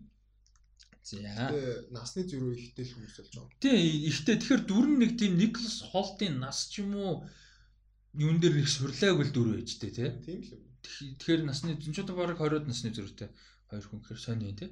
Тэгээ бас том жүжигчин хайсангүй тий. Тэр сони юм тий. Тэгэхээр дүр нь ач холбогдол нь багассан юм болов Тийм байж магадгүй. Тэгээ Никлас Холт гарсан байж болно. Магадгүй. Тэгээд ач холбогдол нь багтаа багасаар мэдээж арай олонний танил одоо биш гэх юм одоо телевизэн жүжигч орж ирж байгаа бас байж болно тийм. Тэгээд э, Mission Impossible 7 одоогийн байдлаар бол хойшлоод 21 оны 11 сарын 9-нд болсон байгаа релиз дейт нь. Тэгээд 8 дугаар анги нь бол 22 онд гэсэн үетэй байгаа. Зураг авалт нь бол Венец зураг авалттай байсан хойшлцсон. 2 цаг хамгийн түрүүнд хойшилсан продакшнуудын нэг. Аа тэгээд 7 7 дугаар ангид бол ямар ч үсэ Rebecca Ferguson эргэж ирнэ, Hailey Atwell нэмэгдсэн байгаа, Shea Wiggum нэмэгдсэн байгаа. А Pom Clementif нэмэгдсэн байгаа. Тэгээд дээрэс нь Wing Rames, Vanessa Kirby хоёр эргэж ирнэ. За тэгээ obviously Simon Pegg-ийн хоёр, Tom Cruise хоёр бол угаасаа эргэж ирэх нь тодорхой. Simon Pegg гоё шүү. Сайхан нэг ярьжсэн шүү дээ. Simon Pegg-ийг нэг тийм амар триллер акшн кино. Тэгсэн чинь holy shit horror кино гарсан. Тийм үү? Тийм. Simon Pegg гол дүр тоглосон хоррор кино саяхан видео on demand гарсан. Оо damn. За хоррор гэхээс илүү жоохон трейлер. Би бүр бүр инээд өрөө тэрийг харчаа бүр яг уйлгынх нь ярьж байсан Inheritance гэдэг. Аа тэр Lily Collins-тэй. А? Тэр Simon Pegg тоглосон. Тийм, Simon Pegg Lily Collins хоёртой RPG дээр байгаа зүгс. Тийм. Энэ сая видео on demand гарсан. Тэгээд үнэлгээ нь Э нилэм бол. Ариун үнэлгээ муутай л юм. Тийм. Simon Pegg, Lily Collins хоёр. Нэг гинасан байлаа. За. Өнөөдрийн далилт их байсан учраас сүүлийн мэдээнүүдээ баг далина. Хамгийн сүүлээр жоохон ярина нэмж ихтэй далилт биш. За дараагийн мэдээ SJ Clarkson гэж уран бүтээлч байдаг. Ерөнхийдөө телевизийн уран бүтээлүүдээр ажиллаж байсан. Jessica Jones дээр найруулагч ажилласан хүмүүс сайн мэдэх бах. Jessica Jones бол үнэхээр мундаг зурласан. А энэ дээр ажилласан SJ Clarkson гэж э, уран бүтээлч эмэгтэй уран бүтээлч байгаа. А найруулагч бол одоо Marvel-ийн кино найруулах болж байгаа юм аа. Энэ Sony-гийн Marvel те. Sony-гийн Marvel-ийн кино найруулахаар болсон юм байна. Тэгээ одоохондоо бол Black Cat, эсвэл Silver Sable байж болно. Гэтэ одоохондоо юу тодорхойгүй. Яг confirmation ч байхгүй. Аа Gwen Stacy гэж бас хийж болно. Spider Gwen тийм. Ямар ч үсэн live action тэгээд ерөнхийдөө ойлголт нь эмгтэй дүр дээр суйрлана гэсэн ойлголт. Тэгэхгүй Spider Gwen-ийг хийх юм бол гоё. Хин тоглох гоё. Хели Стайнфилд нөө дуу оруулсан шүү дээ. Өөрөө тоглож өөрөө тоглоод гоё. Бүр нэм үсэн Хели Стайнфилд дээр хийх юм бол аим. Яа тэгвэл Хели Стайнфилд алхам ч дээ. MCU дээр Hawkeye байгаа нөө. Тийм шүү дээ. Hawkeye-тэй голдуу шүү дээ. Тэгэхээр юу Тэгэнгүүтээ тэгээд Bumblebee тэгэнгүүтээ Spider-Verse тэгээд дээрэс нь Spider алах юм шиг эзэгнэх юм шиг өөр. Уул нь алт их юм. Тэгээд дуучин дээрээс бүгдийнхээ саундтрекийг өөрөө тоглоод. За амарчсан тийм байна. Тэгээд аа юу болохоор Man from Black Cat, Silver Sable энэ дээр байж магадгүй гэсэн медиа байна. Sony-гийн Marvel кинонууд бол одоогийн байдлаар 21 оны 3 сарын 19-нд юу байна? А байж байгаа. 21 оны 3 сарын 19-нд Morbius байгаа юм. Сая 100 байх байсан хойшилсан. А тэгээд 21 оны 6 сарын 25-нд Venom Let There Be Carnage кино байгаа. А тэгээд а Spidey-гийн кино энэ гэхдээ MCU-д орон зохиолын дагуу бол а гэхдээ Sony Studio-ийн кино а MCU-гийн Spider-Man 3 гэх юм уу да тий шинэ Spider-Man 3 а 21 оны 11 сарын 5-нд гарах юм. Гэтэ Spidey-гийн кино намар хараа сони тий. Зум биш. Сая гэдэг нөгөө хойшлтыг юмнууданд хойшлж байна. Аггүй гэтээ тэр чинь Sony-г хамаагүй шүү дээ. Disney-г хойшлсон. Тэгээ сони юм аа. 21 оны 15 сар биш 11 сард 11 сард Spidey-гийн кино гарна гэдэг сони зум биш. За ийм мэдээлэл байна шүү. За сүүлийн мэдээ. За сүүлийн мэдээ рүү оръё. Halle Berry Halle Berry ойр дөрөн кинонд маш бага тоглож байгаа. Илүү фитнес ч юм болсон юм шиг байл Instagram-аас хараад байхад. Тэгээд сүүлд бол юунд л тоглосон. Kingsman 2 аа тэгээд John Wick 3-т тоглосон. John Wick 3-т бол нилээн нилээн том дүр гойж байсан. Байраас. А тэгээ мань хүн Roland Emmerich гэж миний бас нэг юм дуртай фильммейкерүүдийн нэг мань хүний шинэ кино Moonfall гэдэг одоо epic кинонд тоглохоорсон гол дүрт. А тэгээ Josh Gad аль хэдийн одоо тоглохоор дүр бүтээхээр болсон байгаа юм. Тэгээ Josh Gad хамгийн түрүүнд одоо гэрээ хийсэн жүжигч юм байна. Энэ кинонд. А тэгээд энэ юу болохоор а Roland Emmerich ч одоо энэ нөгөө нэг Day After Tomorrow 2012 Independence Day энэ гэсэн юм epic сүрд юм disaster кино. Гоё би бүгдийг нь үзэж дуртай. Энд чинь яг маш гоё entertainment тахгүй. Тэгээ ийм epic кино хоор шүү дээ. Тэгээд би бол дуртай сайн кино хэд хэцүү гэхдээ дуртай. Аа Independence Day бол сайн шүү. Дэжгүй. Тэгээд шинэ энэ Moonfall гэдэг кинонд бол тоглохоор болж байгаа. За тэгээд энэ Moonfall нь болохоор ямар амар кино вэ? Гүр амар epic байгаа шүү. Яг л Roland Emmerich-ийн тэ level юм ба. За энэ дээр яасан бэ гэсэн чинь эм сар манай одоо сар энэ нэг орбит биш дэлхийг тойрж байгаа шүү. Дэлхийг тойрж байгаа чинь догт л доо. Аа тийм locked locked orbit дээ шүү дээ тэр locked orbit-наас одоо гараад дэлхий рүү ингэж норж одоо сүрж тэг ингэж унж ирж байгаа. Тийм плоттой юм байна. Тэгээд Josh Gad болохоор дэлхий дээр байгаа амар сүртэй scientist мундаг тэгээд бодвол нөгөө нэг Pacific Rim дээр нөгөө хиний дүр өгдөн штэ. Нөгөө хоёр scientist гэдэг штэ. Нөгөө нэг юунд тоглолдог хүнд гар Charles Game Game of Thrones-ийн нэг утгатай алуурчин багийн тийч scientist болж тоглолт шүү дээ. Тэр шиг дүр юм шиг байгаа энэ нэг юм инедмийн мөртлөө scientist дүр л илүү дээ бодвол. Тийм дүр сайн кино болохгүй шүү. Гэхдээ epic болно. Тэгээд тэгээд гол дүрд нэлээж Halle Berry. Halle Berry болохоор NASA-гийн астронавт байж байгаад одоо администратор болцсон те. Ийм одоо лидер нь болцсон юм юмхтэйгийн дүр тоглоно гинэ. Тэгээд одоо ийм сансарлуу амар epic mission одоо явна. Тэгээд юм баг бүрэлдэхүүн явна. Тэр нь бас гайгүй жүжигчсэн нэмэгдэл хэлүү дээ. Ер нь Roland Emmerich кинонд сайн гэж жүжигч тоглолт нь шүү дээ. Тэн чи амар эпик гоё. Тэгээд бүрчтэй ямар эпик. Тэгээд сарлуу тэр нөө нурж байгаа сарлуу яваад одоо kind of Armageddon л ихгүй юу да. Тэрийг ингээд одоо аврах юм байна л да дэлхийг. Тийм. Амар төсөөлтөө зүгээр сара гинт ингээд нур. Тэр тэр шийдээ ингээд дэлхийн шууд сөнөөш очно. Тэгэл харин яаж харах нь хар. Тэр юун дээр тэгдэж дээ time travel time machine гэх кино байдаг шүү 2020 онд гарсан. Яг хиний Isaac Asimov бичлөө H.G. Wells бичлөө time machine чинь. Мэдгүй үзээгүй. Биш яг одоо нөгөө ориг зохиол. Аа H.G. Wells өнөө Isaac Asimov бичлээ. H.G. Wells тийм. H.G. Wells-ийн time machine-ыг адапт хийсэн кино Guy Pearce тоглосон. 2000 2002 би Bollywood кинод time travel гэдэг. 2003 билүү 4 он театр. Time machine гэсэн үү? Time machine. Амар тийм амар сайн кино биш. Гэхдээ ер нь нилээ сонирхолтой кино. Хүүхэд байхад айгүй сонирхол санагддаг ш. Тэгээ тэрэн дээр сар унаад ирдэ. Тэгээ тэрэн дээр ингээд тайм машин амар хөгийн зөвхөн урагшаа авдаг хгүй. Амар ямдаагүй гар заа ингээд бөө юм болоод нэг ихнэр нь үхсэн. Тэгээ тэрийг авах га тайм travel бүтээгээд тэгээ тэр нь фейлдээ зөвхөн урагшаага авчдаг хгүй зөвсөн. Тэгээд нэг ирээдүйд дээр очиж ингээд амар chaotic болцсон. Дистопын тэгээд тэг тэмүүлээ асаж visual юм би ингээд нүднээс сарддаг байхгүй. Ингээд сар бутарсан амар юм бутраад энэ зөвүүн зурагталтай болсон. Тэгээ рүү сар унсан гэд. Юу энэ мангас шиг юмуд нэг юм бэ? Тийм мангас зангастай наа чи. Наа чи айгу сонирхолтой кино. Яг тийм сайн кино бодвол биш л ах одоо бодоход гэхдээ хүүхэд байхад бол амар сонирхолтой байсан. Үзмэр санагчлаа. Time Machine бол гоё гоё. Simon Wells найруулсан Guy Pearce тийм Guy Pearce тоглолт. Jeremy Irons эсрэг дүр тоглолт. Бас ном нь амар юу юм шиг байна те. Тийм шүү дээ. Эн чинь бүр тухайн цаг үедээ аимшигтай асуудал байхгүй юу? Чи бодол та 1895 онд ичиг бас Time Machine гэдэг юм бичижсэн зохиол. H.G. Wells, Isaac Asimov хоёрч одоо science fiction-ыг годууд шүү дээ. Ер нь бол амар хүмүүс шүү дээ. H.G. Wells, яа Jules Verne мэдээж. H.G. Wells 1800-аад онд за 1900-аад оны их үед байна. За Jules Verne бол 1800-аад онд тэр чигээр одоо Jules Verne шиг гоод хүн ховор. Тэгээд Isaac Asimov. Гэтэ Asimov ч жоохон сүйлд байх шүү. Энэ хэдээс. Тэг Asimov бол яг 1900-аад он. Isaac Asimov бол жоохон сүйлд. Гэтэ энэ хэд бол амар штэ. За энэ мэдэл энэ дээр яг хоёр шиг гэхээр нэг амар далилт бол биш. Гэтэ чиний Roland Emmerich-ийн дуртай кинонууд юу вэ? Энэ epic-үүд нь Би баг бүгднийг дурчлаа дөө. Гэхдээ Independence Day гоё шүү дээ.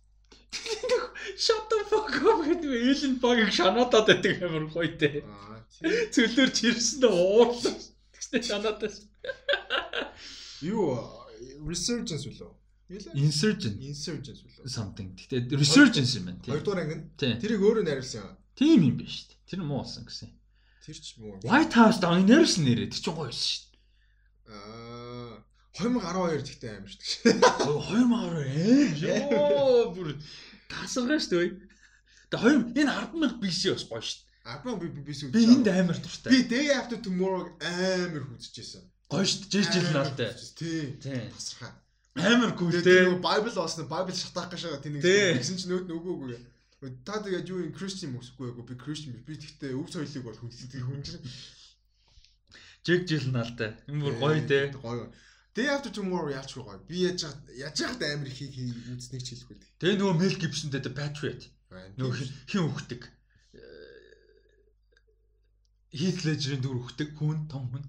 А тэр чинь Heath Ledger гэдэг үү? Тийм шүү дээ. Том хүн Heath Ledger дээр өгчтэй шүү дээ. Америк иргэний дайнд амар. Тэгээд Godzilla байна. Гэтэ энэ ч муу. Энэ genre not Godzilla.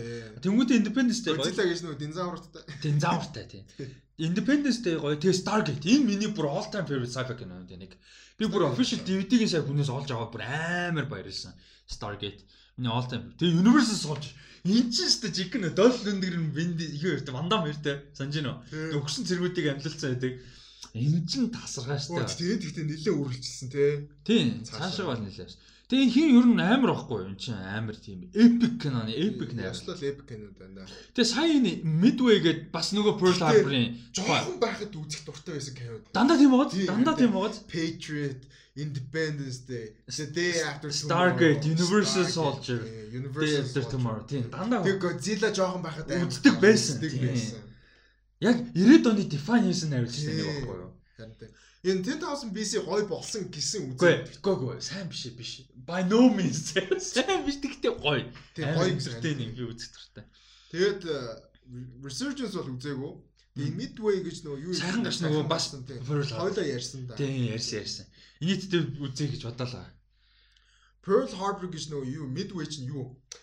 Pearl Harbor болсны дараа нөгөө Pacific Pacific болсон да. Нөгөө Америкчууд буцаж ер нь бол яасан. Тэгээ мэдхгүй тэгээ нөгөө дэлхийн 2 дугаар дайны талаар үзсэн чинь Япончууд яасан ч аазгүй байсан. Мэдвэ ямар ч за юм юу байгаа. Filmmaker байна. Roland Emmerich гэж.